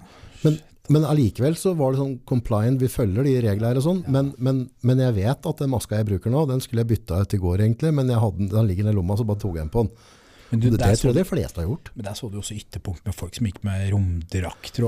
Noe av det er sikkert humoristisk, men det er faktisk mennesker som lever i en så gæren boble at de Gud veit. Jeg skulle opp, og- filme på noe sånne greier, eh, det var i vinter, eh, noe sånn skigreier. Mm. Og så, og dette var liksom oppå et fjell. Det var, det ekstra, altså det var noe skiskyting, så det var liksom ikke noe interessant. Så det var ikke Mm. mye folk der. Mm. Og så må jeg da inn i en diger sånn verkstedhall først da, og registrere meg ditt og datt og styr og stell. Og så hadde jeg korona, så da hadde jeg på en måte grønt kort, for jeg har hatt det, så det Ja, var innafor og ditt og datt. Men så da, da, er det liksom ja, ti meter under taket, og så har den satt opp sånne, der, sånne, sånne demonstrasjonsgjerder som jeg skal gå inn i. Så har Ja. en pult, så måtte jeg signere greier der. Så kommer jeg inn i noen rom, og så skal jeg avbildes. Og så, og så skal de da få det, det koronapasset. Ja. Og han som da sitter med datamaskina, da, da er det sånn Securitas-vektere. Og det, det var jeg og en person til der. That's Ja. it. Det var ikke noen andre i den hallen på flere tusen kvadrat. Da står det Securitas-vektere passer på oss, at det går riktig inn. Og så sitter han med en sånn, der, sånn der lakkboks, sånn maske, vet du, Ja. som du bruker når du skal lakkere, oh, ja. med datamaskina og, og får meg til å strekke halsen og skal ta bilde da, ikke sant?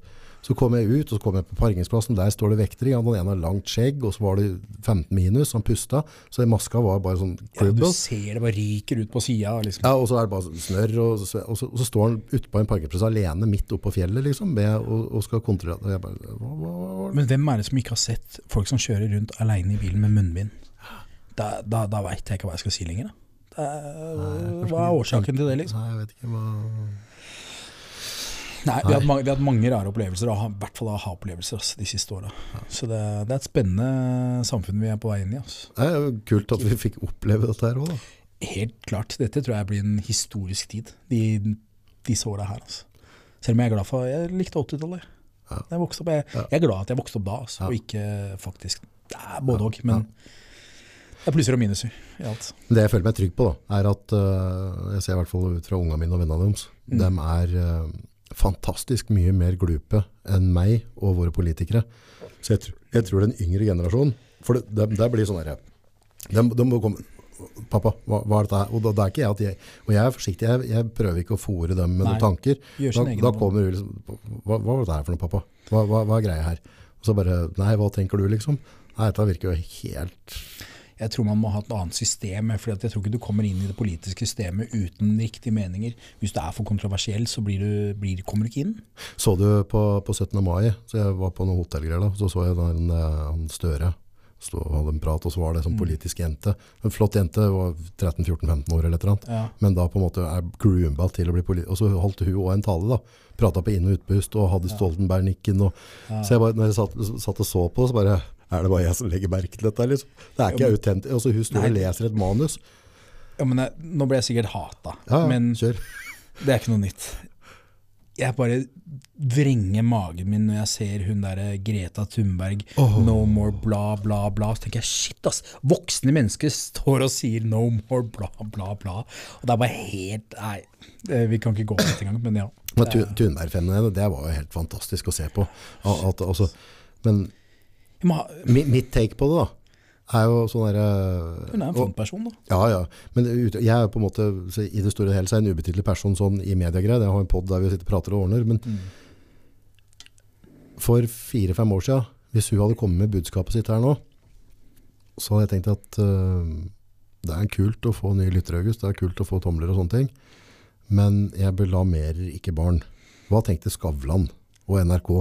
Altså, Nei, altså, altså altså- jenta ble påpratet av Putin og Donald Trump på en og samme tid, og det er ikke et happy place å bli Nei, når du er teenager, nei, altså. Nei, det, det, det var ikke meninga. Uh, og så debunker de forskere. Som har, liksom- altså, Det er nettopp de det. skal høre på Det er nettopp det. Og det, det jeg fikk så, jeg har Arnold Schwarzenegger vært kul alltid. Men når han drev og sykla rundt med årene, altså, da kjente jeg bare Når han, Arnold. når han uttalte seg det med vaksina, så skrev han at det liksom Nei. Fuck your freedom eller et eller annet sånt nå. Oh. Nå orker jeg den ikke. Jeg sletta Nei, jeg den. den, jeg Ja, jeg bare, nei, var- sorry, ass. Er du så sell-out, så er det Ja, da var jeg helt ferdig. Ja. Det er litt synd, for han, var, han er liksom fundamentet Ja. av kroppsbygging. Og, og, og, Men du ser åssen det endra seg. Det er ikke det er ikke da samme samfunnet vi lever i i dag som var på 70-80-tallet. Altså. Det er Nei, det, det, store den kjente jeg. Det var den eneste som skuffa meg når jeg så han drev på og ordna dette der, og, og ordna noe bil og ta Greta. Og det var. Men hva, hvilke annen vaksine er det som har hatt så mange markedsføringskampanjer? Det har liksom vært en Nei, for utenom, Kjendiser, for utenom polioen, så polioen var en ganske kraftig greie. Og der, der, der ligger jo, har du sett dokumentarer rundt polioen, eller? Nei, men jeg har hørt om det. At det var ikke noen suksess det heller. Ja, nei, ja. Ja. Eh, for de dyrka det ut fra, fra binyrene på, på skimpanser, som var hiv-positive. Så, så det, det ligger, altså det er, for hvem som gidder å søke opp, så det ligger dokumentarer ute flere i forskjellige retninger. Mm. Og de der forskere som dreper med det, de ljuger jo så det renner ut av kjeften på noe, og det er bevis. Altså de, er, de, de sitter og sier, nei, nei, det gjorde vi aldri, og så bare, ja, men er filmen her. Den rapporten du skrev her. Men det er det jeg mener også, Hvorfor er det ingen som har sett på historikk de senere åra? Liksom, hvis du ser på en del av disse selskapene som har gått ut med medisiner og sånne ting, har du, har du ikke fått med deg at det har skjedd ting tidligere? Liksom, er du så blindt uh, Stoler på ja, og liksom, Hei, jeg har aldri opplevd at uh, samfunnet har, eller myndighetene har ønsket meg med det beste, liksom. Så hvorfor skal jeg gi full tillit til de? Nei, altså det handler jo om at, eh, at det er Det krever energi, da. Å, å- sette seg inn i ting. Og det blir sånn at hvis, eh, hvis du og jeg legger oss ut på, på plen her nå, og synes det er da på en måte midt på natta, ikke noe sollys, og jeg ligger og ser ut på stjernene, og begynner å tenke på universet og ser alle så, planetene, så får jeg litt vondt i huet av det. For jeg klarer ikke helt, det er, det er, det er for stort for meg til å graspe. Og det tror jeg det er når folk da på en måte sier, ok, så gjør jeg det, og så gidder de ikke. Og så sier jeg, ja, men se på den filmen der da. Så nei, det gidder jeg i hvert fall ikke. Ja, så tror jeg folk har så busy liv. Du har mer enn nok med å tjene til din daglige inntjening, og så har du barna dine, og så er det alle som trenger oppmerksomhet. Og så, så går ting bort. da. Mm. Det, man kan ikke ta tak i alt. Dessverre. Dessverre. Jeg tror, nei, jeg har, nei, jeg tror den neste generasjonen kommer til å fikse opp. Ja. Det er lov å håpe. Jeg har lov å håpe. Det må jo finnes noen eh, ressurssterke der òg. Ja, de er kvikke i eh, huet, så er det småtassa nå. Og de, de, de, ser, de ser bullshiten. Altså, ja, de, de, er vant til, de er vant til algoritmen, ja. ja, så ser det med en gang. Og så bare, dette, her, nå, nå driver du med naturlære. at- Eneste dag at du får bekrefta din kognitive, eller din kognitive Yes. bias uansett, for uansett hva du søker opp, er at eh, jorda er flat, så er den flat. Det er eh, at det, du finner uansett hva du tror. Så du må ha en litt reflektert og skarp hjerne da, for mm. å klare å nyansere hva som er bullshit og ikke. Hvis du skulle ønske en forbedring der på, på, på, på jorda, da, så er det sånn at hvis du stiller spørsmål, da, Mm. Eh, igjen ta jorda flat, da, for å gå litt ekstremt ut. Hvis du, hvis du ønsker å stille spørsmål om det, og sier, ja, men uh, hvorfor mener du at jorda er rund, da, sier du da til meg, ikke sant? Mm. Så betyr ikke det at du er klin kokos og at du er konspirasjonsteori. Det betyr bare at du stiller spørsmål ved allerede faktumer. Og, og det må være lov, men nå hvis du stiller spørsmål, hvis du sier, Mm. ja, men er den der, er den der tabletten er noe sunn for meg? Bare, Og nå, er- nå er alt farlig. Alt som er kritisk til det som blir uh, lagt Solgt ut, ja, solgt inn, er liksom konspirasjon og farlig. All forskning har til hver sin tid hatt hypoteser, og da kunne diskutert for og imot. Men nå er det plutselig nei, nå er det ikke noen diskusjon imot. Nå er det bare én sin stemme. Men jeg Det tror det driver og snur seg. De prøvde jo, Ja, de prøvde å deplattforme uh, Rogan. Da Der gikk, det de, der, der gikk de på smell. Han fikk en ny millioner nye følgere. Det, Det er en, rått. to, tre. Det heier jeg på. ass. Så ja, det syns jeg er kult. Og det er flere som står fram. Jeg vet at han Aubrey Marcus han, eh, han har også vært veldig på det. Han har kritisert en del, men han er mer på der at det, Sånn jeg opplever det, så virker det nesten som de er på vei til å danne eget samfunn. For at folk ønsker nå et samfunn med mer verdi, eh, helt andre ting. fordi at det, Uansett om folk tjener penger eller ikke, så er mange dypt ulykkelige, og de har ikke noe å stå opp til. Før så hadde jo alle en funksjon i samfunnet, nå har noen få det, og veldig mange sitter og klør seg i huet. og hva skal jeg livnære meg på, hva skal jeg gjøre? Du veit ikke, og du føler at du blir kasta inn i et liv som du kanskje ikke egentlig vil leve. da. Vi har mer ulykkelighet nå enn noen gang. Vi har eh, Mm. mer depresjon, mer medisinering, mer alt. Så um, jeg tror ikke samfunnet har gått riktig vei. Altså. Selv på noen områder, selvfølgelig. Men vi har mye å lære. Altså. Sånn avslutningsvis, du prater på på en måte hva skal det bli av livet? Hva, hva skjer med Marius framover? Åh, jeg, har, jeg har eh, alle disse ballene jeg skal lande. Eh, målet mitt har vært eh, Jeg har liksom ADHD i forhold til business, og jeg syns alltid det er morsomt med nye prosjekter. Eh, nå driver jeg og skal starte et gym. Eh, målet med det hadde jo vært å ha hatt et eh, ideelt sett eh, næringstomt, satt opp en næringsbygg, for da vil jeg gjerne ha mange næringer i samme bygg. Jeg vil ha noe helhetlig. Og klare å vise at man kan tjene penger på gym, og klare å ha et gym som tilfredsstiller nesten alle som kommer dit. Mm. jeg føler ikke at jeg har møtt det, i hvert fall noe sted i Norge. mm. Uh, og så er det Målet mitt har egentlig vært å komme meg litt vekk fra Norge. Jeg, Norge er positivt på mange områder, men jeg får litt nok av det. Mm. Så det, det er for deilig å feriere litt eller ha en base i et annet land. Mm. Så akkurat hvor jeg havner, det, det veit jeg ikke, men målet er nå egentlig for å frigjøre alle disse gamle konfliktene jeg har i forhold til boligkjøp og dritt og møkk. Mm. Og så um, driver jeg og ser litt på eiendom i utlandet og ser om jeg kan få en sånn todelt, at jeg bor halve år i hvert fall i utlandet. Kult. Så får vi se. Men podkast, det, det, det er mange ting som ligger i lufta uten Ja, å ja, skissere opp masse. Men jeg har alltid mange baller i lufta. Så Kult. Tar du på deg sånn uh, å sette opp dietter og treningsgreier og sånn? Er du, er du coacher litt? Rann? Innimellom, men jeg har vært veldig dårlig på det fordi jeg har hatt en stressende aktiv hverdag. Og så har jeg ikke hatt et system for det. Nei. Jeg føler jeg, liksom, jeg kan ikke sitte der og sende noe sånn, da må jeg gjøre det litt ordentlig og sånne Ja, ting. ja. Og jeg er altfor dårlig på PC, så jeg skulle gjerne hatt et kurs og fått litt programmer og sånne ting. Og da, da kan jeg lære å redigere, da kan jeg lære å lage, eller gjøre alle disse tingene Ja. på en bedre måte. Ja. Det er et mål. Kult. Du, tusen takk for at du tok deg tid. Setter veldig pris på det. Jeg har hatt en veldig fin tid sammen med deg. Veldig hyggelig å bli invitert. Eh, kan jeg legge inn litt uh, Oh, yeah, så kan du finne meg på Instagram. Det er Marius Gråterud eller Mr. Brown. På Insta, Nei, jeg mener på TikTok. TikTok. TikTok. eh, Instagram The Spiritual Alpha. Ja, Spiritual Alpha. Jeg måtte jo finne et nytt navn. Det hoppa mellom det ene og det andre. Så eh, Spirituelle sida. Er det mye spirituelt på den uh, instaen, eller? Nei, Instaen er veldig dårlig. Jeg har nesten ikke gjort noe utdannelse. Det blir mer på, på TikTok. Og så håper jeg også at jeg kan dele mer informasjon på en podkast sånn som dette.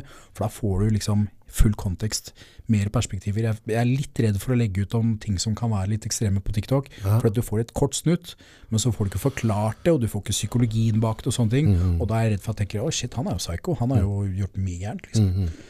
Men det er, en, det er en helhet bak det. Må få på den pod. TikTok, hva, hvor, hvor søker vi opp?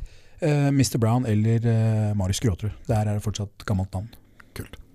Tusen takk. I like måte.